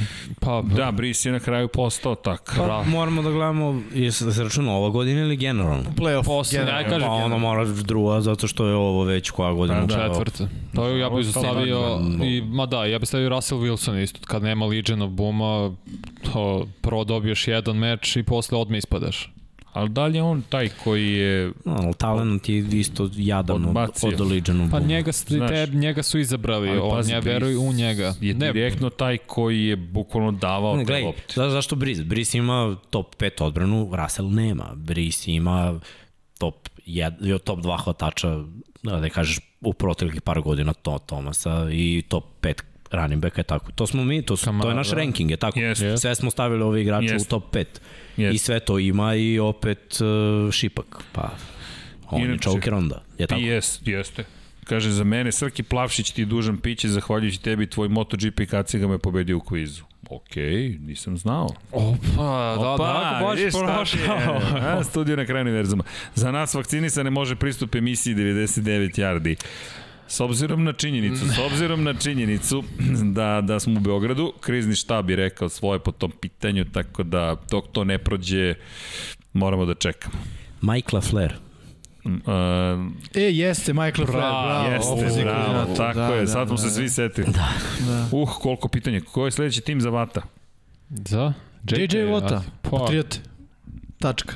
Opa! To zapravo sam da. pročito negdje, samo da kažem. Da, ne, ima smisla. Nije moj Mo, mišljenje, mora da bude mora da bude pretendent. Ma Nisam da. siguran da da da su Patriots. A to sam pročito, ne, čak i neko uradio lepu grafiku, već i njegov dres, pa mi je bilo simpatično i to je prva stvar kad je bila kao asocijacija. Odgovorili smo za Heskinsa, 100 pitanja je bilo za Heskinsa. Nešto mi govori da ima puno navijača Steelersa. Ne znam zašto. Da. Ali, ali svaka čast. I da, da li ima Holmes sa povređenim stopalom najbolji quarterback u AFC-u? Marko. Da, A gledaj, quarterback ne čini samo stopalo, nego da. i sistem napada u kojem igra i dvojica ubica koje on ima kao opciju broj 1 i 2. Je Da. tako? E, da se Tyreek Hill i to. Travis Kelce top 5 hvatači, mislim on na jednoj nozi da skakuće. Ajde da kažem i ovo, da bi eventualno mesto broj 2 ili to koji mogu da svrni bio Josh Allen, tako da sačekamo nedelju pa ćemo da vidimo. Evo, ispunili smo i želju, dajte Miksi da priča o Heskinsu u Steelersima, molim vas, ja mislim da smo, mislim da smo mi ispunili tu želju. A ne treba, stvarno, da stvarno, stvarno dobili. gledaj, Ne, meni je to, to je bilo drago, nego što sam stigao da pročitam. Meni je drago što je on otišao u Steelers, ali mislim da sa Steelers nije dobro nikako. Jer on, pazi, ne može da bude bolji od Masona Rudolfa, nema E, teorije. može, da, vidjet ne može da bude, pa bolje. nema što ko loš da bude. Nije, može da, ba ljudi, ali talentovani jeste, ali da li da. može da sklopi? Pa čekaj, ajmo, da li se sećate jednog wide receivera iz New England Patriotsa koji je bio veoma talentovan? Nedavno. Zašto ćutimo? Zašto čutite? Se sećate? Čovek koji nije Aero mogao da... Moss, ali to nije Ne, baš ne, bilo ne, ne, nedavno. ne. Jedan mladi, talentovan igrač. Koji- Ne, da. Ko- Koga je, koga je izvlačio Bill pet puta i svaki put su morali da ga suspenduju na celu sezonu, na pola sezona. Josh Brown. Gordon. Josh Gordon. Gordon. Josh. A, pa dobro, on je... Ja gde je Gordon sad? Pa nigde, ba, ba mislim nigde. Jeste, šta je bio sad Nigde, u, nigde, u, a? u Seahawksima? Ne, jeste na Seattle. pa nigde. Znaš ne, ne, kad, sad više nije nigde. Sad nije nigde. Cijele Opet je godine nije prekršen. Ne, znam da, ali mislim da... Bilo je priča da bi mogao da, Da, se da, da. vrati, ali je suspendovan Tako indefinitely. je, indefinitely. To hoću kažem na Heskinsa. Da. Džaba priča o svemu tome. Heskins prosto ne, ne, ne, to ono što Steve Vanja rekao, ne razume gde se uopšte nalazi. gledaj, ako Big Ben se vrati, samo dajem primjer, ovo je verovatno ono osiguranje ako se Big Ben ne vrati. Ali ako se Big Ben vrati, a Haskins mu je rezerva, Haskins će verovatno na pola neke utakmice da bude u fazonu vidio onaj navijaš tamo pije pivo i ovako neću da idem u igru. Samo kažem, baci jednu leviku, gde ti, brate, može slika za Instagram, a, Haskins ulaziš u igru, uh, gde mi je kaciga? taj je lig, brate, taj je lig. Jeste. E, da sam, samo za Mahomesa, da, htio sam da spojim još jedno pitanje. Da li mislite da Mil- Milano i Edmunds mogu makar malo da uspore Kelsija? Ne. Uh, Ja mislim da- Dobro. Ja sam rekao da mogu. Isto. Da mogu, ne da ga zneutrališu, ali da ga uspore, ja mislim da mogu. Da, da. Edmunds, to je, mislim da ovo je idealan Mhm. meč. Samo još jednom sad da kažem, ljudi, nema tu man-to-man coverage mislim. Niko Da. nije lud da to radi protiv, protiv Kelsija, iskreno. Da. Ono, zona, mislim da ni dvojica rade dobar posao, iskreno. Rade, ali ne protiv Kelsija. Jer gleda, prethodne sezone kad je Baltimore imao tri tight enda, računam, gledam sve tight endove koji su kao bili malo dominantni. Hayden Hurst i Edwards su ih rastavili. a Sad Edwards nije dovoljno dobar da ih rastavi sam. Ali Kelsey je dobar da rastavi bilo koga. Bukvalno, on je, on je za zonu najbolje rešenje. Ja nisam vidio ni jednog Sanders. igrača Mislim na Kelsija. Ne, ne, što prethodno. Uh, što sam rekao, Aha. da, da su dvojica uspela da, da ih dobiju, jer Da, nisu da, imali re, rešenje, a ovi su se smenjivali onako. I onda su ove godine izvalili, ali to je osrednji talent i ono dođe čovek koji ja nisam vidio nikoga bolje u zoni da nađe rupu od Trevisa Kelsija. To nikad ne znaš da li ide, još oni imaju mnogo dobru foru, to je ovo dijagonala, bukvalno ne, nema rute, ja ne znam kako se to zove koncept je ide dijagonalno. Linebackeri ostanu, on piči tamo, dobija loptu kratko, linebackeri se malo ostane u sredini, linebackeri prate, izvuče se na out, Mahomes izađe i pap. Bukvalno tri opcije koje oni izvode svaku utakmicu i svake utakmice, to je lagano. A pa mislim, ig, nismo spomenuli Buffalo igrao protiv Chiefs ove godine. Jeste, Mislim i- da će, ne, nisu im, ali e, značit će malo. Jeste, ali nisu se snašli. E, imamo poruku da smo mi crazy e, od Don Pabla, ali ajmo da Hvala. još par stvari da, da, da polako zaokružimo Crazy talentovani ili samo crazy? crazy. Da. Crazy da, da, da, da. Dakle, Srki slikali smo se pričali pola sata o NFL-u po snegu napolju se sećam. Sećam se. Kako ne? I ne ozbiljno, pa ima tih situacija gde stvarno ne možete da prosto sretnete isto mišljenike, pa krenete da pričate, zabavno je i tako. Se desilo nekada da dobiješ grudu. pa kako je krenulo Dom Pablo se sprema dande. Dakle, e, Đorđe Davidović u špici 90 yardi, Jimmyva pozadine boje Eaglesa, Mixina boje Ravensa, Vanjina Chargersa, Srki, zar tvoja ne bi trebalo bude u boji Jetsa umesto crvene? Bogdan, naš dizajner, je rekao suviše se slaže tvoja boja sa Jimmyvom bojom ali mi ćemo urgirati da mi vrate moju boju i da to bude, da, da, da balans sile bude uravnotežen. Jedno ti budeš na početku, ja na kraju, kao zeleno, pa onda ljubičasto, plavo i zeleno. Od, opet. organizovat ćemo, ali to ćemo... Može boja Eaglesa dva put, nema Može veze. da ja, ma, ne, nije, molim te, čekaj, čekaj, to sad ćemo, sad ćemo, Lorka, je Lorka beše zeleno, zeleno, volim te zeleno. U svakom slučaju, da se, da, da pre, prestanemo s poezijom, da li imamo još neko pitanje, Brady, čekaj da vidimo, Brady je jedini quarterback u istoriji koji igrao finale konferencije za vreme četiri različita predsednika, Bush, Obama, Trump i Biden. Veliki pozdrav ekipi Stevo, pozdrav Stevo, jeste.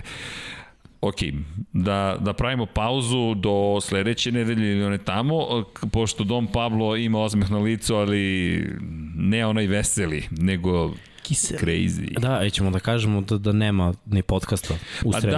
da, e, u sredu da, takođe, pošto u studiju na kraju univerzuma ulazi u renoviranje, šaljemo ga, na- ostajemo u istom delu univerzuma, ali mora malo da se neke stvari tu srede koje vi ne vidite, ali će zato biti još bolji podcasti u budućnosti, tako da neće biti SK NFL podcasta naredne nedelje, 99 yardi, verovatno isto neće biti, nešto pokušamo da smislimo, ali nemojte nas držati za reč i onda se vidimo tačno tamo pred Super Bowl, najpre SK NFL, kada je reč o NFL-u, onda 99 yardi, što se tiče ostalih podcasta, pratite Lab 76, Walk On podcast, Wish and Go, blok po blok se polako vraća u Ether, Sportlight i tako dalje.